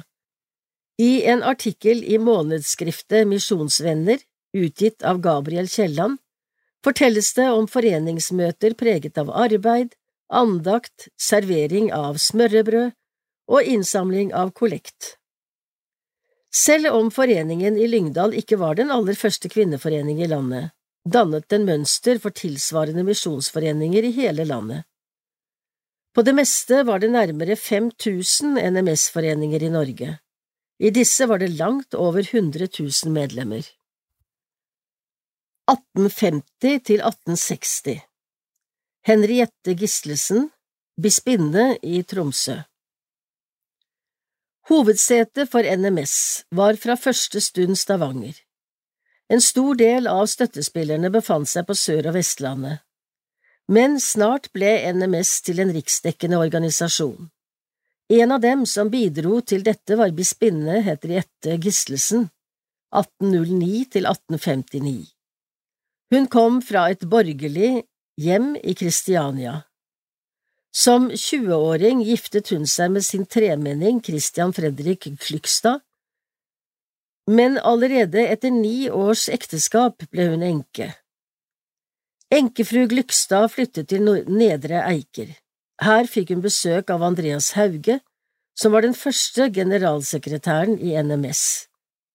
I møte med ham ble hennes misjonsinteresse tent. Hun stiftet også en kvinneforening i Eiker. Men i motsetning til Gustava Kiellands forening, som la vekt på arbeidsmøter, var hennes idealmøter preget av bønn, andakt og åndelige samtaler. Hennes motivasjon var å bidra til hedningenes frelse. Hun giftet seg senere med presten Knut Gislesen, som fra 1856 var biskop i Tromsø. Her stiftet hun også en rekke foreninger, men disse var ikke bare for kvinner. Hennes ønske var at menn, kvinner og barn kunne samles i samme forening. 1860–1870 Misjonsskipet Elieser en idé fra Louise Olsen som ble realisert. En sterkt giktplaget kvinne er hovedansvarlig for at NMS på 1860-tallet bygde et eget seilskip som skulle frakte misjonærene mellom Norge og misjonsmarkene i Sør-Afrika og på Madagaskar. Historien forteller at jomfru Louise Olsen, 1817–1872, fikk en visjon i en drøm om at NMS skulle bygge et misjonsskip. Hun bodde hos sin mor på Nordnes i Bergen. En morgen i 1861 kom hun med store problemer ned loftstrappa. Hun fortalte moren at hun hadde hatt en strevsom natt, for hun hadde bygget et misjonsskip i løpet av natta. Vi kan ikke garantere sannheten i den historien, men faktum er at Louise Olsen straks satte i gang arbeidet med å realisere skipsdrømmen. Hun overbeviste først sine misjonsvenner, deretter sognepresten i menigheten, den lokale kjøpmannen, NMS-styret i Bergen og landsstyret til NMS. Resultatet ble at byggingen av Elieser ble startet. Det ble også samlet inn penger til prosjektet. Den endelige prislappen var på 22 077 spesidaler. Siden eierne hadde stor tro på Guds beskyttelse, lot de være å tegne forsikring på Elieser. Elieser gikk i misjonærfart i 20 år uten ett eneste havari. 27. februar i 1865 forlot Elieser for første gang Norge. 1870–1880 Peder Torstensen tok initiativ til Misjonsholmen Madagaskar i Farsund. Rundt om i bygder og byer var det mye fattigdom på slutten av 1800-tallet. Derfor var det mange som ikke hadde mulighet til å støtte misjonen økonomisk. Men snart begynte tanken om at deler av åkerjorden kunne brukes til å skaffe inntekter til misjonen. I bygda Spinn var det stor misjonsaktivitet. Sjømannen og fiskeren Peder Torstensen, 1812 til 1892, fra Viga var en av misjonsvennene. Etter sildefiske i 1872 fikk han det for seg at Vigeholmen utenfor Spinn kunne brukes i misjonens tjeneste. Han oppsøkte Birgitte Larsen, som eide deler av denne holmen, og la frem sin sak. Hun ble med på tanken. Snart fikk de med seg de andre som også eide deler av holmen.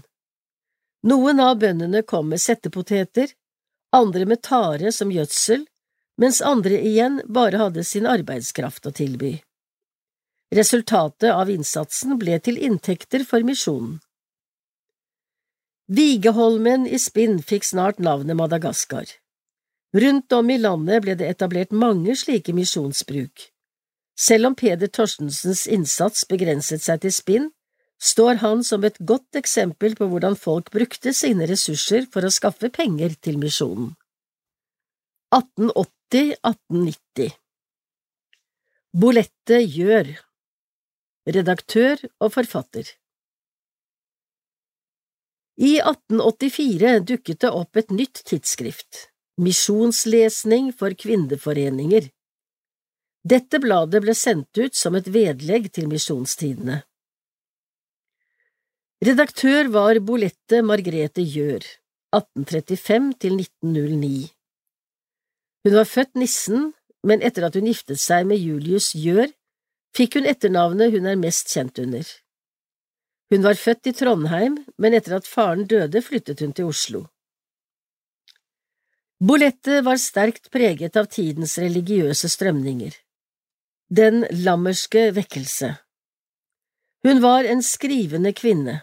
I tillegg til arbeidet som redaktør skrev hun en rekke skjønnlitterære tekster. På midten av 1880-årene utga hun, under pseudonymet Margrethe, en rekke livsbilder fra vekkelsestiden. I skjønnlitterær form. I 1892 utkom hennes siste bok, Misjonsbarnet, til Misjonsselskapets 50-årsjubileum. Dette var et navn hennes far ga henne. Bolette Margrethe Gjør ble også utnevnt som en av dem som beredte grunnen til at kvinner fikk stemmerett i NMS i 1904.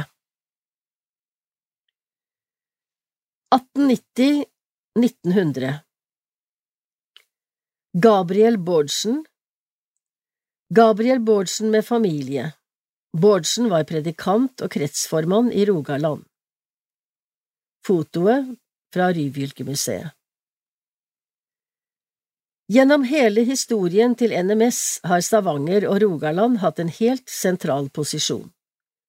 At organisasjonen ble stiftet her i 1842 er selvsagt avgjørende for dette, men det faktum at en stor del av de frivillige har kommet herfra, forteller også mye om det sterke misjonsengasjementet i denne delen av landet. Stavanger krets har også bidratt med store deler av inntektene til misjonsarbeidet. Fra 1890 til 1894 var forstander Gabriel Bårdsen, født i 1846, ved Weissenhuset i Stavanger formann i kretsstyret. Bårdsen var sterkt knyttet til haugianerne og vekkelsespredikanten Lars Oftedal. Bårdsen representerte en av retningene som var med på å grunnlegge NMS i 1842. I tillegg til å være leder for Weissenhuset, reiste Bårdsen også som predikant.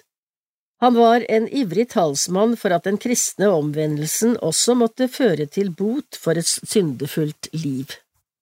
1900 til 1910 Biskop J.C. Hoitsch snudde fra å være motstander av kvinnelig stemmerett til å bli tilhenger. Johan Christian Hoitsch var fra 1889 til 1904 biskop i Kristiansand stift, tilsvarende dagens Stavanger bispedømme og Agder og Telemark bispedømme. Det er vanskelig å bli helt klok på hva denne mannen sto for. Som høyrepolitiker møtte han som varamann på Stortinget fra 1883 til 1889. Her var han en ivrig motstander av kvinnefrigjøring og allmenn stemmerett for kvinner.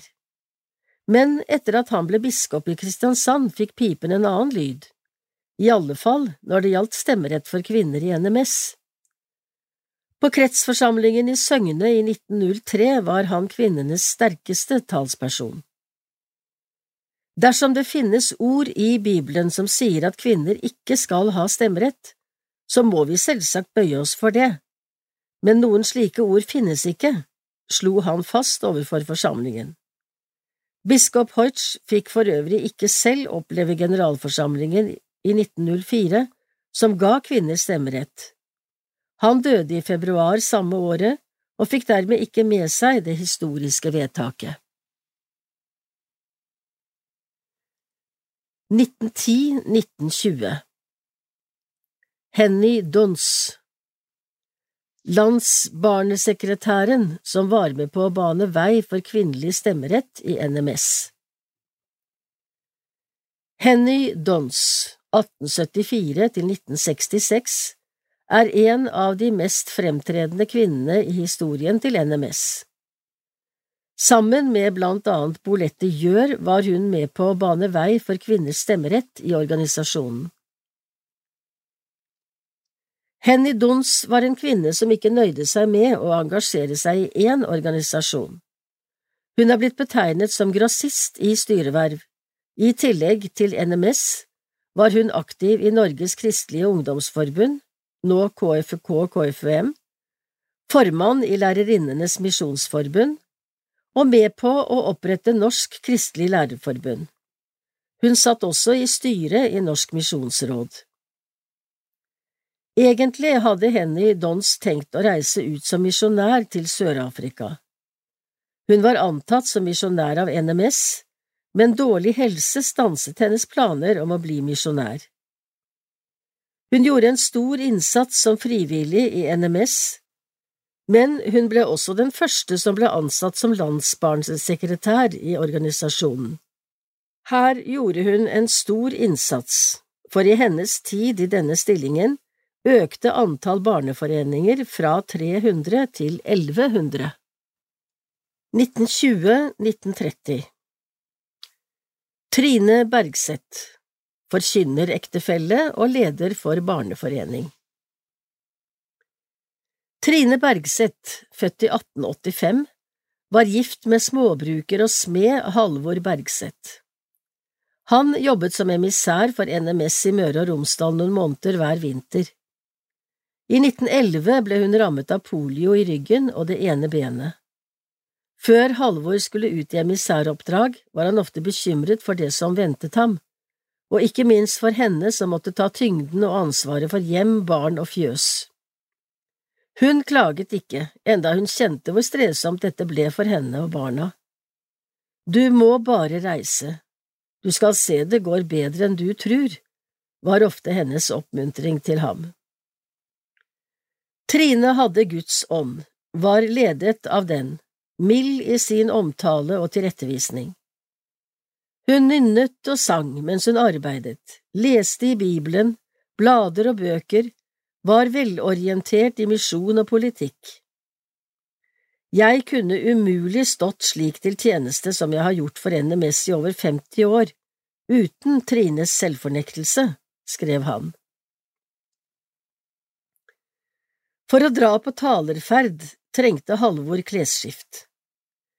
Trine stelte tøy, strikket varme klær, pakket, ofte for tre uker. Trine var i lang tid med på å lede jenteforeningen Tamarinden, som støttet arbeidet på Madagaskar. Hun skrev i et brev, I høst har Tamarinden hatt møtenes heime hos oss. Jentene viser glød og vil ha mer ansvar. 1930–1940 Severine Simonsen var formann i styret i Ålgård eldre kvinneforening. Severine Simonsen, 1861–1948, var i 1930-årene formann i Ålgård eldre kvinneforening, som ble stifta i 1876. Handelsmann Ole Sivertsen støtta foreninga gjennom krambua si, og som fritidspredikant og emissær holdt han andakt på foreningsmøta. De forenede ullvarefabrikker, DFU på Ålgård, tok imot ull fra foreningsdamene og leverte bille, garn og tøy tilbake til de strikkende damene. Ullsokkene ble delvis solgt over disk i Sivertsbua, som dattera drei videre etter faren. Ole gikk bort i 1927. Foreningsformann Severine fikk hjelp av dattera Ingebjørg. Hun teikna broderimønstre på dukene og putene og fordelte arbeidet til medlemmene slik hun mente den enkelte var skikka til.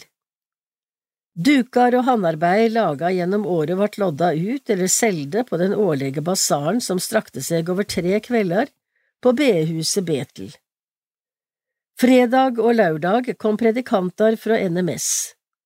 Med ti øre nummeret i basarbøkene vart det mykje småmynt å holde orden på. Formannen styrte også med økonomien, var kasserer og formidla pengene til NMS. Det var ikke uvanlig at hun reiste til krinskontoret i Stavanger med veska full av mynter. Severine og foreningskvinnene tenkte ikke smått om oppgava si. Til gjenreisning Kina står det på ei NMS-kvittering like etter krigen.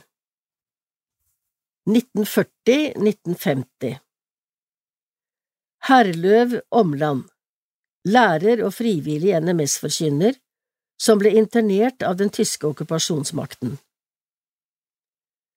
Herløv Omland 1907–1995 var en av mange NMS-folk som kjempet mot den nazistiske okkupasjonsmakten. Omland var fra bygda Austad i Lyngdal. Han utdannet seg til lærer og jobbet i skoleverket. Han var blant de 10 000 lærerne som nektet å signere på lojalitetsskrivet til Nasjonal Samling, NS. Som en kollektiv avstraffelse ble 600 av disse lærerne, blant dem Herløv Omland, plukket ut til ett års straffarbeid. Da han ble arrestert hjemme på kjøkkenet 20. mars i 1942, fikk han beskjed om å ta med seg det aller nødvendigste.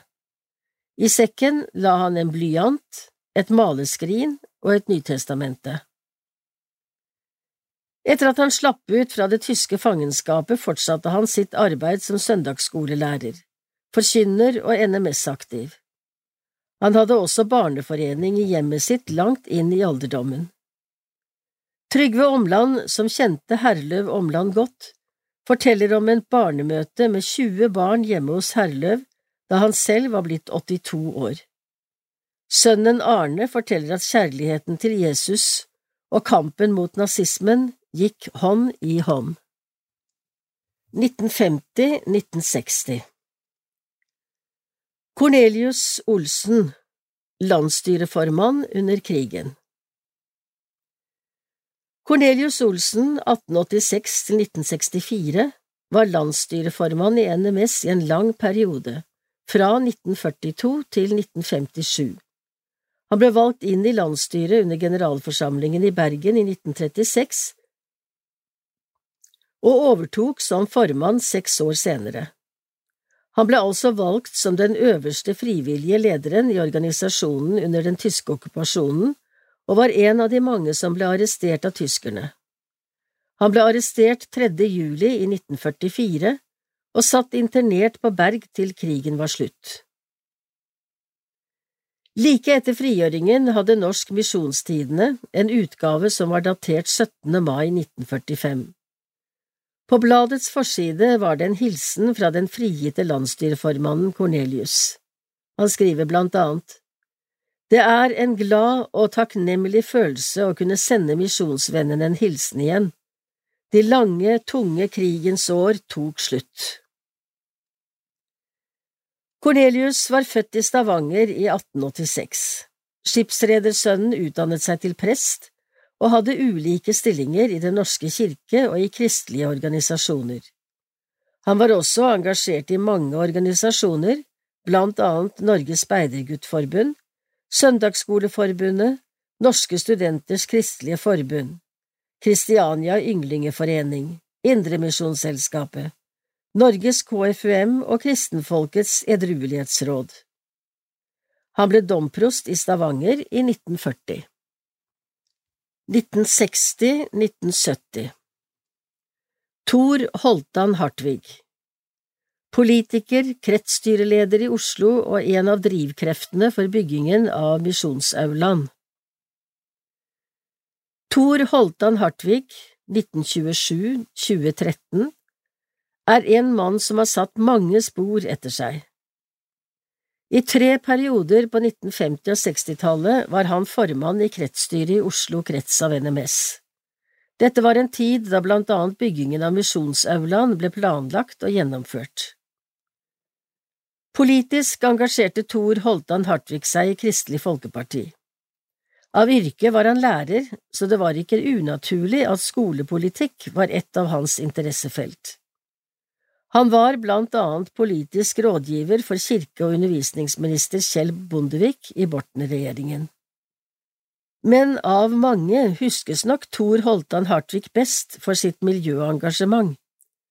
Han var spesielt opptatt av elvene i hjembyen Oslo, ikke minst Janelva. Hans utrettelige kamp for disse vassdragene har gitt ham et godt ettermæle. Derfor har Østmarkas Venner laget Tors minnebenk i Skullerudumpa i Østmarka. 1970–1980 Reidar Hallgunset, lærer og initiativtager til leirstedet Mjuklia. Leirsteder og leirstedsdrift har vært viktig for NMS over hele landet. På leirstedene har tusenvis av frivillige NMS-folk lagt ned et utall arbeidstimer. I Midt-Norge er Mjuklia for mange synonymt med NMS. Men leirstedet i Rennebu hadde ikke fått denne posisjonen uten et stort frivillig engasjement. En av de store drivkreftene for det frivillige arbeidet på Mjuklia var Reidar Halgunset, 1927 til 2019. Av yrke var han lærer, men han var langt over gjennomsnittet hendig. Selv om det var mange andre frivillige som var med på å bygge opp det småbruket som ble NMS-senteret i Trøndelag, gikk Hallgunnset foran både når det gjaldt planlegging og praktisk arbeid. Selv om mjuklia var viktig for Reidar Hallgunnset, la han også ned mye krefter i sin jobb i skoleverket. Han hadde blant annet ansvar for elever som hadde problemer med å tilpasse seg den teoretiske skolehverdagen. Som spesialpedagog sørget han for at mang en skoletrøtt trønderelev likevel kom seg gjennom skolegangen. Reidar Hallgundseths engasjement for NMS begrenset seg ikke bare til leirstedsarbeid. Han var også en av de frivillige som har bidratt til at Knausen lysstøperi har kunnet levere stearinlys til NMS gjenbrukbutikkene. 1980–1990 Asbjørn Gjengedal, NMS-engasjert prest som også ble generalsekretær i Ungdomsforbundet. Asbjørn Gjengedal, født i 1940, er en representant for kombinasjonen prest og misjon som har vært viktig for NMS helt siden 1842. Han har en lang yrkeshistorie som prest, men hele tiden har hans interesse for misjon kommet tydelig til uttrykk. I boka Gamlemisjonen 100 år, som ble utgitt i 1980 i anledning 100-årsjubileet for Nordfjord samskipnad, av Det Norske Misjonsselskap, skriver Gjengedal, som da var formann i kretsstyret, dette. Mødre og fedre har vist oss at misjon er ei heilag plikt for alle kristne. Å gjøre si plikt er ikke alltid så festlig. Det kan stundom bli strevsamt og tungt. Men trass alt får den som gjør si kristenplikt, kjenne at eg er med dykk alle dager. Listen over de tillitsverv som Asbjørn Gjengedal har hatt i NMS er lang og viser engasjement på både nasjonalt og lokalt plan.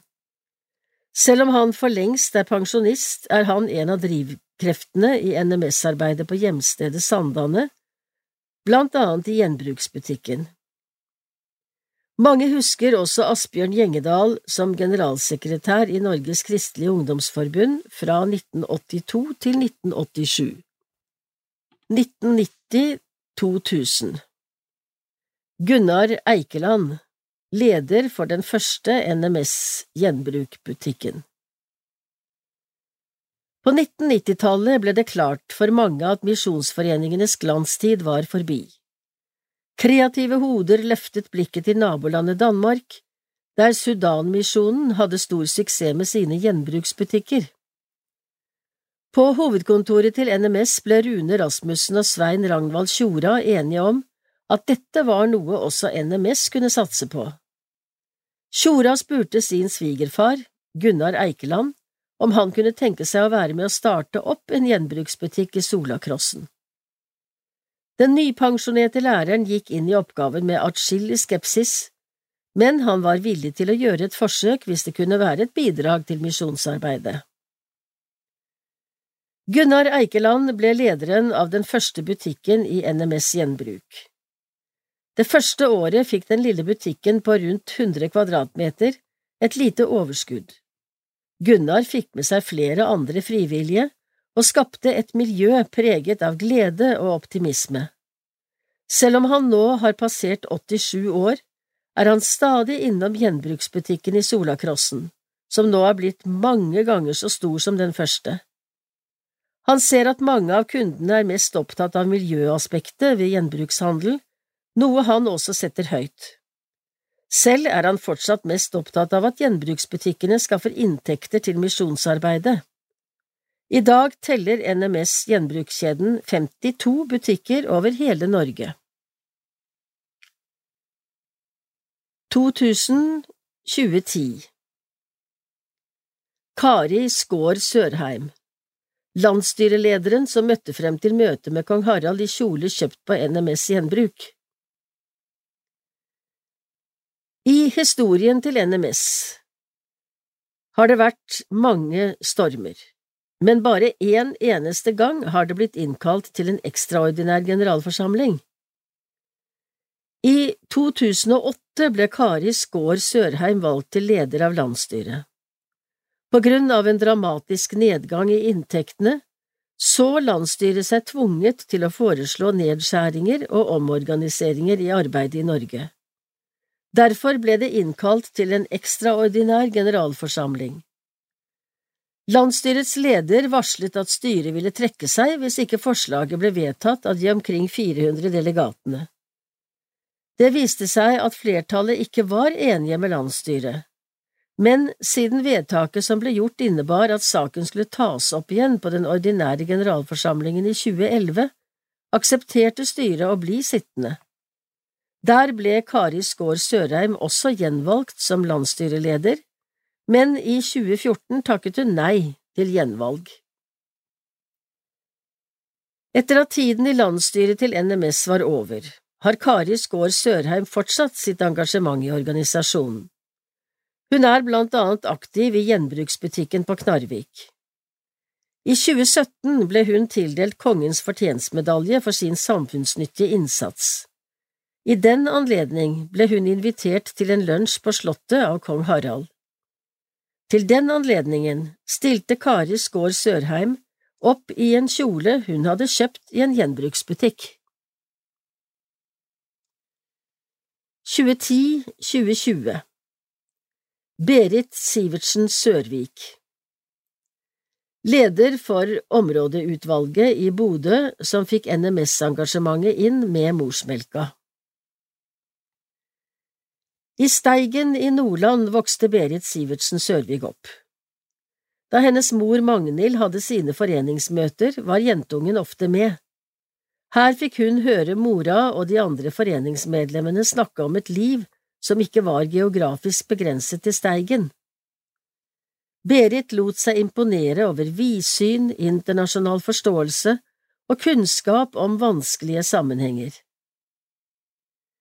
Berit engasjerte seg i menighetsarbeidet i Bodø.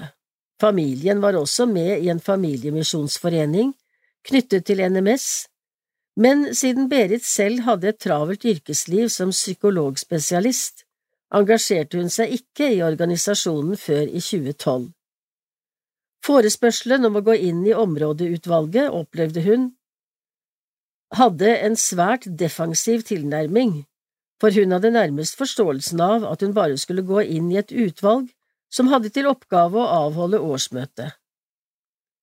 Da hun fikk med seg en venninne inn i områdeutvalget, var hensikten klar – å gjøre noe viktig og offensivt. Fortsatt er Berit leder av områdeutvalget. Hun trives i NMS fordi hun får være med i en sammenheng der troen på Jesus kombineres med arbeid mot fattigdom og urettferdighet. Misjonsrebus av Martin Eikeland Knekker du denne koden? 20 stjerne C pluss M pluss B pluss 23 De aller fleste rister uforstående på hodet over kombinasjonen av tall og tegn. Helge Underland har løsning på gåten. 20 og 23 er årstallet vi skal ta i bruk over nyttår. Vi kunne gjerne sagt anno domini 2023, det Herrens år 2023, for vi regner vår tidsregning fra Kristi fødsel. Hva med stjernen?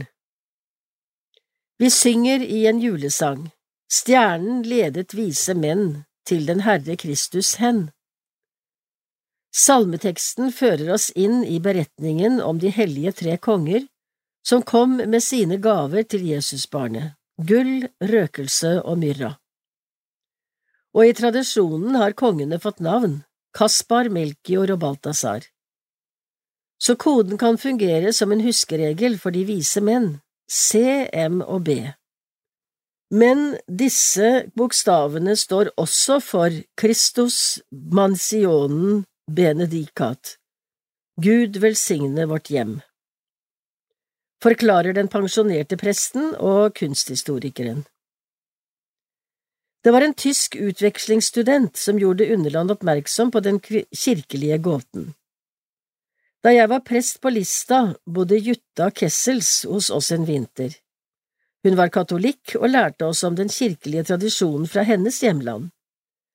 Der var det slik at speidere i menigheten gikk fra dør til dør og delte ut disse husvelsignelsene. Det følger også en bønn med når speiderne deler ut velsignelsen. Samtidig samler de inn penger til menighetens misjonsprosjekt.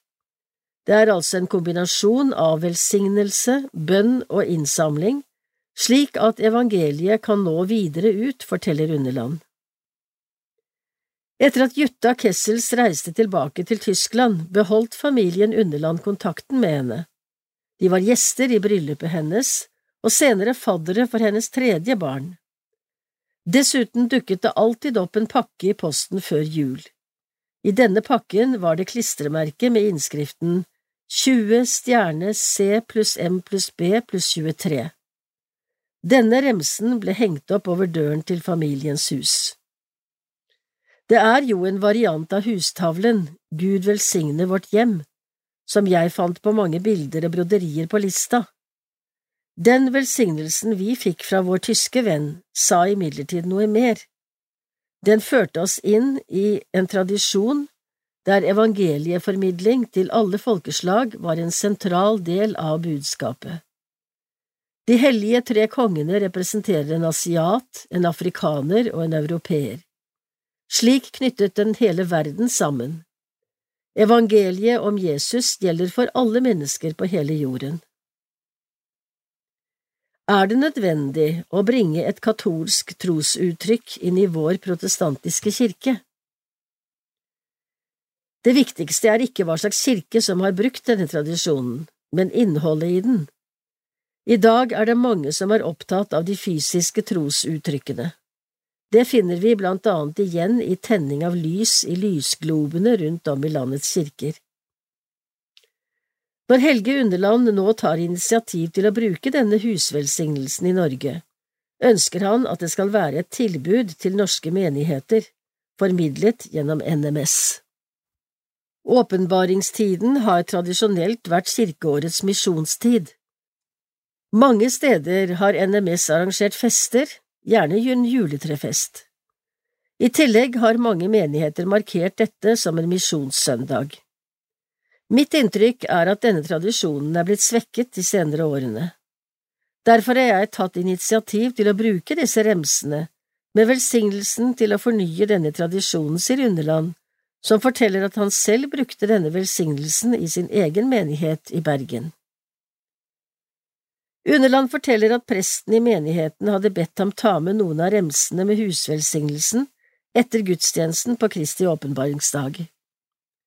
Jeg hadde med meg 20 remser som kirkegjengerne kunne kjøpe. Disse forsvant i løpet av kort tid. Det var tydelig at mange ønsket en slik velsignelse over ytterdøren på hjemmet sitt, sier Helge Underland, som også trekker frem at en velsignelse over inngangsdøren til et hjem forteller noe om hvem som bor innenfor denne døren. Det vi ser, er at en dør med en slik inskripsjon faktisk er en dør som vitner om troen, sier Underland. Foreløpig er ikke de omtrent 30 centimeter lange remsene trykket ferdig. På grunn av trykktekniske utfordringer er det vanskelig å produsere remser med lim på baksiden. Men det er ikke et problem, det finnes jo slik lærertyggis som godt kan brukes for å henge opp velsignelsen, humrer Helge Underland.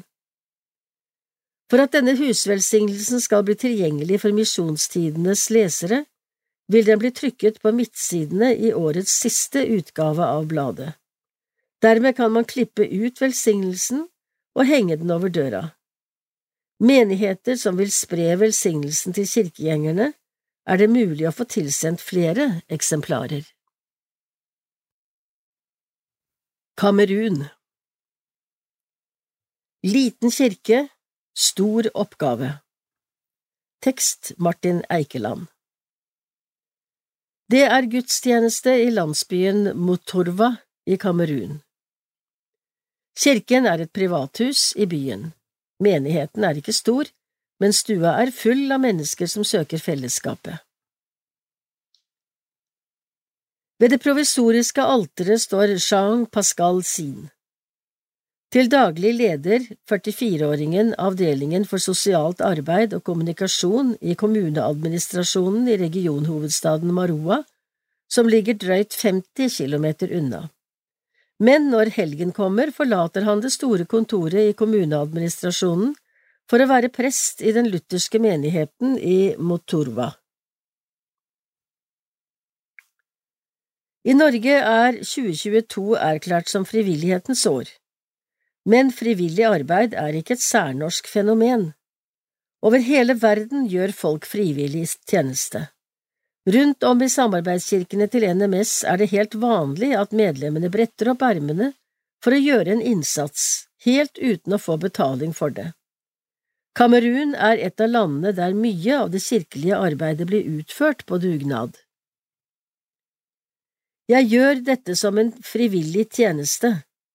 Det er ikke en tjeneste jeg får betalt for. Når jeg vet at jeg får frelsen gratis, er dette noe jeg med glede gjør som frivillig, sier Jean Pascal. Den lutherske kirken i Kamerun, EELC, som NMS har vært med på å bygge opp, har en jevn økning i både medlemstall og antall menigheter. EELC er en økonomisk fattig kirke. De fleste av kirkens medlemmer har lite penger mellom hendene. Derfor er det helt utenkelig at alle de nye menighetene skal ha en lønnet prest. Jeg er opprinnelig fra Nagondere, etter at jeg utdannet meg til ingeniør og tok en mastergrad i ledelse, fikk jeg først en jobb i det offentlige forvaltningen i min hjemby. Men her i Kamerun er systemet slik at de offentlig ansatte kan bli beordret. Da det ble behov for noen som kunne gå inn i en lederjobb i Maroa, ble jeg beordret dit, forteller han. Noe av det første Jean Pascal gjorde da han kom til Maroa, var å spørre hva kirken ville bruke ham til. Han var på jakt etter en frivillig oppgave i menighetsarbeidet. Etter at han hadde vært i Maroa en periode, etablerte ELC et evangeliseringsteam av pastorer som besøkte ulike landsbyer i området. I Motorva førte denne aksjonen til at mange ble kristne, men de nyomvendte hadde verken kirke eller pastor. Da kom spørsmålet til Jean Pascal. Kan du tenke deg å betjene den nye menigheten i denne byen som ulønnet pastor? For meg var det naturlig å svare ja til en slik utfordring. Jeg så at de kristne hadde behov for et fellesskap, og at de trengte en som kunne være leder for dette fellesskapet. Jeg opplevde at Gud kalte meg til denne tjenesten, sier Jean Pascal, som deler uken sin i to. Fra mandag til fredag jobber han ved kommuneadministrasjonen i Maroa. Fredag ettermiddag kjører han til Motorva for å være pastor. Etter at han har hatt gudstjeneste på søndag, reiser han tilbake til byen der han jobber. Det hører med til historien at kona til Jean Pascal også har latt seg engasjere i menigheten i Motorva. Når helgen kommer, setter hun seg i bilen sammen med ektemannen for å reise til byen hvor han er pastor. I den lutherske kirken har kvinnebevegelsen Femme pour Christ, Kvinner for Kristus, en sterk posisjon. Rundt om i landet er det lokalavdelinger av denne bevegelsen. I Motorva er det Naige Emilien Epsezine som leder denne gruppen. Vi står sammen om tjenesten i Motorva. At hun også er engasjert, gjør det lettere for meg å fortsette i denne oppgaven. Gud bruker oss begge i sitt arbeid. Kamerun er et land hvor ulike religiøse retninger har innflytelse. Den kristne kirken står sterkt, det samme gjør islam. I tillegg er det mange som forholder seg til den tradisjonelle folketroen. Det er mye hedenskap her i landet, ikke minst i området hvor min menighet er. Når vi skal forkynne evangeliet til folk i disse områdene, gjør det ekstra sterkt inntrykk at det er frivillige som kommer med budskapet. Hvis alle som forkynte var kirkelig ansatte i trygge jobber, gjør det ikke samme inntrykk. Men når folk møter kristne som bruker av sin tid og sine ressurser uten å kreve betaling, skjønner mange at det de forteller er viktig. Jeg sier ikke at kirken ikke skal ha betalte pastorer og evangelister, men vi som jobber frivillig har en tjeneste som kan nå enda lenger. I tillegg til at mange menigheter blir betjent av ulønnede prester, er Jean Pascal opptatt av at alle kristne har oppgaver som formidlere av Guds budskap. Prestene og evangelistene kan ikke gjøre alt i en menighet. Det er det enkelte kirkemedlem, altså den enkelte kristne, som bærer budskapet med seg inn i hverdagen. I de daglige møtene med andre mennesker kan de formidle Guds nåde. Dette er ikke en belastning for oss kristne, men heller en gave vi får. Å fortelle mennesker om Guds kjærlighet er en gave og en tjeneste for alle kristne. Bibelen sier at høsten er stor, men arbeiderne er få. Men siden vi er mange som har tatt imot Jesus, kan vi alle være med å høste. Jean Pascal har vokst opp i et kristen familie der kirkegang og kristen tjeneste var en del av livet. I Nagondere ble han også kjent med norske misjonærer. Misjonærene lærte meg mye om å være frivillig i Guds rike. De hadde sine faste oppgaver, men jeg opplevde at de strakk seg langt utover vanlig arbeidstid. Selv ble jeg engasjert i radiostasjonen Savto Lingilda. Det var en stor velsignelse for meg. At jeg også fikk mulighet til å gå ett år på Hald internasjonale skole i Norge, var også med på å peke ut en retning for livet mitt. Etter året på halv fikk jeg frimodighet og motivasjon til å gå videre på skoler og universitet. Jeg har hele tiden vært bevisst på at jeg skulle bruke mitt liv til å tjene Gud. Den lutherske kirken i Kamerun får stadig nye menigheter men det er ikke en automatisk sammenheng mellom menighet og kirke. Siden folk i landet er fattige og EELC har begrensede ressurser, er det mange menigheter som ikke har et eget kirkebygg. Det gjelder også menigheten som Jean Pascal sine er pastor for. Den holder til i et privathus. Det som til daglig er oppholdsrom for familien, blir omgjort til kirkesal når helgen kommer. Alteret er et provisorisk bord i den ene enden av rommet. Guds ord sier at menigheten består av levende steiner. Det betyr jo at menigheten ikke er avhengig av et kirkebygg, men av medlemmer som til sammen utgjør kirken. Når vi tenker slik, kan vi si at kirken i Kamerun er en stor kirkebygger men det betyr ikke at vi slår oss til ro med at menighetene ikke skal ha et eget kirkebygg. I vår menighet snakker vi mye om at vi trenger en kirke. Jeg tror det vil bety mye når vi skal invitere ikke-kristne med til våre samlinger. Det er enklere å invitere folk med inn i et kirkebygg enn i et privat hjem. Når Jean Pascal Sine snakker om finansieringen av et nytt kirkebygg i Maturva, blir han bekymret. For menighetens medlemmer er alle fattige, for dem er det vanskelig å ofre mer enn det de allerede gjør. Hva koster en ny kirke?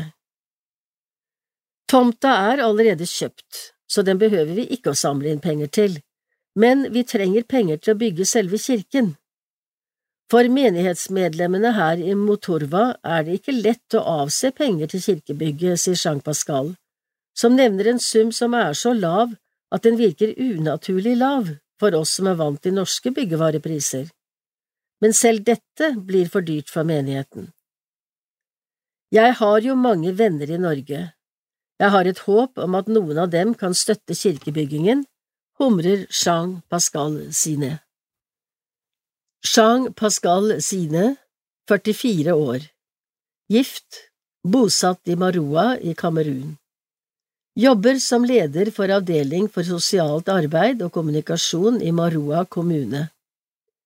Frivillig og ubetalt pastor i en ELC-menighet i Motorva, 53 kilometer fra Maroa. Madagaskar Madagaskar i spinn 150 år Tekst Theis M. Theisen I sørlandsbygda Spinn var det på 1800-tallet stor misjonsinteresse, men lite penger. Bygdefolket i Spinn, som i dag er en del av Farsund, visste råd. De brukte en egen øy til å dyrke poteter som kunne selges til inntekt for misjonen. Slik står det i Det norske misjonsselskaps hundreårsskrift fra 1942. Det var altså mange misjonsvenner i spinn, i sørlandsidyllen Farsund, allerede før NMS ble stiftet i 1842. I 1854 hadde Spinn fått sin første misjonsforening, som da talte hele 46 medlemmer. Det var også stiftet en kvinneforening med Marie Berghøydene som formann. Hun var datter av Gabriel Olsen Odnesgård, som i 1842 gikk på sine ben til Stavanger, rundt 180 kilometer, og var med og stiftet NMS. Men misjonsfolket møtte også motstand. En søndag i februar i 1840 skulle Hans C. Knutsen, som året etter reiste ut som misjonær til Afrika, holde misjonsmøte i Spinn kirke. Presten hadde i stedet henvist ham til kommunelokalet like ved kirka. Dette godtok ikke spinnværingene. En stor folkemengde var samlet ute i storm og regn. Væringene tok saken i egne hender. To formannskapsmedlemmer og prestens medhjelper proklamerte. Presten har verken forbudt eller tillatt å bruke kirken. Kirken er vår. Kom kun og hold en tale i kordøren, vi innestår for følgende. Inngangsdøra ble åpnet, og det første misjonsmøtet holdt i Spinn kirke. Den lille sørlandsbygda Spinn var egen kommune frem til 1965, da den ble en del av Farsund. Minst de to siste hundreårene har folket hatt blikket utover, seilt på de sju hav, til dels med egne skuter og emigrert til både USA, Syd-Afrika og Australia. Noen år etter stiftelsen i 1842 kom NMS til at det ville være fornuftig å få bygd en seilskute.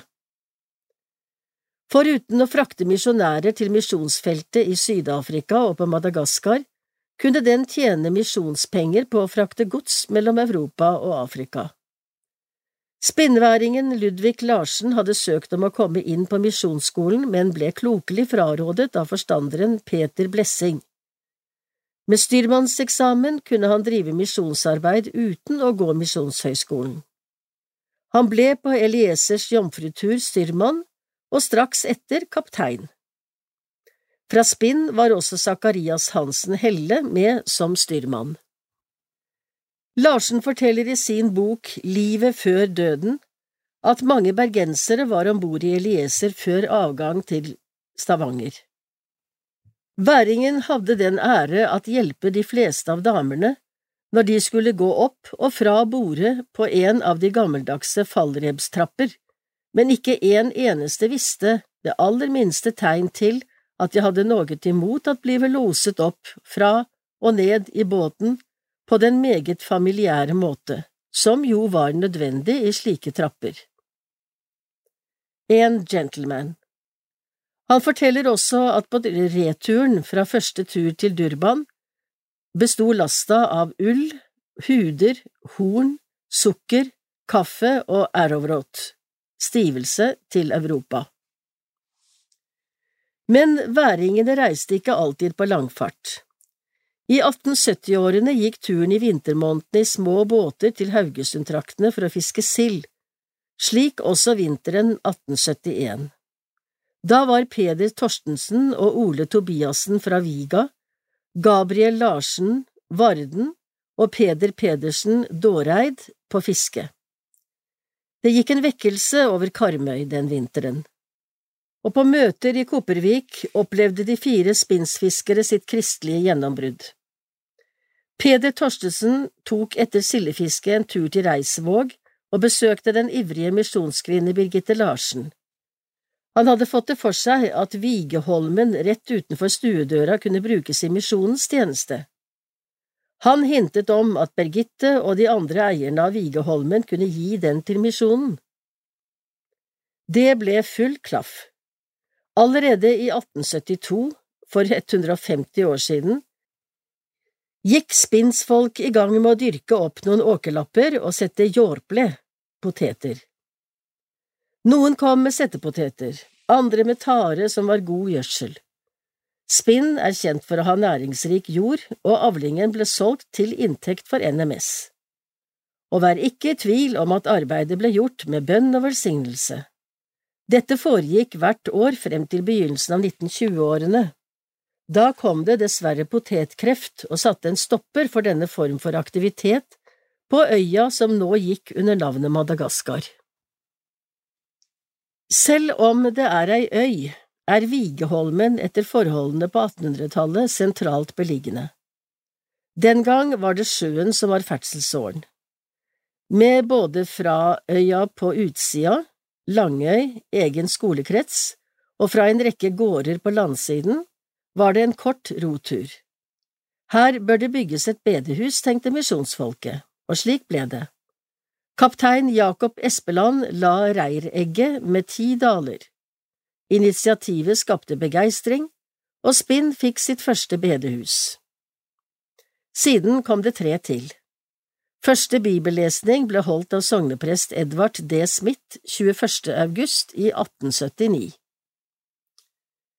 Rundt 1900 ble det av skolebarna i Espeland krets plantet en del furuskog på øya.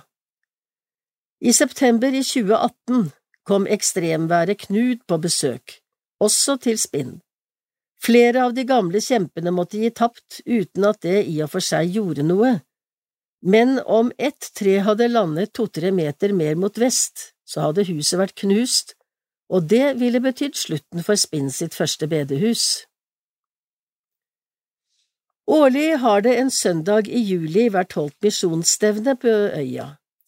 Ute i strandkanten, om været tillot det, inne i bedehuset om nødvendig, og ved noe få anledninger avlyst eller flyttet til Spinn kirke.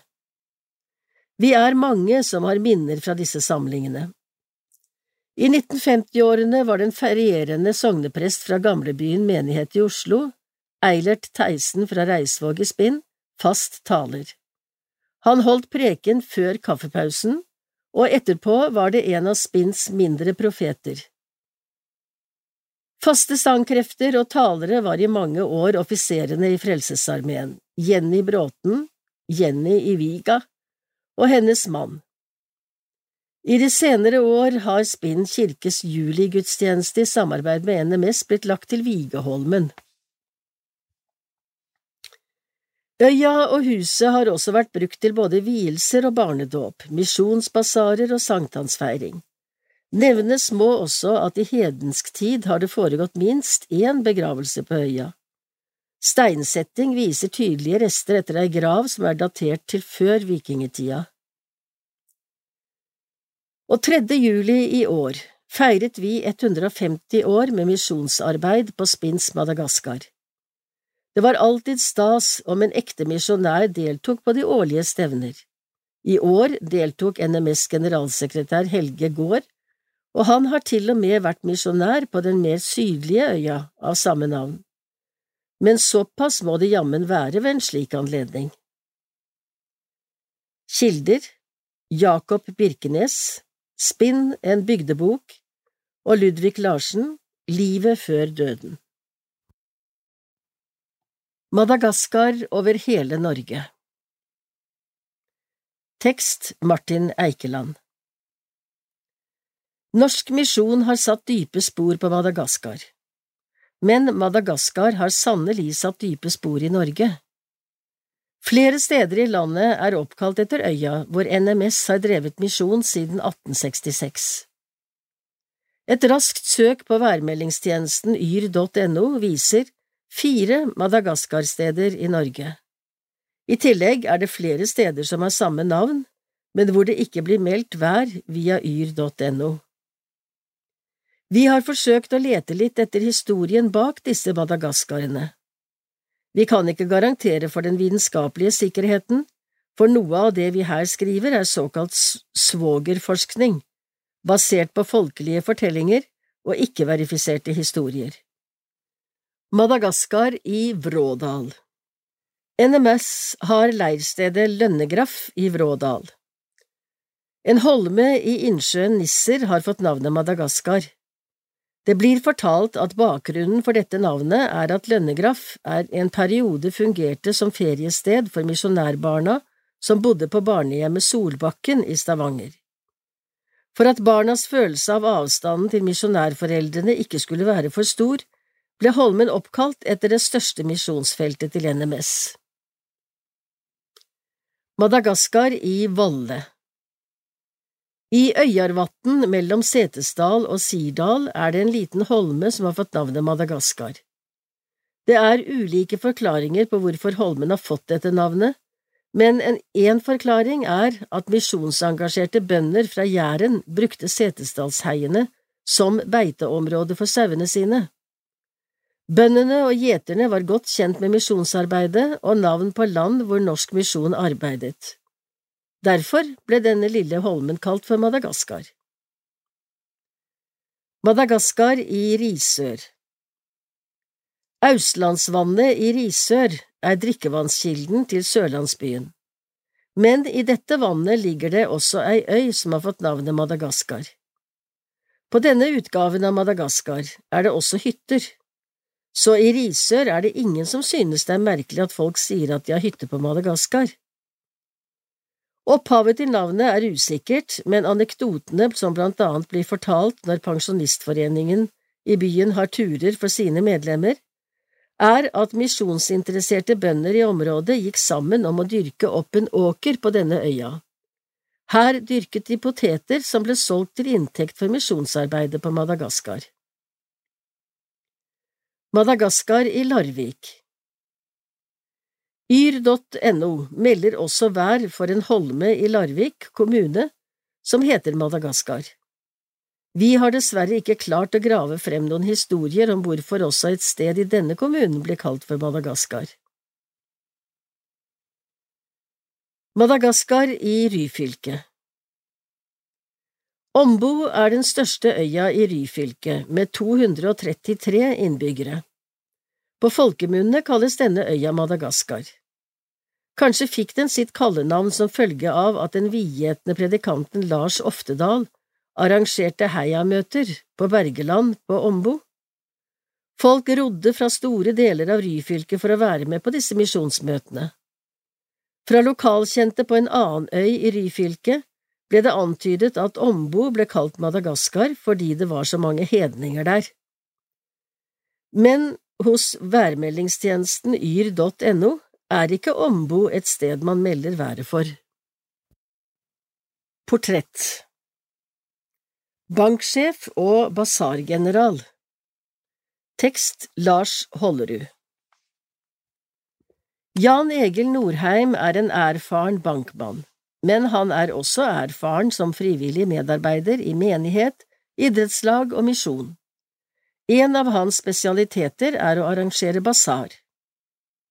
Jan Egil sier at han aldri har regnet på det, men ettersom han er leder for Sparebanken Sør Markets, og sånn sett bør være flink med tall, er det naturlig å spørre hvor store summer han har medvirket til gjennom diverse frivillige arbeid i løpet av hele sitt voksne liv. Kanskje 30–40 millioner, men alltid sammen med andre, sier 61-åringen fra Flekkerøy. For ham er dugnad og frivillig arbeid naturlig og selvfølgelig, som det fremdeles er for de fleste på øya utenfor Kristiansand. Det er særlig NMS og idrettslaget Fløy som har profitert på innsatsen. I Fløy ble han i fjor utnevnt til æresmedlem, og det til tross for at han, ikke som guttespiller og aldri siden, viste påfallende fotballtalent. Det har til gjengjeld sønnen Jon Olav vist, som fast inventar på eliteserielaget Jerv. Senior fikk æresmedlemskapet for sin mangeårige imponerende innsats for klubbens regnskap og økonomi. Men nærmest hjertet, i tillegg til kona Else og barna Arnstein, Ingvild og nevnte Jon Olav, ligger NMS og gutteforeningen Rasken. I Rasken er jeg fortsatt leder etter at jeg medvirket til å splitte barneforeningen Sydkorset i 1982. Vi forsøkte dette grepet, ettersom stadig færre gutter kom på møtene. Sydkorset har siden vært jenteforening, mens gutteforeningen Rasken møtes i skolens sløydsal. Der er også snekker Dag Thomassen, som også har vært leder i alle år, påpeker Norheim, som legger til at kona Else har vært leder for Sydkorset i 20 år. I vår har 15–20 gutter møtt frem i sløydsalen hver tirsdag siden 1982 har om lag 1600–1700 gutter gjort det samme. Flere av dem har i dag sine sønner i rasken. De to barneforeningene har naturligvis basarer, som de mange øvrige foreningene på Flekkerøy. Inntektene går alltid til misjonsprosjekter. Overskuddet fra årets basar går til et prosjekt i Estland. Når Jan Egil Norheim har med basar å gjøre, nøyer han seg ikke med å kjøpe lodd. Hans plass er i dugnadsgjengen, som regel med ansvar for pengene. Den statsautoriserte fonds- og aksjemegleren, som aldri før har regnet på det, anslår at han har gjort opp status etter omtrent 350 basarer. Et forsiktig anslag etter rask hoderegning, basert på anslagsvis 50 000 kroner fra hver tilstelning, gir til sammen 17,5 millioner kroner, mest til NMS, noe mindre til Nordmisjon og Bibelselskapet. Opp gjennom årene har diverse styremøter preget sjuendesansene til Norheim. I Flekkerøy misjonsforening har han mer eller mindre vært formann i 30 år. Han har vært formann eller styremedlem for bibelskolen i Grimstad, der både kona og barna har vært elever, og han har vært styremedlem i Fløy for å nevne noe. For tiden er han med i fire–fem styrer.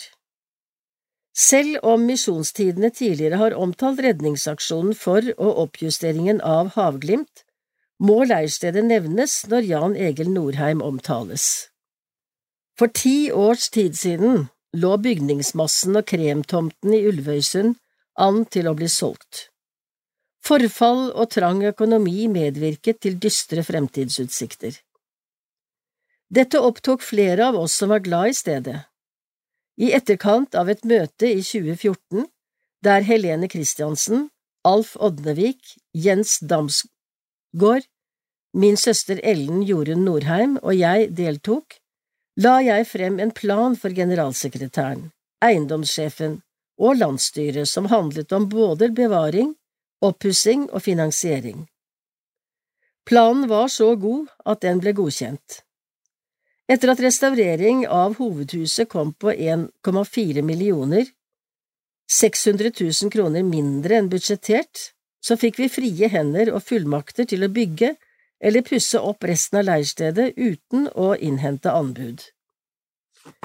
Vi hadde mange dugnadsvenner og mange gode kontakter, forteller Norheim. Enden på den visa ble en sluttregning på 15 millioner kroner, fem millioner mindre enn kalkulert. Jan Egil Norheim anslår verdien av dugnadsarbeidet til 27 millioner. I tillegg forpliktet 70 personer seg til å gi øremerkede summer i sju til ti år. Blant dem som bidro økonomisk, var Nicolai Tangen, sjefen for oljefondet, en fordums leierdeltager på Havglimt og en mangeårig bekjent av Norheim, la én million på bordet. Det betyr at Havglimt leirsted er gjeldfritt i 2023 eller 2024. Ikke så rart, da, at lukt og Havglimt er blitt et begrep, selv utenfor NMS. Jan Egil gleder seg over at dugnadsånden også er sådd i barna. Eldstemann, Anstein, har vært leder i ungdomsklubben Large siden han selv var ungdom. I tillegg er han formann i menighetsrådet på øya. Ingvild har vært aktiv i menigheten i mange år, spesielt med barnearbeid. John Olav var aktiv i ungdomsarbeid da han bodde hjemme. Nå har han 30 prosent stilling i Kirkens ungdomsprosjekt, KUP, i tillegg til å være fotballspiller i Jerv. Flekkerøy menighet om Jan Egil Hvis det finnes en perfekt frivillig, så må det være Jan Egil. Han er leder for Flekkerøy misjonsforening, en paraplyorganisasjon for alle de store misjonsorganisasjonene her på øya. Jeg kan ikke huske hvor mange år det dreier seg om. Misjonsforeningen er til uvurderlig støtte for menigheten, for når vi ikke har ressurser til å sette opp gudstjenester med ansatte, sørger Jan Egil og Misjonsforeningen for at det likevel er gudstjeneste på søndagene. Jan Egil har et brennende misjonsengasjement. Det kommer blant annet til uttrykk ved at han i år har tatt initiativ til at menigheten er med på aksjonen Sammen som kirke i hele verden. Det som jeg kanskje blir mest imponert over, er at han gjør alt med glede. Jeg har aldri inntrykk av at han påtar seg oppgaver av plikt. Han er en frivillig som har hjertet med seg i sin innsats. Roy Øverland, daglig leder i Flekkerøy menighet. Havglimt om Jan Egil Jan Egil er den ideelle frivillige. Jeg opplever at han har alle de gode egenskapene som en frivillig bør ha. Han er arbeidsvillig, løsningsorientert og kreativ. Dessuten har han et kontaktnett som kan brukes på en svært fornuftig måte. For Havglimt har alt dette vært gull verdt.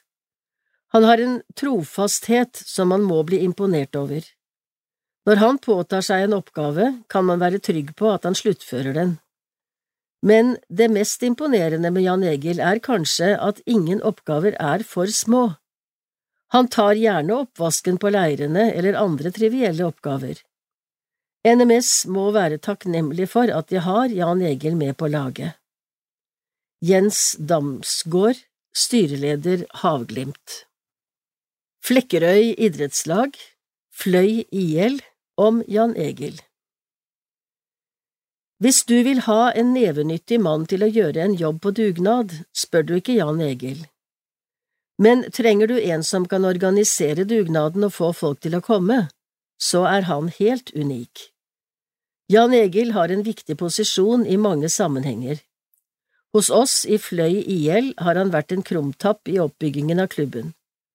For noen år siden sto det temmelig skralt til med hele Fløy. Da måtte vi sette ned et utvalg som skulle se på veien videre. Dette utvalget ble bare kalt for Norheim-utvalget. Det var Jan Egil som sto for både den strategiske tenkningen og det praktiske arbeidet. Resultatet ble det vi i dag kaller for verdens beste idrettslag.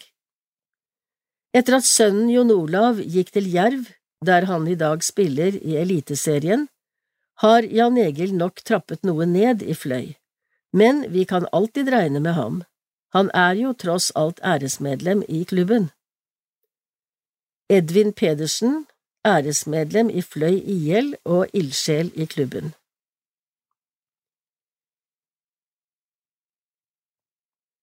Som pappa om Jan Egil Siden jeg satser på fotballen, må jeg si at jeg har vært ekstremt heldig med faren min. Han var kanskje ikke blant de beste fotballspillerne selv, men han har fulgt meg opp på en utrolig fin måte, gjennom hele livet. Hans innsats har ikke bare betydd mye for meg, men hele laget, ja, hele Fløy har nytt godt av det pappa har gjort. Jeg har vokst opp i et hjem der frivillighet var en naturlig del av livet. Jeg er vant til at både mamma og pappa tar ansvar ut over jobb og hjem.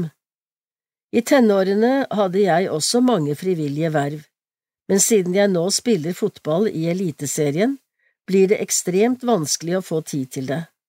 Men når fotballkarrieren er over og vi ikke lenger har små barn, er jeg klar til å yte innsats som frivillig. John Olav Norheim, sønn og spiller på eliteserielaget Jerv. Pluss media Ble omfavnet av Jesus I 2013 deltok Madis Kask på en medieleir med Pluss Media i Estland. En dag spurte voksenlederen om noen ville prøve seg som fotograf. Jeg rakk opp hånden og ble raskt venn med kameraet og fikk mange fotooppdrag. En dag fikk Pluss Media med støtte fra NMS et nytt kamera med videofunksjon. Nå er jeg produsent for Pluss Medias eget ungdomsprogram på kanalen 5 pluss. I tillegg gir vi ut magasinet Pluss, som fokuserer på unge menneskers troshistorier og opplevelser med Gud. Magasinet går ut til et par tusen, men vi ønsker å nå enda flere. Det er viktig at folk støtter mediearbeidet fordi vi er med på å spre evangeliet blant unge i et land hvor de fleste vokser opp uten å høre om Jesus. I tillegg ser jeg hvor mye de frivillige ungdommene som er engasjert rundt Pluss Media, vokser i oppgavene de får. Å bli med i Pluss Media var en av tingene som fikk meg til å gi hjertet mitt til Jesus. Den muligheten vil vi gi flere. Estland er blant Europas mest sekulariserte land.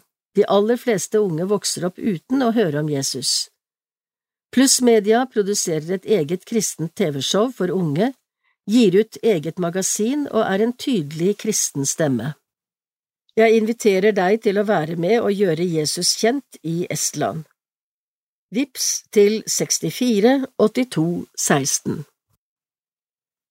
Gjenbruk Gjenbrukssuksess i et tidligere bilverksted Tekst Ole Andreas Husøy I et tidligere bilverksted i Ski, sørøst for Oslo, ligger den av NMS sine 52 gjenbruksbutikker som har høyest omsetning og størst butikklokale. Cirka 85 personer er på listen over frivillige medarbeidere. Gjenbruksbutikken i Ski omsatte det siste året før pandemien, 2019, for over 5,2 millioner kroner. Pandemien førte til at inntektene ble litt redusert i 2020 og i 2021. I fjor var omsetningen på drøyt 4,9 millioner kroner.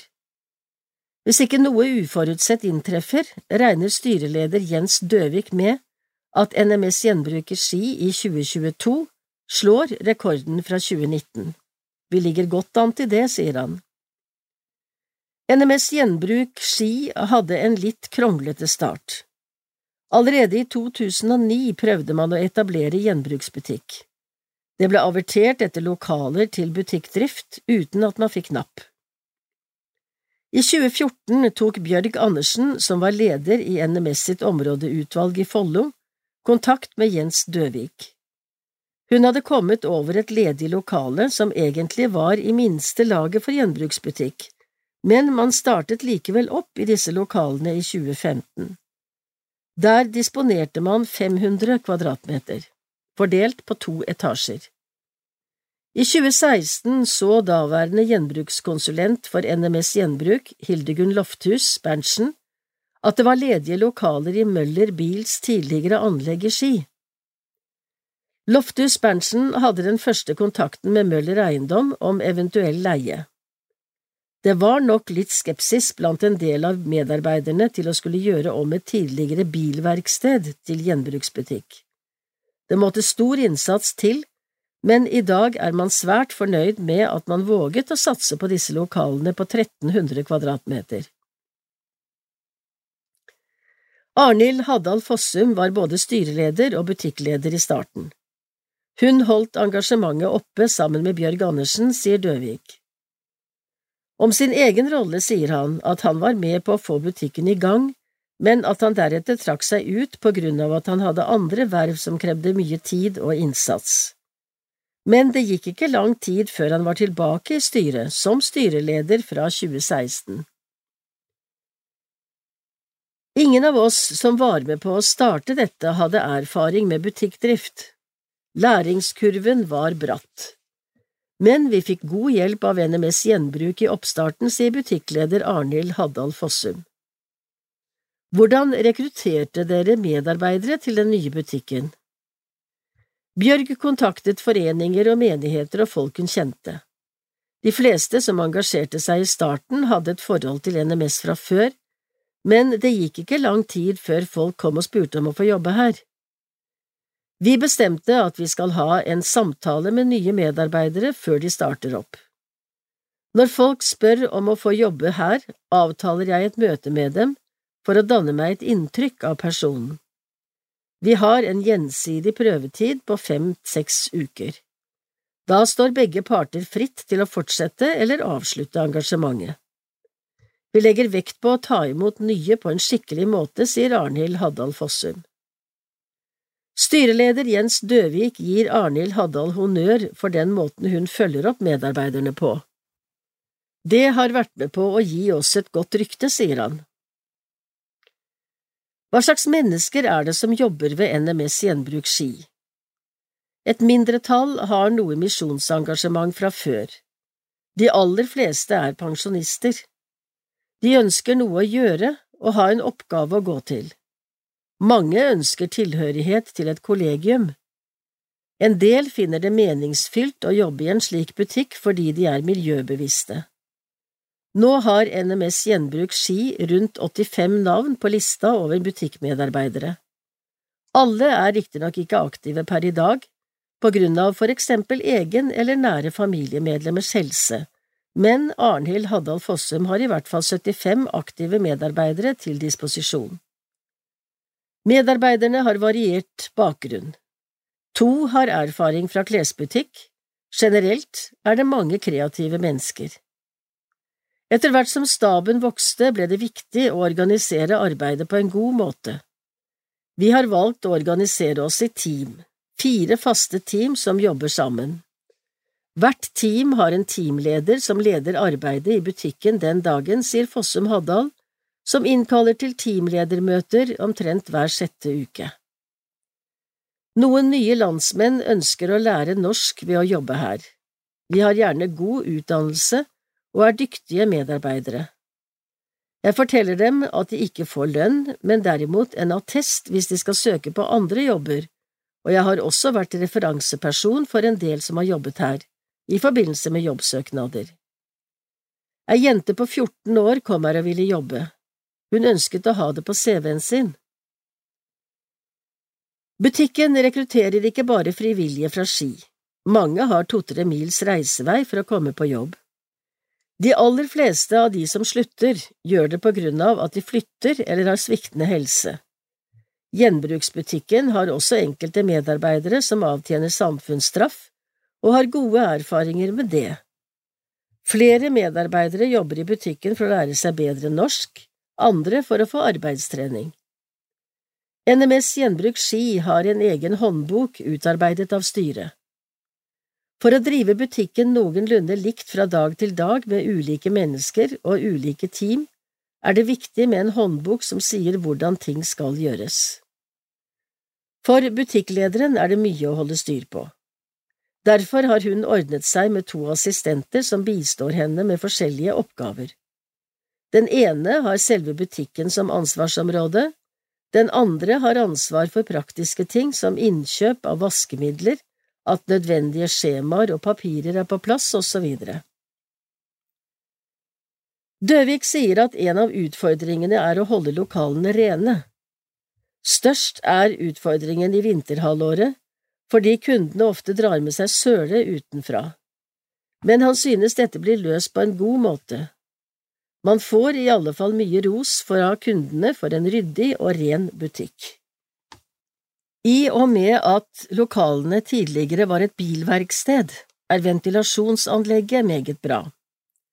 Møller Eiendom eier lokalene, hvor det også er to andre leietakere i samme forretningseiendom. Hva er årsaken til at NMS Gjenbruk Ski har blitt den butikken i NMS Gjenbrukskjeden med høyest omsetning? Lokalet og beliggenheten la grunnlaget for at vi ble den største butikken, men også bevisstheten om å utvikle medarbeiderne våre har vært viktig for det gode resultatet, sier Døvik. Tilgangen på varer er meget god, blant annet får man inn varer fra en del dødsbo. Betingelsen for å ta imot varer som vi skal hente, er at vi bare henter det vi mener er salgbart. Vi har hatt perioder hvor tilgangen har vært så stor at vi har måttet stenge mottaket for en stund. Mottak og klargjøring krever mye arbeid. Vi hadde en opptelling av hvor mange varer vi hadde i butikken for en tid tilbake, det var ca 20 000 artikler, sier Døvik. Et prinsipp er at varene ikke skal bli stående for lenge i butikken. På prislappen står det også hvilken dato varen er lagt ut for salg. Hvis varen ikke er solgt innen tre–fire uker, settes prisen ned. Er den ikke solgt etter ytterligere tre–fire uker, blir varen tatt ut av butikken. Noe går til gjenvinningsstasjon, noe overlates til andre organisasjoner som driver hjelpearbeid. Da Norge ble stengt ned 12. mars 2020 på grunn av koronapandemien, ble også gjenbruksbutikken stengt frem til 25. mai samme år. Også i 2021 måtte butikken stenge i to perioder, fra nyttår til 8. februar og fra 16. mars til 23. april. Haddal Fossum forteller at svært få medarbeidere forsvant ut etter nedstengningene. Mange ringte butikklederen i de periodene det var stengt, og ville gjerne jobbe i butikken med rydding og annet forefallende arbeid. De savnet arbeidsfellesskapet. Etter pandemien har butikken holdt stengt for kunder hver mandag. Man har funnet ut at det er gunstig å ha en dag stengt for å komme à jour med å klargjøre varer for salg, vaske, rydde osv. Hvis vi ikke har en ryddedag med butikken stengt, er det nærmest umulig å komme à jour, mener Jens Døvig.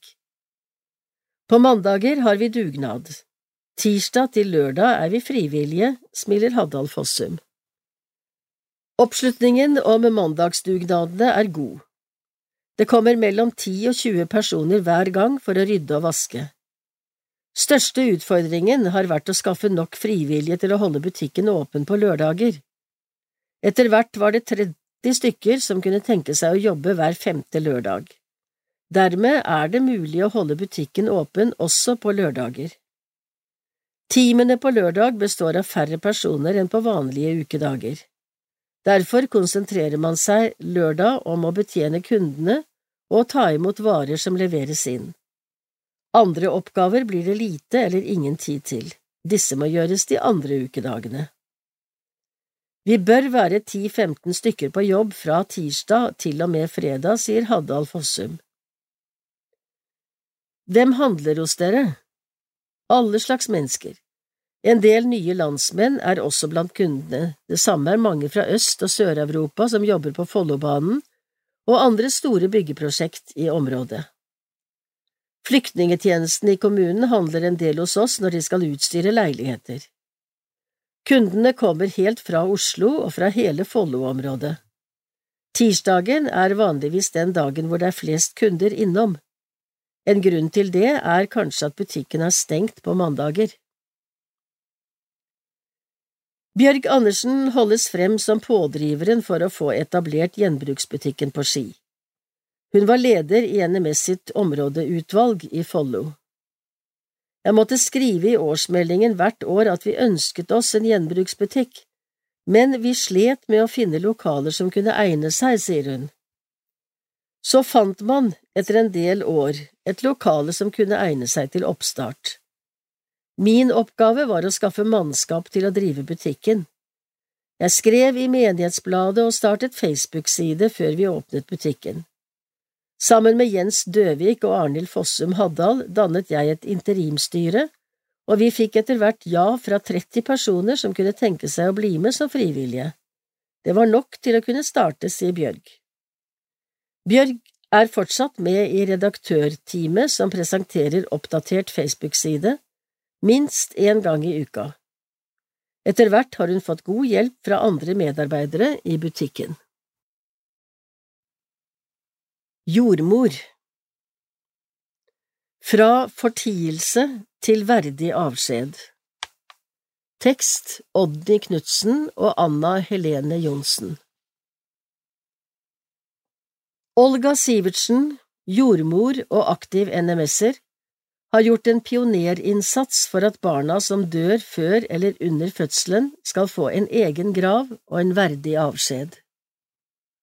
Olga Sivertsen, på 87 år, var i mange år overjordmor ved Nordlandssykehuset i Bodø. Hun har også vært aktiv i NMS i Bodø-området i alle år. I en samtale i misjonsgruppa for NMS Rønvik kommer temaet opp. Hvordan tar vi vare på våre aller minste barn, de som ikke kan leve opp, og hva gjorde vi tidligere? En yngre kollega av Olga, Odny Knutsen, forteller at det var Olga som startet arbeidet med å endre en gammel praksis, som var å legge barnet i en fremmed grav. Jordmor Odny og undertegnede, begge fra misjonsgruppa, dro på besøk til Olga for å snakke med henne om denne saken. Olga var overjordmor ved Nordlandssykehuset fra 1973 til hun gikk av med pensjon. Det triste skjedde da, som nå, at for tidlig fødte barn eller et fullbårent barn døde før eller under fødselen. På 70-tallet var det vanlig at barnet ble lagt i en grav til en voksen som døde på omtrent samme tidspunkt. Foreldrene fikk ikke se den nyfødte. Barnet ble tatt bort like etter fødselen, og det var ikke mer snakk om hva som skjedde eller hvor barnet ble av. Den gang trodde man det var best slik, sier Olga og forteller videre. Da jeg begynte på fødeavdelingen tenkte jeg ikke så mye over dette, men av og til hendte det at noen mødre ringte og spurte hva vi gjorde med det døde barnet. Jeg måtte bare si at jeg ikke visste annet enn at barnet ble lagt i en fremmed grav. Etter hvert begynte jeg å snakke med mødrene for på den måten å ta meg av dem. Vi hadde en meget flink fotograf på sykehuset på den tiden. Hun tok bilder av barnet. Det er jo alltid noe vakkert ved et nyfødt barn. Vi ønsket å skape minner, noe vi kunne gi til foreldrene. Olga begynte etter hvert å snakke med foreldrene for å få vite om de ønsket en egen begravelse for det døde barnet. Jeg husker vi hadde begravelser helt ned til 18 uker gamle nyfødte. Dette var nytt for mange. Selv om foreldrene ikke ønsket en begravelse, fikk alle de små etter hvert en egen grav. Graven ble registrert, og foreldrene kunne oppsøke graven senere. Jeg jobbet ikke i helgene, så de som fikk døde barn i helgene, måtte vente til jeg kom på jobb uka etter. Jeg forsto snart at alle jordmødrene burde læres opp til å samtale med foreldrene om dette. Vi lagde etter hvert rutiner for hva vi skulle gjøre i slike situasjoner, og vi ønsket at jordmora som tok imot barnet, skulle følge opp. En prest i Bodø eller i distriktet ble kontaktet, og familien fikk en grav å gå til. Vi leste fra Sommerlandet, en bok om håp av Eivind Skeie. Sommerlandet De små kom til et sommerland. Etter hvert kom også fedrene med i samtalene, forteller Olga. Odny Du gjorde en stor jobb disse foreldrene ble tidligere fulgt dårlig opp, men på den tiden visste man ikke bedre. Tidligere sykehusprest Gunnar Kristiansen var ofte involvert i dette arbeidet og ble til stor hjelp. Han kom og snakket med foreldrene. De fikk gi uttrykk for sin sorg. Etter hvert kunne også besteforeldre fortelle om tidligere opplevelser med barn som var døde ved fødselen, og om uvissheten de hadde. Mange undersøkte om det var mulig å finne en grav, men ofte uten å lykkes. Anna Helene Olga, du har en kristen tro. Hvilken betydning hadde det for deg? Jeg tenkte jo på det som står i Bibelen, i Salme 139, vers 16. Dine øyne så meg da jeg var et foster. Alle dager er skrevet opp i din bok. De fikk form før en av dem var kommet. Dette sier noe om menneskeverdet, og det har hatt stor betydning for meg. Odny forteller at de nå har faste rutiner. Vi kan nå legge det døde barnet i en kjøleseng. På den måten kan foreldrene ha barnet hos seg et par dager. Familie og søsken kan også komme for å se barnet. Vi lager til et lite skrin der vi legger bilder, en bamse, en hårlokk, et teppe barnet har hatt over seg, ting som minner om babyen. Babyen får en historie. Vi takker Olga for samtalen. Hun er trolig en pioner i arbeidet med å gi disse aller minste, som ikke kunne leve, en verdig avskjed. Nå er livet gjemt hos Gud, vi overgir alt til ham. Håpet er tent i liv og død. Ingen er glemt av Gud. Salme av Svein Ellingsen, Norsk salmebok nummer 872 vers 1 Knausen lysestøperi Knausen lysstøperi runder 20 år. Tekst Ole Andreas Husøy I april var det 20 år siden de første lysene ble støpt ved Knausen lysstøperi. Fra en sped begynnelse har produksjonen stadig økt. Våren 2022 ble det sendt ut ti tonn lys fra knausen. Et grovt anslag tilsier at produksjonsverdien på de lysene som har blitt produsert av frivillige siden starten i 2002, er på 25 millioner kroner. Av dette er ca 18–19 millioner kroner overskudd som har kommet NMS til gode. På 1990-tallet hadde NMS anstrengt økonomi. Nedgangen i antall misjonsforeninger gjorde at man måtte se etter andre inntektskilder for å øke inntektene. Høsten 1998 ble den første gjenbruksbutikken i NMS-regi åpnet på Sola. Ideen hadde man fått fra Danmark, der Sudanmisjonen hadde drevet med gjenbruk siden 1984. I Danmark hadde de også startet et lysstøperi basert på innsamlede lysestumper. NMS i Trøndelag ble utfordret til å starte noe lignende i Norge. Lærer, pensjonist og altmuligmann Reidar Halgunset fra Fannrem ble spurt om han kunne tenke seg å prøve å få i gang et lysstøperi. Etter litt nøling sa han ja, og sammen med kona Kari dro han til Danmark for å se hvordan man drev lysstøperiet der. Lærdommen tok han med hjem til Trøndelag, der lysstøpingen startet i et bolighus som NMS hadde på Bakksetra i Skaun kommune. Huset lå ved en liten fjellknaus. Det ga navnet til Knausenlys. Høsten 2001 startet arbeidet med å gjøre om leiligheten til lysfabrikk. Halgunset var en praktisk anlagt mann, og en god del av utstyret som trengtes til produksjonen, laget han selv.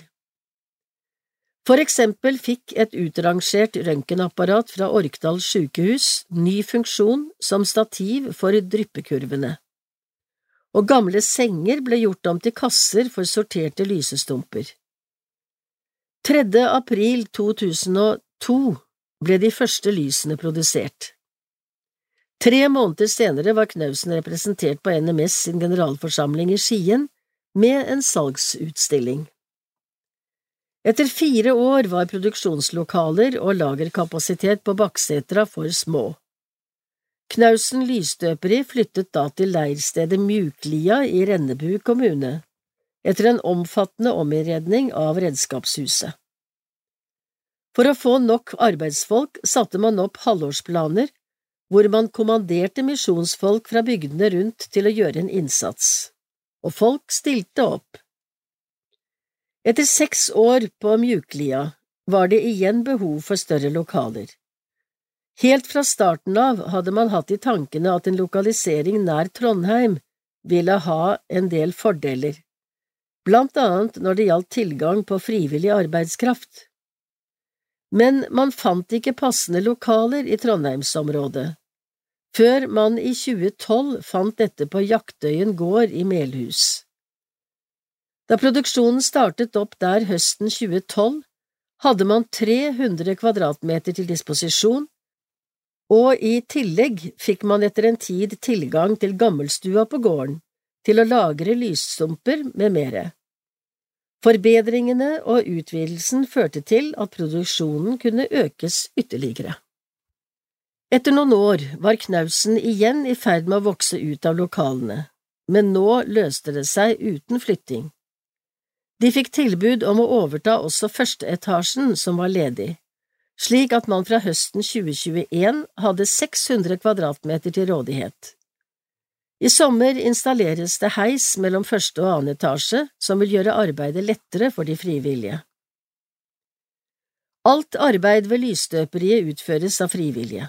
Noen har jobbet i produksjonen, andre har jobbet med sortering av lysstumper, atter andre har arbeidet med klargjøring og pakking for utsending. Den tiden man holdt til på Mjuklia, var det noen medarbeidere som hadde 110 kilometer reisevei til jobben hver vei. De det gjaldt, jobbet da gjerne to dager etter hverandre og overnattet på Mjuklia eller hos kjente. Utfordringene ble mindre da man flyttet produksjonen til Jaktøyen. Det er lettere å skaffe frivillige i Trondheimsområdet. De siste ti årene har staben av medarbeidere omfattet 20–30 personer. Daglig har det vært mellom 8 og 15 personer på jobb. Noen jobber én dag i uka, andre kanskje både tre og fire. Produksjonen foregår sju måneder i året. Sommerferien er relativt lang, men i år måtte sommerferien utsette seg uke for å få produsert nok lys til å dekke etterspørselen. Arbeidsgleden er stor. Verdien av hvert dagsverk per person er i snitt 1200 kroner. Råvaren til produksjonen er lysdumper som samles inn gjennom NMS sine gjenbruksbutikker over det ganske land.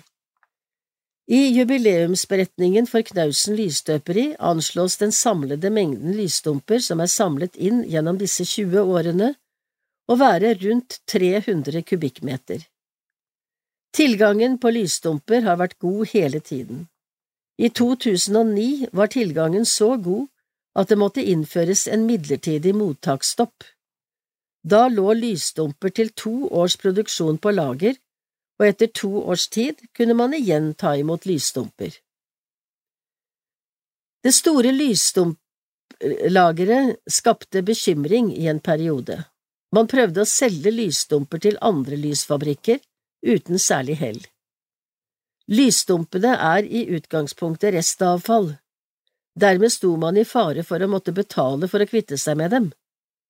Men så kom Yngve Bakkeid, som da var leder av leirstedet Mjuklia, på ideen med å lage tennbrikker, et godt hjelpemiddel når man skal fyre opp i vedovn eller i peis. Bakkeid hadde erfaring med slik produksjon. I 2010 startet produksjonen av Knausenbrikken. Ved siden av å gi gode inntekter bidro denne produksjonen til å redusere lager av lysstumper. Nå produseres det 300 000 tennbrikker i året, med en salgsverdi på 150 000 kroner. Transportsystemet har også gjennomgått en utvikling siden starten. Til å begynne med ble lysdumper og ferdige produkter sendt med Bring Cargo. Det var kostbart, og flere NMS gjenbrukbutikker syntes det var tungvint. I noen tilfeller ble det brukt leilighetsskyss, der det var mulig å få til. I 2013 fikk man et fast opplegg med egne sjåfører. Etter hvert har flere av NMS sine gjenbruksbutikker fått egne varebiler, som Knausen kan få låne. Det er etablert fem–seks ruteopplegg med sjåfører fra de butikkene man låner bilene fra. Transportene går to ganger i året. Bilene tar da med lysstumper som er levert inn til butikkene, og tar med ferdige produkter tilbake. Knausen lysstøperi er en suksesshistorie. Det er et bra miljøtiltak å resirkulere lysstumper og produsere nye lys av dem. Samtidig har virksomheten bidratt med mange millioner kroner til NMS sitt arbeid. Det er innsatsen fra de frivillige som skaper verdiene. Lysstøperiet er organisert som en del av NMS Gjenbruk, og lysene selges hovedsakelig gjennom gjenbruksbutikkene. Da Knausen holdt til på Bakksetra, var det Reidar Hallgundseth som ledet bedriften. På Mjuklia, 2006 til 12, var Einar Husan produksjonsleder og Rolf Stranden styreformann. Einar sluttet i 2012, og Rolf tok over. Inge Hill ble styreformann i 2018.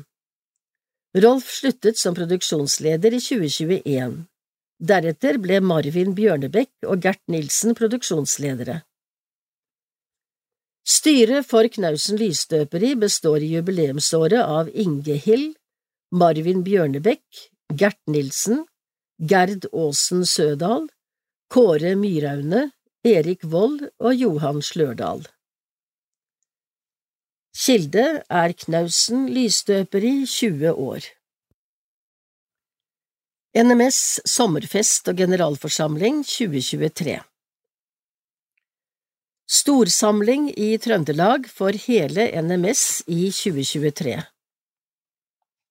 Sett av tiden mellom 29. juni og 2. juli i 2023. Da er det storsamling for NMS-folk fra hele landet. Scandic Hotel på Hell i Stjørdal er møtested når NMS inviterer til sommerfest og generalforsamling. I statuttene til NMS står det at det skal avvikles generalforsamling hvert tredje år. Men på grunn av pandemien måtte den planlagte generalforsamlingen i Ålesund i 2020 avlyses. Når NMS-folket treffes i Stjørdal sommeren 2023, er det hele seks år siden forrige gang det skjedde. Sist det var generalforsamling i Trøndelag, var i Trondheim i 2005. Mange har gode minner fra den samlingen som var lagt til Nidarøhallen og Nidarosdomen. Det er lagt opp til et omfattende program for delegater og andre NMS-venner som kommer til Trøndelag. En av nyvinningene ved generalforsamlingen i 2023 er at det aller meste foregår på et hotell. Scandic Hotel på Hell i Stjørdal vil være stedet for forhandlinger og mange av de øvrige programpostene. Deltakerne blir også innkvartert på dette hotellet. Ved tidligere generalforsamlinger har man bodd på ulike hoteller og overnattingssteder. Når vi i 2023 samles på ett sted, vil det bli en sterkere fellesskapsfølelse for alle som kommer til arrangementet. Generalforsamlingen i NMS er langt mer enn lange forhandlingsmøter og alvorlige delegater. Det er kanskje også den største inspirasjonssamlingen for hele NMS-familien. Derfor er det lagt opp til en stor sommerfest med et omfattende program for alle generasjoner. Greta Gravås Aartun i Levanger er leder i hovedkomiteen, og Kjartan Bergslid i Trondheim er leder i programkomiteen for NMS GF-sommerfest 2023.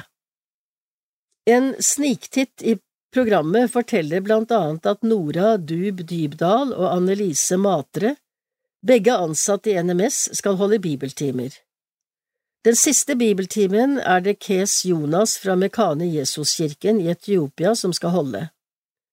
På kveldsmøtene vil Wondi fra Samarbeidskirken i Thailand, biskop Thomas fra den koptisk-ortodokse kirken i Egypt og Håkon Kessel, leder for NMS Global, tale. Når det gjelder sang og musikk, finner vi navn og artister som Frode Fjellheim, Kantus, Funky Baptized, Samuel Jungblad, Levi Bergerud, Thor Gustavsen og Solveig Slettagjeld. I tillegg får vi spennende besøk fra våre samarbeidsland. Fra Beirut i Libanon kommer Marianne og Revad, som er sangere og programledere i Sat 7 Arabic. Fra Thailand kommer fiolinisten Ton. Husbandet ledes av Sverre Undheim. Søndag formiddag deltar representanter fra NMS på gudstjeneste i mange av menighetene som har samarbeidsavtaler med NMS. I Nidarosdomen blir det festgudstjeneste. Her er det Olav Fyksetveit, ledende biskop i Den norske kirke, som taler. Han var tidligere generalsekretær i Kirkenes verdensråd. I tillegg til alt dette er det et omfattende program med seminarer, omvisninger, torgmøte og gudstjenester. Når NMS har sine storsamlinger, har disse et eget motto. Når det nå er seks år siden forrige gang og hele organisasjonen har vært igjennom en dramatisk pandemi, forteller mottoet mye om det som hele NMS føler når vi samles igjen, med glede. Med andre ord, Hele NMS ser frem med glede frem mot å møte på Scandic Hotel i Stjørdal 29. juni til 3. juli 2023. Andakt Den ene, de mange og oss Av Tor Svein Langås, pensjonert sogneprest, frivillig medarbeider i NMS. Det er flere sider og vektlegginger i Bibelen ved Jesu oppgave i vår verden. Da han begynte sin gjerning, var det ett oppdrag som sto klart for ham – å gi sitt liv, bære bort verdens synd, Johannes 1,29 og 1. Johannes 3,5 Bli en soning for våre synder, 1. Johannes 3,10 det var korset som ventet ham, og som han vandret mot. Han var gjeteren og hyrden som ga livet sitt for sauene. Johannes 10, 11 Vi vet at dette kostet ham stor smerte. Johannes 19, 1–3 I Getsemanehagen kjempet han sin harde kamp på sine knær. Lukas 22, 39–46 I Johannes 10, 17 ser vi en litt annerledes, men viktig side ved hans kors. Han gikk den tunge veien frivillig. Korset var Guds valg, men også hans eget valg. På korset ble Jesus oppfordret til å stige ned av det, og tenke på seg selv først, og unngå korsdøden. Lukas 27, 38–40 Det valgte han å ikke gjøre. Frelsesarmeens grunnlegger, William Booth, skal ha sagt følgende Jeg tror på Jesus fordi han ble på korset. Vi er mange som takker Jesus for at han ble på sitt kors, frivillig, inntil han tok livet tilbake i sin mektige oppstandelse. Menighetene i Makedonia var dypt fattige og hardt prøvet av motstand. Paulus forteller at de mange kristne der ville være med å gi i innsamlingen. Ikke motvillig og nølende, men i spontan og glad frivillighet. De viser oss en nøkkel, å gi seg selv til Jesus først, han som ga seg selv for oss. Dette ga dem ansvarsfølelse og medarbeiderskap tilbake. På grunnteksten taler Paulus her om diakoniens, eller hjelpetjenestens nåde og fellesskap. Vers 4 Jesus er et forbilde for oss. Ja, mer enn det, han er alt for oss. De kristne i Makedonia er også et forbilde for oss. Det er nåde og velsignelse i det å være en frivillig deltaker og tjener i Guds rike.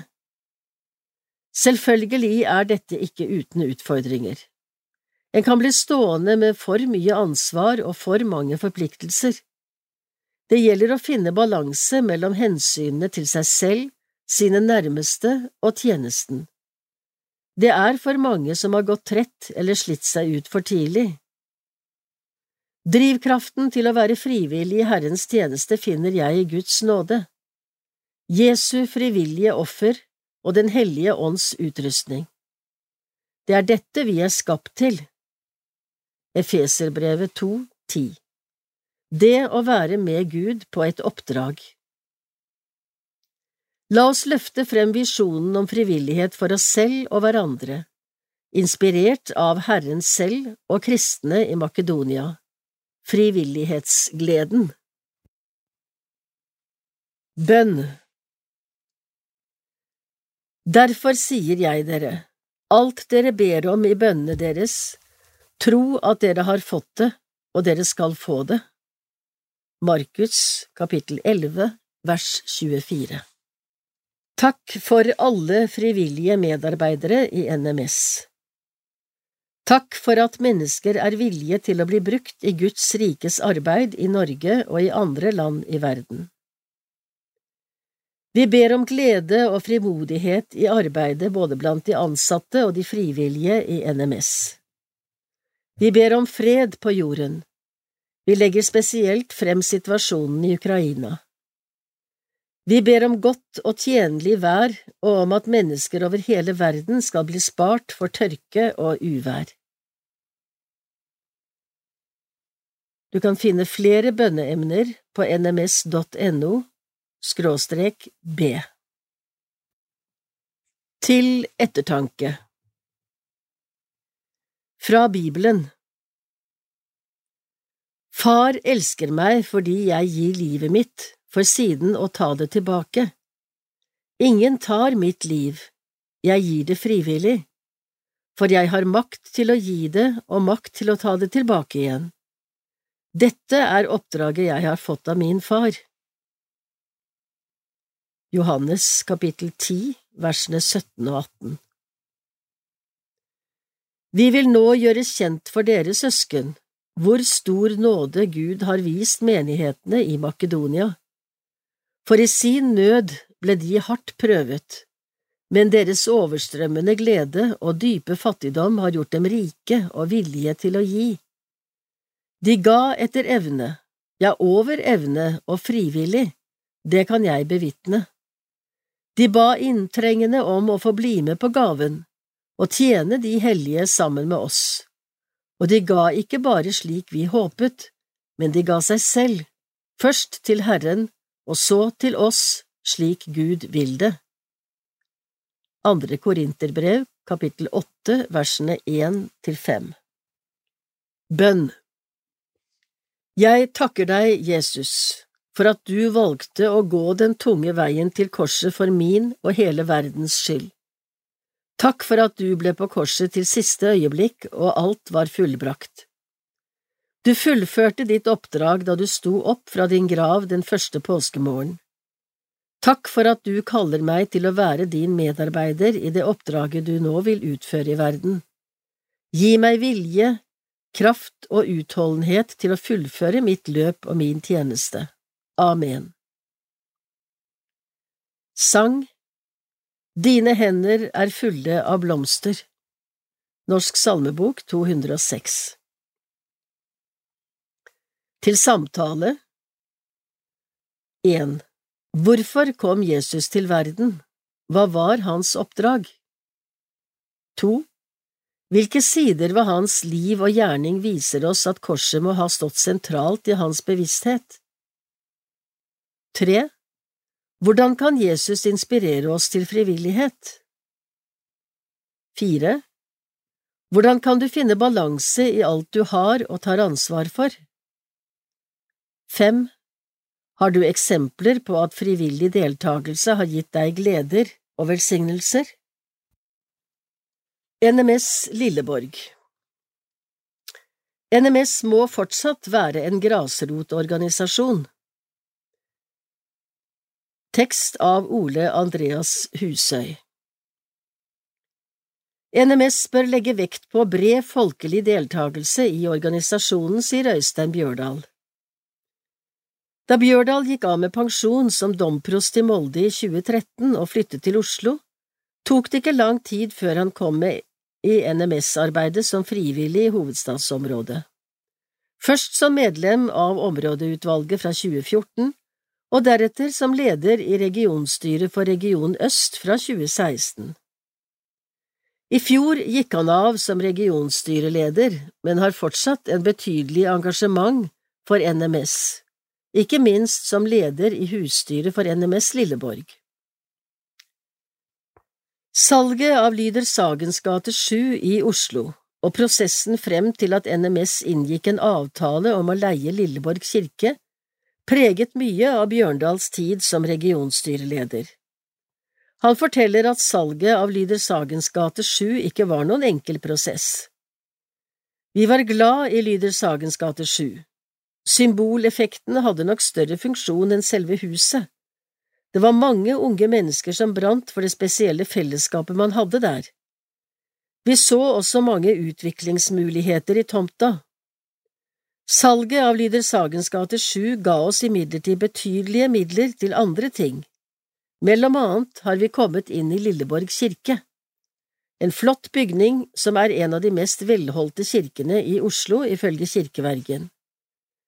Lilleborg kirke skulle opphøre å være sognekirke. Fordi Lilleborg og Torshov menigheter ble slått sammen og man skulle bare bruke Torshov kirke. Lilleborg kirke ble dermed lagt ut til leie. NMS har inngått en leieavtale med Oslo kirkelige fellesråd på fem pluss fem år, med opsjon på kjøp av eiendommen.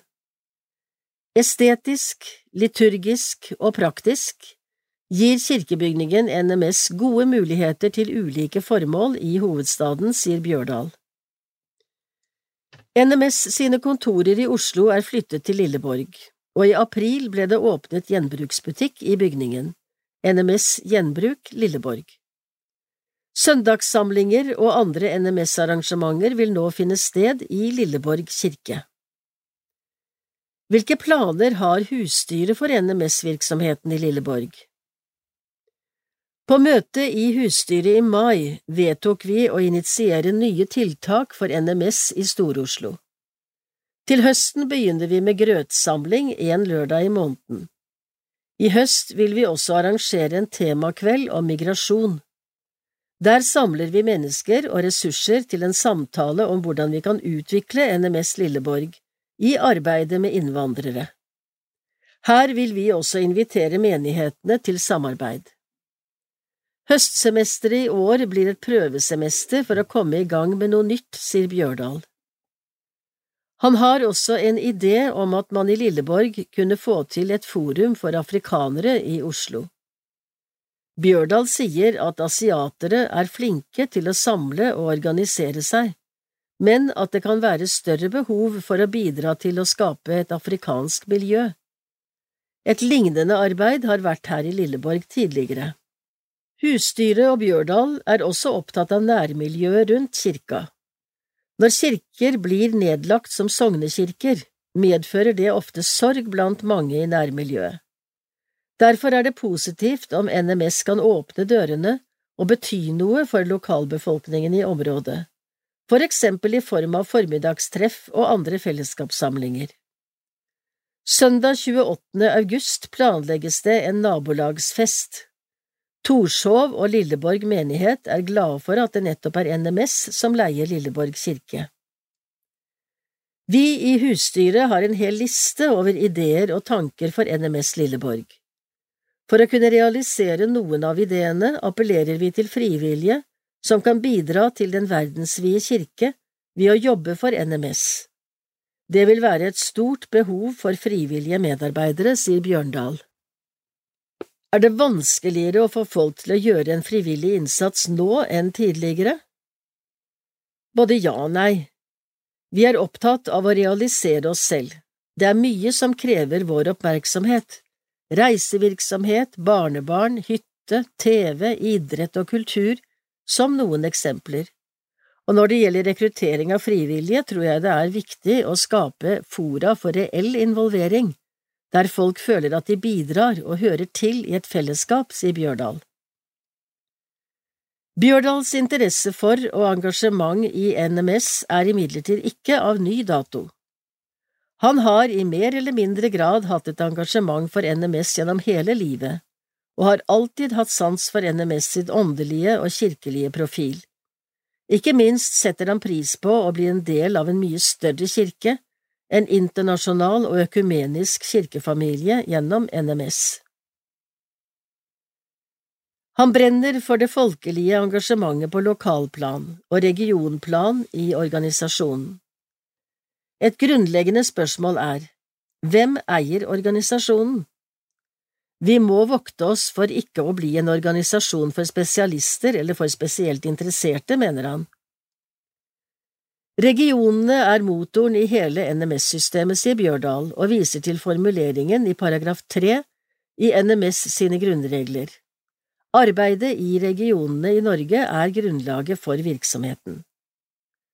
Han understreker at samhandlingen mellom frivillige og ansatte er avgjørende for å realisere dette formålet. Som regionstyreleder var jeg frimodig på at det arbeidet vi gjør i regionene, er NMS og skaper identifikasjon med misjonsorganisasjonen men samtidig er det nødvendig med en nasjonal overbygning. Smidighet mellom leddene i organisasjonen er viktig, ikke minst mellom hovedkontoret i Stavanger og regionene. Det synes jeg at vi har fått mer og mer forståelse og gehør for. NMS har utviklet seg positivt når det gjelder samarbeidet mellom ansatte og frivillige, sier han. Hva kan man gjøre for å styrke det lokale engasjementet?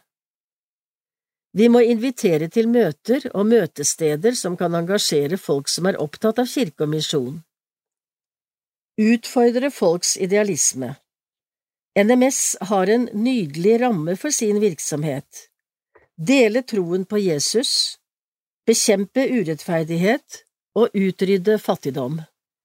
Bedre program enn dette trenger vi ikke. Bjørdal mener dessuten at NMS kan engasjere seg mer overfor innvandrermiljøer. Han påpeker at en stor del av Oslos befolkning har innvandrerbakgrunn, og understreker at det er viktig å møte disse som medmennesker. I NMS har vi god faglig kompetanse og erfaring på dette området. Jeg håper NMS Lilleborg kan være et sted hvor samhørighet og tilhørighet kan vokse frem på tvers av nasjonal og kulturell identitet.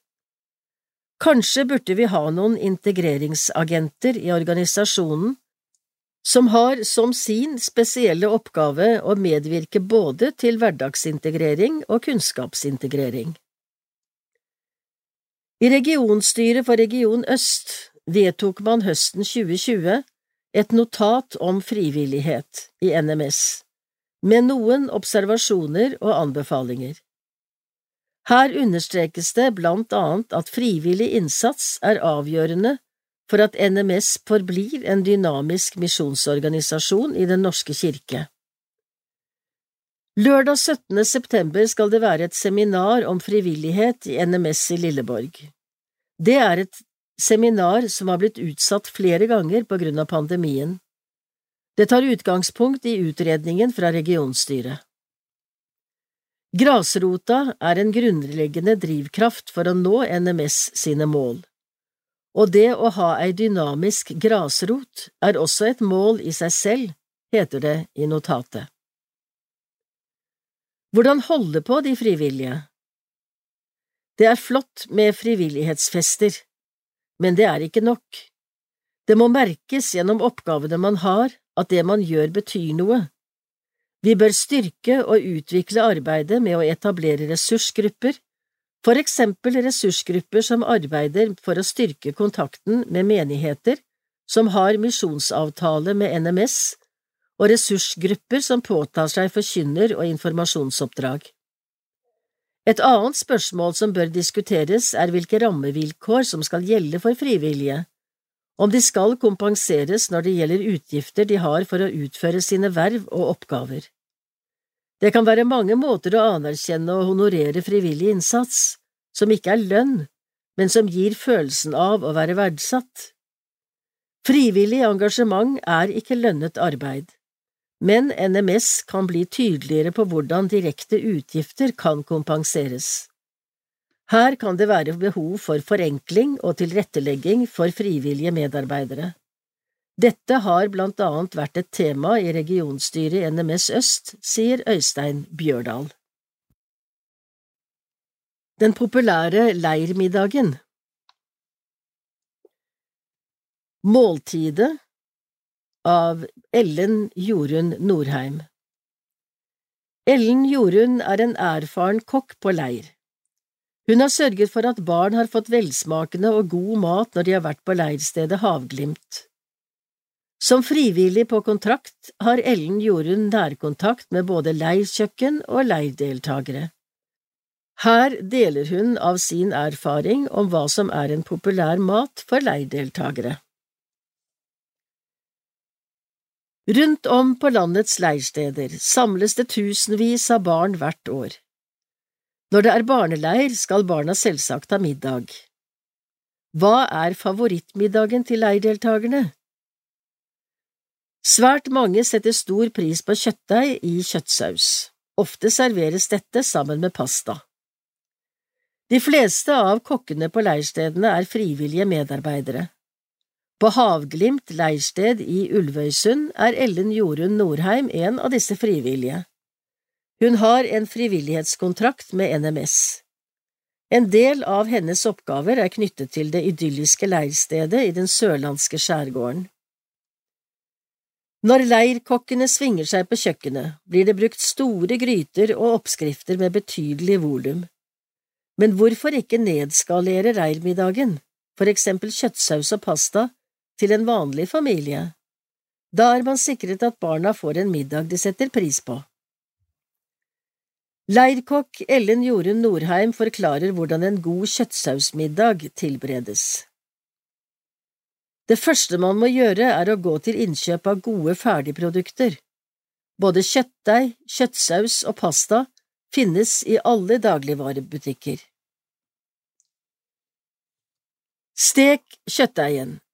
Det er vanskelig å beregne hvor mye man skal steke.